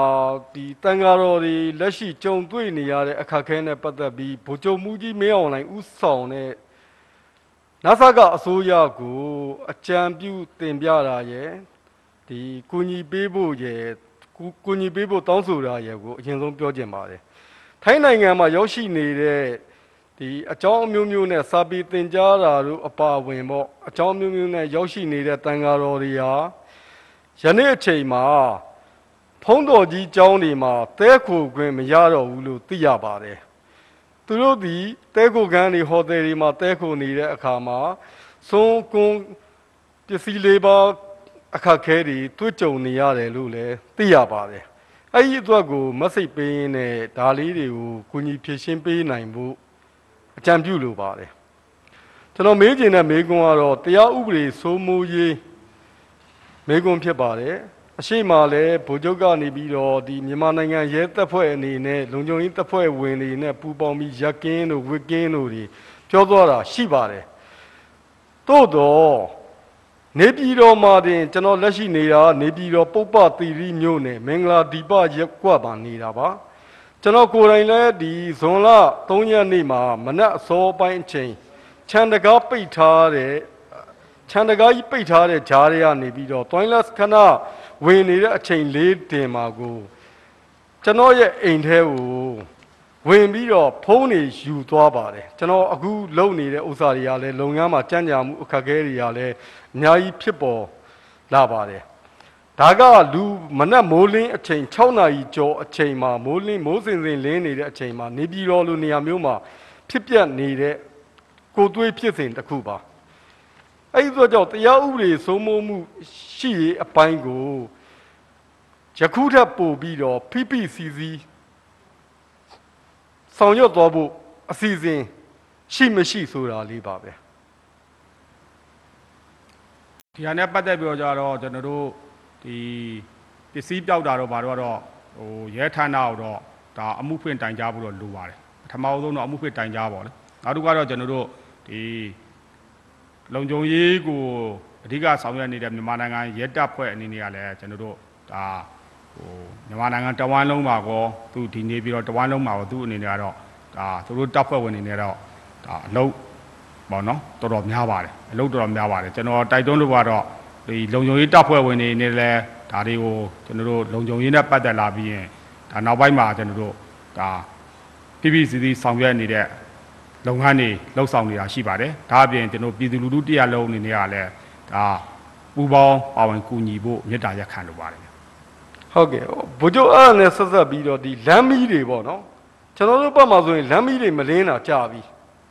အဲ့ဒါဥပဒေစိုးမိုးရေးပိုင်းမှာအဓိကအရေးကြီးတဲ့နေရာမှာပါဝင်နေတဲ့အတွက်လမ်းမီးတွေဟိုပြန်လဲရရှိဖို့အတွက်လည်းအဲ့ဒါလေးလည်းအကြံပြုတင်ပြလိုပါတယ်ကျေးဇူးတင်ပါတယ်ဟုတ်ကဲ့ မြန်မာ National Post က editor ချုပ်နောင်နောင်လေးကိုဖိတ်ခေါ်ပါတယ်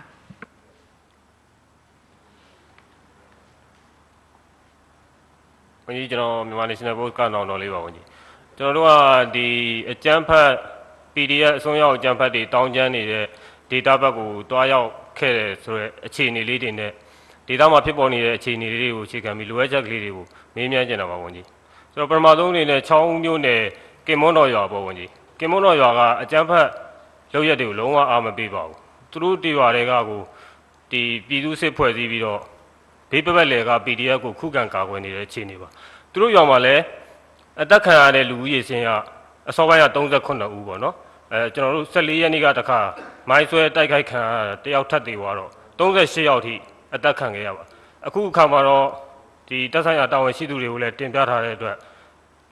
ရဲတပ်ဖွဲ့နဲ့တပ်မတော်သားတွေလည်းတချို့ရောက်ရှိနေပါတယ် အဓိကအဖြစ်တော့ဒီရွာသူရွာသားတွေလူလာတာကတော့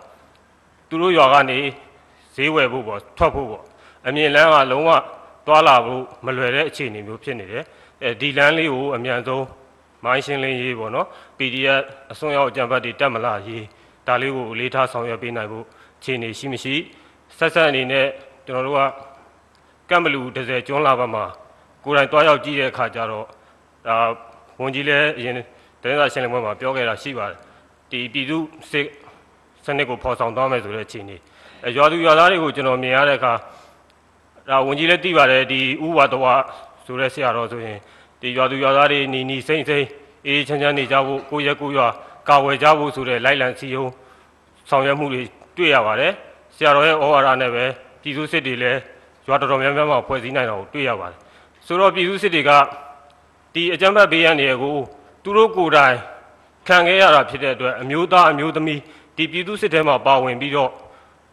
ပေါ့နော်ခုခံကာကွယ်လူစိတ်တွေပြင်းထန်နေတယ်တက်ကြွနေတာကိုလည်းအမြင်တွေ့ရတာအားရစရာရှိပါတယ်ဝင်ကြီးဆိုတော့သူတို့အတွက်လိုအပ်တာကတော့သူတို့အခုပြည်သူစစ်ဖွဲ့နိုင်တဲ့ရွာတွေမှာစာတင်ကျောင်းတွေဖွင့်လှစ်နိုင်တယ်ပြည်သူစစ်မဖွဲ့နိုင်တဲ့ရွာတွေမှာစာတင်ကျောင်းတွေဖွင့်လှစ်နိုင်ခြင်းမရှိပါဘူးဆိုတော့ပြည်သူစစ်ဖွဲ့ဝင်တွေတောင်းဆိုတာကတော့သူတို့ကိုအခုရွာစဉ်ရွာတိုင်းရွာတိုင်းမှာဖွဲ့စည်းထားတဲ့အဖွဲ့တွေက90အထက် 100ကျော်အထိရှိပါတယ်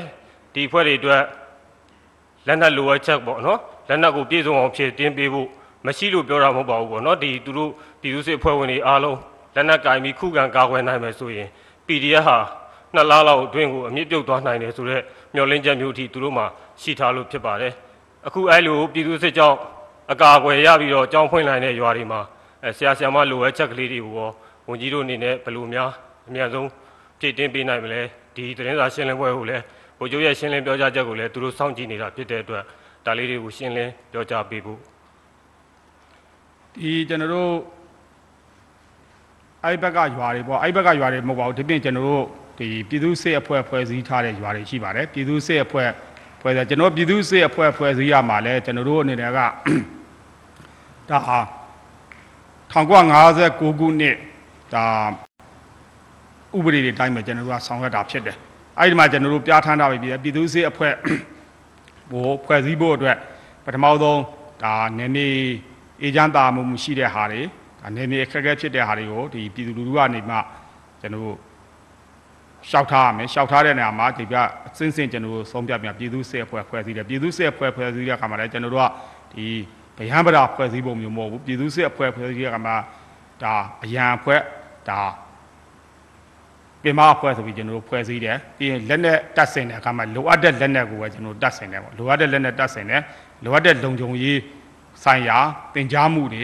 ကျွန်တော်တို့ဆောင်ရွက်ပါတယ်အပြီးရင်တော့စီမင်းစည်းကမ်းတွေကလည်းဒီလက်နက်ကင်တပ်ဖွဲ့တွေရဲ့စီမင်းစည်းကမ်းတွေအတိုင်းပဲလိုက်နာစေပြီးကျွန်တော်တို့ဆောင်ရွက်လျက်ရှိတယ်အဲကျွန်တော်ပြောချင်တာကပြည်သူ့စစ်အဖွဲ့ဖွဲ့စည်းတယ်ဆိုတာဒီစနစ်တကျတင် जा ပြီးမှတင် जा တဲ့ဆိုတော့ဒီမှာတနပ်ပြစ်တာယုံနေတင် जा တာမဟုတ်ပါဘူးသူတို့လိုက်နာမယ်စီမင်းစည်းကမ်းတွေရောဒါတွေ အားလုံးကလည်းကျွန်တော်တို့တနိုင်ငံလုံးမှာရှိတဲ့ဒါဖွဲ့စည်းပြီးတဲ့ပြည်သူစစ်တွေကလည်းအဲ့လိုမျိုးဆောင်ရွက်တဲ့အခါမှာ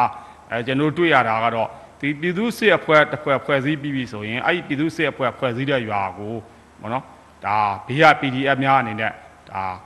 ဝိုင်းဝန်းပြီးတိုက်ခိုက်တာမျိုးတွေကျွန်တော်တို့သိရပါတယ်အဲဒီအတွက်လည်းနောက်ပိုင်းမှာကျွန်တော်ပြည်သူစစ်အဖွဲ့တွေကိုမလုံလောက်ဘူးဆိုလက်နက်ဖြည့်ဆည်းပေးဖို့ကျွန်တော်တို့ဒါခဲယမ်းထပ်မံဖြည့်ဆည်းပေးဖို့သူတို့ရဲ့လူအင်အားနဲ့ မလုံလောက်ပါဘူးဆိုတဲ့ဟာမျိုးတွေတောင်းဆိုတာမျိုးရှိပါတယ်ဒါတွေတော့ကျွန်တော်တို့စနစ်တကျလှုပ်ဆောင်ပေးလျက်ရှိပါတယ်အပြီးရင်တော့ကျွန်တော်တို့တိုင်းဒေသကြီးအစိုးရအဖွဲ့အနေနဲ့လည်းကျွန်တော်တို့ဒါလှုပ်ဆောင်ပေးနေတဲ့ဟာတွေရှိပါတယ်အဲဒီထက်မှကျွန်တော်ဝန်ခံလိုတာကတော့တိုင်းဒေသကြီးအစိုးရအဖွဲ့တစ်ခုတည်းနဲ့ပေါ့နော်တိုင်းဒေသကြီးအစိုးရအဖွဲ့တစ်ဖွဲ့တည်းအနေနဲ့လည်းလုံလောက်မှုမရှိကြောင်းကျွန်တော်တို့တွေ့ရပါတယ်အားကြောင့်လို့ဆိုတော့တိုင်းဒေသကြီးအစိုးရအဖွဲ့အနေနဲ့လည်းသူ့စီမှာရှိတဲ့ဒလိုဒလိုကျွေးရွာတွေပြည်သူ့စစ်ဖွဲ့ထားတဲ့ကြေးရွာတွေသူ့မှာတာဝန်ရှိထားတာပြည်သူ့စစ် ဖွဲ့ထားတဲ့ကြေးရွာအတွက်ကောမဖွဲ့ထားတဲ့ကြေးရွာအတွက်ကောတာဝန်ရှိပါတယ်ထောက်ပံ့ပံ့ပိုးမှုတွေလုပ်နေတာတွေ့ရပါတယ်များပြားတဲ့အတွက်ကြောင့်သူ့အနေနဲ့လည်းလေဟင်းမှုတွေရှိရပါတယ်အခုလိုဒီပြောကြားထားတဲ့တော့ကိစ္စတွေနဲ့ပတ်သက်ပြီးလည်းကျွန်တော်တို့ဒါအစင်းစင်းကျွန်တော်တို့ဒါဆောင်ရွက်ပေးပါမယ်အစင်းစင်းဆောင်ရွက်ပေးပါမယ်အပြီးရင်တော့ကျွန်တော်ပြောကြားလာတာကတော့ဒီနယ်မြေဒေသအသီးသီးမှာဟောနော်မိမိရဲ့နယ်မြေဒေသလုံခြုံရေးမိမိရဲ့ရရွာလုံခြုံရေးအ မိမိရဲ့သားသမီးတွေလုံခြုံရေးအတွက်ဟောနော်အာပြည်သူစစ်ဖွဲ့ပြီးတော့じゃကျွန်တော်တို့ဒါပူပေါင်းဆောင်ရွက်နေတဲ့လုံခြုံရေးရပူပေါင်းဆောင်ရွက်နေကြတဲ့ဒီမြန်မာနိုင်ငံအရရမှာရှိတဲ့ဒါပြည်သူစစ်အဖွဲ့ဝင်တွေပေါ့လေအဲဒီပြည်သူစစ်အဖွဲ့ဝင်တွေအထောက်အကူပြုအဖွဲ့တွေနဲ့ပတ်သက်လာပြီးရင်ကျွန်တော်တို့အနေနဲ့ဒါတမတော်အနေနဲ့ကောနိုင်ငံတော်အနေနဲ့ကောဒါပူပေါင်းဆောင်ရွက်မှုတွေအတွက်အတိအမှတ်ပြုတယ်အဲပြီးရင်ကျွန်တော်တို့ဒါကျေးဇူးတင်တယ်ဆိုတဲ့အကြောင်းပြောလိုပါတယ် ဒါနဲ့ပတ်သက်ပြီးလိုအပ်ချက်များနဲ့ပတ်သက်ပြီးရင်လည်းကျွန်တော်တို့သက်ဆိုင်ရာတိုင်းစစ်ဌာနချုပ်တွေသက်ဆိုင်ရာအဲကျွန်တော်တို့တိုင်းဒေသကြီးပြည်နယ်အစိုးရတွေကိုတင်ပြပါအဲတင်ပြတဲ့အခါမှာလည်းဒီမှာရှိတဲ့ကျွန်တော်တို့ဗာဒီအဲဒီနေပြည်တော်မှာရှိတဲ့ဒါသက်ဆိုင်ရာဝန်ကြီးဌာနတွေပေါ့နော်သက်ဆိုင်ရာဝန်ကြီးဌာနတွေကိုလည်းပြည်ထရေးဝန်ကြီးဌာနတို့ပြီးရင်လူမှုဝန်ထမ်းကယ်ဆယ်ရေးနဲ့ပြည်내နေရာခြားထားရေးဝန်ကြီးဌာနတွေကိုလည်းကျွန်တော်တို့ဒါမိတ်တူပေးနိုင်ပါတယ်မိတ်တူပေးပြီးပြောပါကျွန်တော်တို့အနေနဲ့လည်း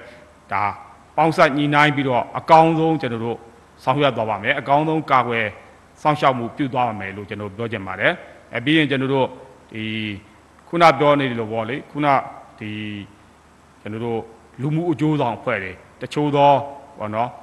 စေဟာတော်တွေရှိပါတယ်ဒါဘယ်ဘက်မှသူတို့ပါတာမဟုတ်ပါဘူးသူတို့ရဲ့ဒါလှုပ်ဆောင်ချက်ကိုကဒီတမတော်ဘက်ကိုလည်းအားပေးထောက်ခံနေတာမဟုတ်ဘူး ဟိုဘက်ကိုလည်းအားပေးထောက်ခံမလို့သူတို့ရဲ့လှုပ်ဆောင်ချက်ကဘာလို့ဆိုဒီနယ်မြေဒေသအတွင်းမှာဒဒါတည်တည်ငြိမ်ငြိမ်အေးအေးဆန်းရှိဖို့ကလေးတွေကောင်းကောင်းပညာသင်ကြားနိုင်ဖို့သူ့ရွာသူရွာသားတွေဘယ်သူမှအနောက်ရှက်မခံရတယ်ကို UTV လုံတာဖြစ်ပါတယ်အဲဒီလိုမျိုးပုံကိုမျိုးတွေဆရာတော်တွေရဲ့ဒါဆောင်ရွက်ချက်တွေပေါ့နော်ပူပေါင်းဆောင်ရွက်တဲ့လူတွေဒီဆရာတော်တွေပြင်သူတို့နဲ့ပူပေါင်းဆောင်ရွက်တဲ့လူတွေရဲ့ဆောင်ရွက်ချက်တွေကိုလည်းကျွန်တော်တို့အသိမှပြုပြုပါတယ်အသိမှပြုပါတယ်လေးစားပါတယ်ဒါနဲ့ပတ်သက်ပြီးတော့じゃအခက်အခဲရှိရင်လည်းကျွန်တော်တို့ကို ဒါအချိန်မီပြောပေးပါအဲဒီလိုမျိုးသတင်းတွေတည်ဆောင်လာတဲ့အတွက်လည်းအဲဒီမီဒီယာများကိုလည်းအထူးကျေးဇူးတင်ရှိပါတယ်လို့ပြောကြချင်ပါတယ်ကျေးဇူးတင်ပါတယ်ဝန်ကြီး97 media ကသတင်းတောက်ချုပ်ဦးနန္ဒလင်းဒဝေကိုဖိတ်ခေါ်ပါတယ်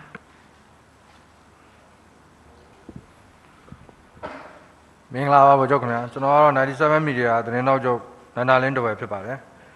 ကျမ်းမာရေးဝန်ကြီးဌာနနဲ့ The Global Fund အဖွဲ့တို့ဟာဆွေးနွေးကြကြောင်းသိရှိရပါတယ်တိုင်းဒေသကြီးနဲ့ပြည်နယ်များမှာလည်းလုပ်ငန်းများကိုဆက်လက်ဆောင်ရွက်သွားမယ်လို့သိရှိရပါတယ်မေးမြန်းလိုတာကတော့ international organization တစ်ခုဖြစ်တဲ့ The Global Fund အဖွဲ့နဲ့မြန်မာနိုင်ငံတို့ရဲ့ပူးပေါင်းဆောင်ရွက်မှုအခြေအနေကိုဖြေကြားပေးစေလိုပါတယ်ခင်ဗျာဒီ global fan အဖွဲ့ကတော့ကျွန်တော်တို့မြန်မာနိုင်ငံကို2000ခုနှစ်ကြော်ကြော်လောက်ကတည်းကဒါဆောင်ရွက်နေတာဖြစ်ပါတယ်ခုလောဆယ်လည်းဆွေးနွေးမှုတွေဆောင်ရွက်မှုတွေရှိတယ်ဆိုတာကျွန်တော်တို့သိထားပါတယ်အဲ ဒါနဲ့ပတ်သက်ပြီးအသေးစိတ်ကတော့ကျွန်တော်တို့ဒီကျန်းမာရေးဝန်ကြီးဌာနကအဲတာဝန်ရှိသူကဖြေကြားပေးပါလိမ့်မယ်ခင်ဗျ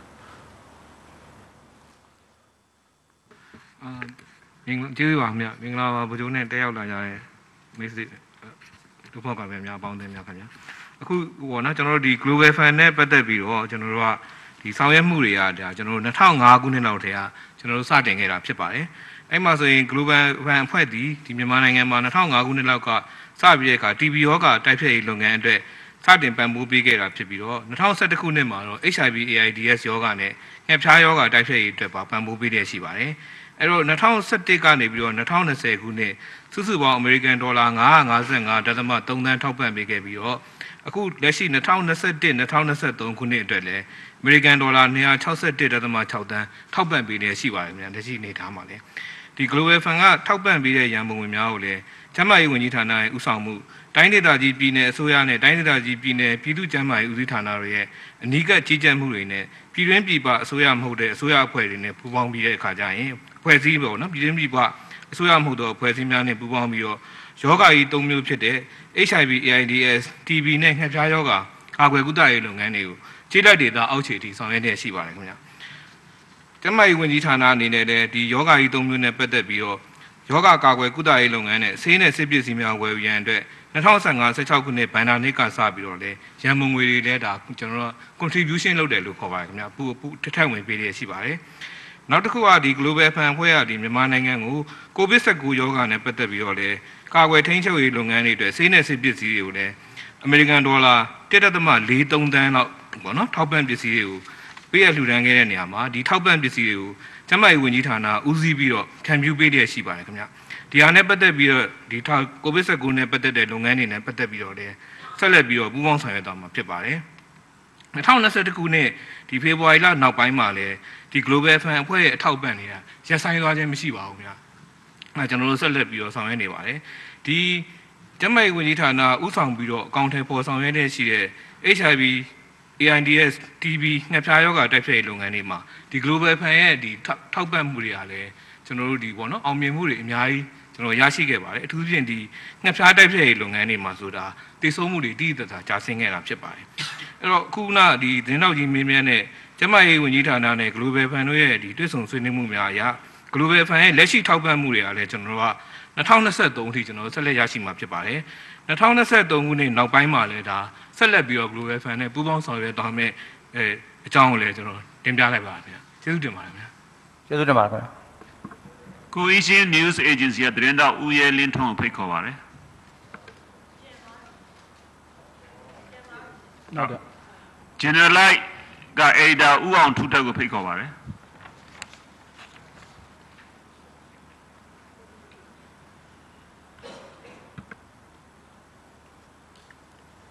အားလုံးမင်္ဂလာပါခင်ဗျာကျွန်တော် Generalize News Agency က editor အောင်ထူးထက်ဖြစ်ပါတယ်ကျွန်တော်မေးလိုတဲ့မေးခွန်းတစ်ခုကကျွန်တော်တို့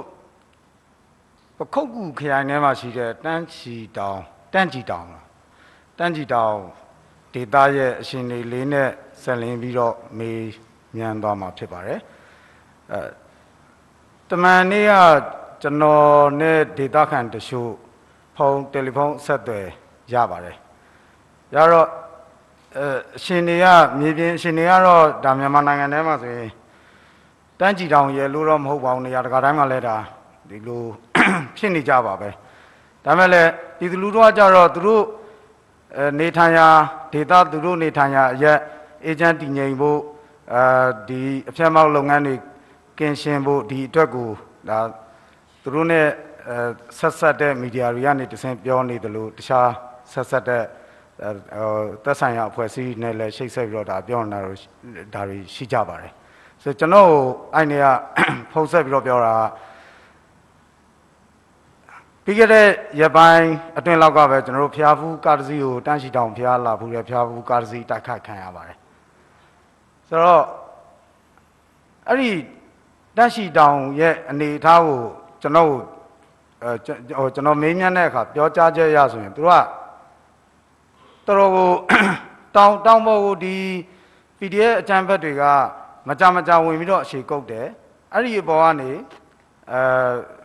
ဟိုဟာပေါ့တိုက်ခိုက်မှုတွေအမျိုးမျိုးသူတို့လုပ်နိုင်တယ်ပေါ့ဆိုတော့ဒေသခံတွေကအဓိကအဲ့ဒီတက်ရှိတောင်ပေါ်မှာအဲကျွန်တော်တို့ဒီတက်မတော်လုံခြုံရေးတပ်ဖွဲ့ရဲဝင်တွေရဲတပ်ဖွဲ့ဝင်တွေကို ဒီဇိုင်းမတ်မတ်ပေါ့နော်အခြေကုတ်ရှထား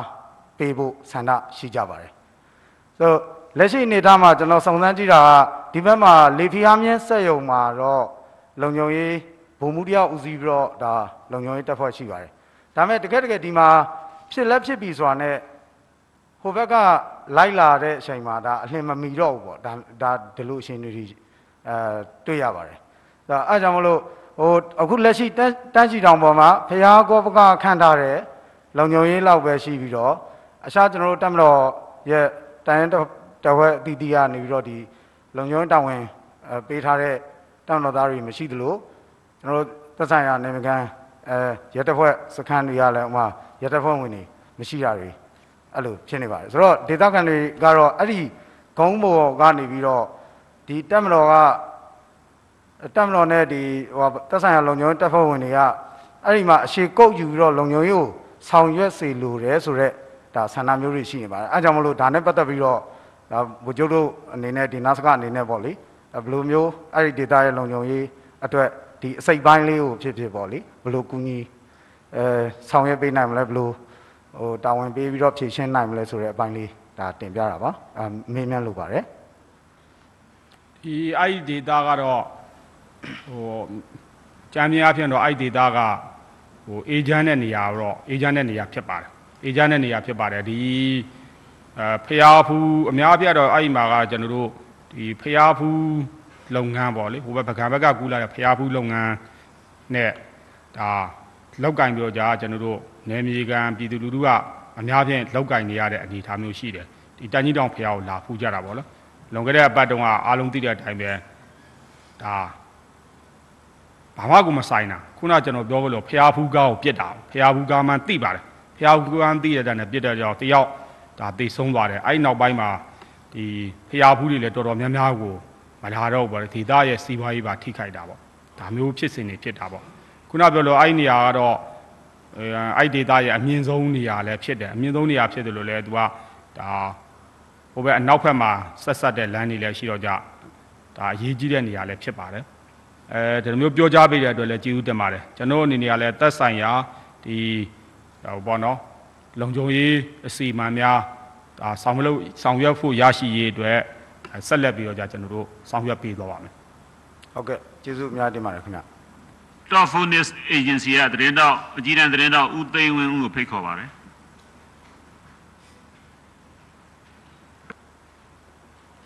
ဟုတ်ကဲ့အားလုံးမင်္ဂလာပါ ကျွန်တော်တော်ဖက်နဲ့သတင်းတော့ဦးသိန်းဝင်းဦးကလောင်အေယာဦးတာဖြစ်ပါတယ်ကျွန်တော်ကျွန်တော်ဥစားပထမပြောကြလိုတာကတော့နိုင်ငံတော်အစိုးရအနေနဲ့2022 2023ပညာသင်နှစ်မှာကျောင်းသားကျောင်းသူများအတွက်ကျောင်းသုံးပုံလေးဆောင်များနဲ့ဆက်ဆက်ပစ္စည်းများကိုထောက်ပံ့ပေးသည့်အတွက်လည်းပြည်သူလူထုကခေါ်ယူဝမ်းသာ ပီတိဖြစ်နေတယ်ဆိုတာလေးကိုဥစ္စာပထမပြောကြလိုပါတယ်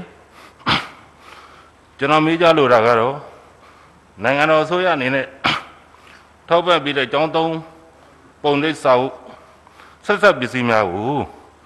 တိုင်းနယ်ပြည်နယ်မြို့နယ်တွေမှာအချို့သောအခြေခံမူလတန်းကျောင်းတွေဟာလုံလုံလောလောက်မရရှိသေးပါဘူးခင်ဗျာအဲလိုလုံလောက်မှုမရှိတဲ့အပေါ်မှာ နိုင်ငံနိုင်ငံတော်အစိုးရအနေနဲ့ဘယ်လိုဆောင်ရွက်ထားရှိဆိုထားတယ်ဆိုတာလေးကိုသိလိုပါတယ်ခင်ဗျာအဲဒီကျွန်တော်တို့လှုပ်ဆောင်ထားတဲ့မူဝါဒဘိုင်းပဲကျွန်တော်ပြောတော့ဖြစ်တယ်။ကျန်တဲ့အသေးစိတ်ကတော့ပညာရေးဝန်ကြီးဌာနကလည်းရှင်းပြပါလိမ့်မယ်။ကျွန်တော်ကဖြစ်နိုင်ခြေနဲ့ဖြစ်နိုင်ခြေပေါ့နော်ကျွန်တော်တို့လှုပ်ထားတဲ့ဟာရဲ့ဖြစ်နိုင်ခြေခုနပြောတဲ့အခက်အခဲဘာကြောင့်ဖြစ်နိုင်တယ်လဲဖြစ်နိုင်ခြေလေးကျွန်တော်ပြောပါမယ်။ဘာလို့အသေးစိတ်ကတော့ပညာရေးဝန်ကြီးဌာနကကျွန်တော်ပြောပါလိမ့်မယ်။အဲ ပထမဦးဆုံးကျွန်တော်တို့ကဒီကျောင်းသုံးပုံနှိပ်စောက်တင်နဲ့ပတ်သက်ပြီးတော့ကြာကျွန်တော်တို့ကအခမဲ့ဖြန့်ပါအခမဲ့ဖြန့်ဝတ်တဲ့အချိန်မှာဟိုကျွန်တော်တို့ပထမဦးဆုံးယာထားတာပေါ့ပထမဦးဆုံးယာထားတာဘာကိုယာထားလိုက်လဲဆိုတော့ရခင်နှစ်ကကြောင်းတက်တဲ့အင်အားကိုကျွန်တော်ကယာထားလိုက်တာ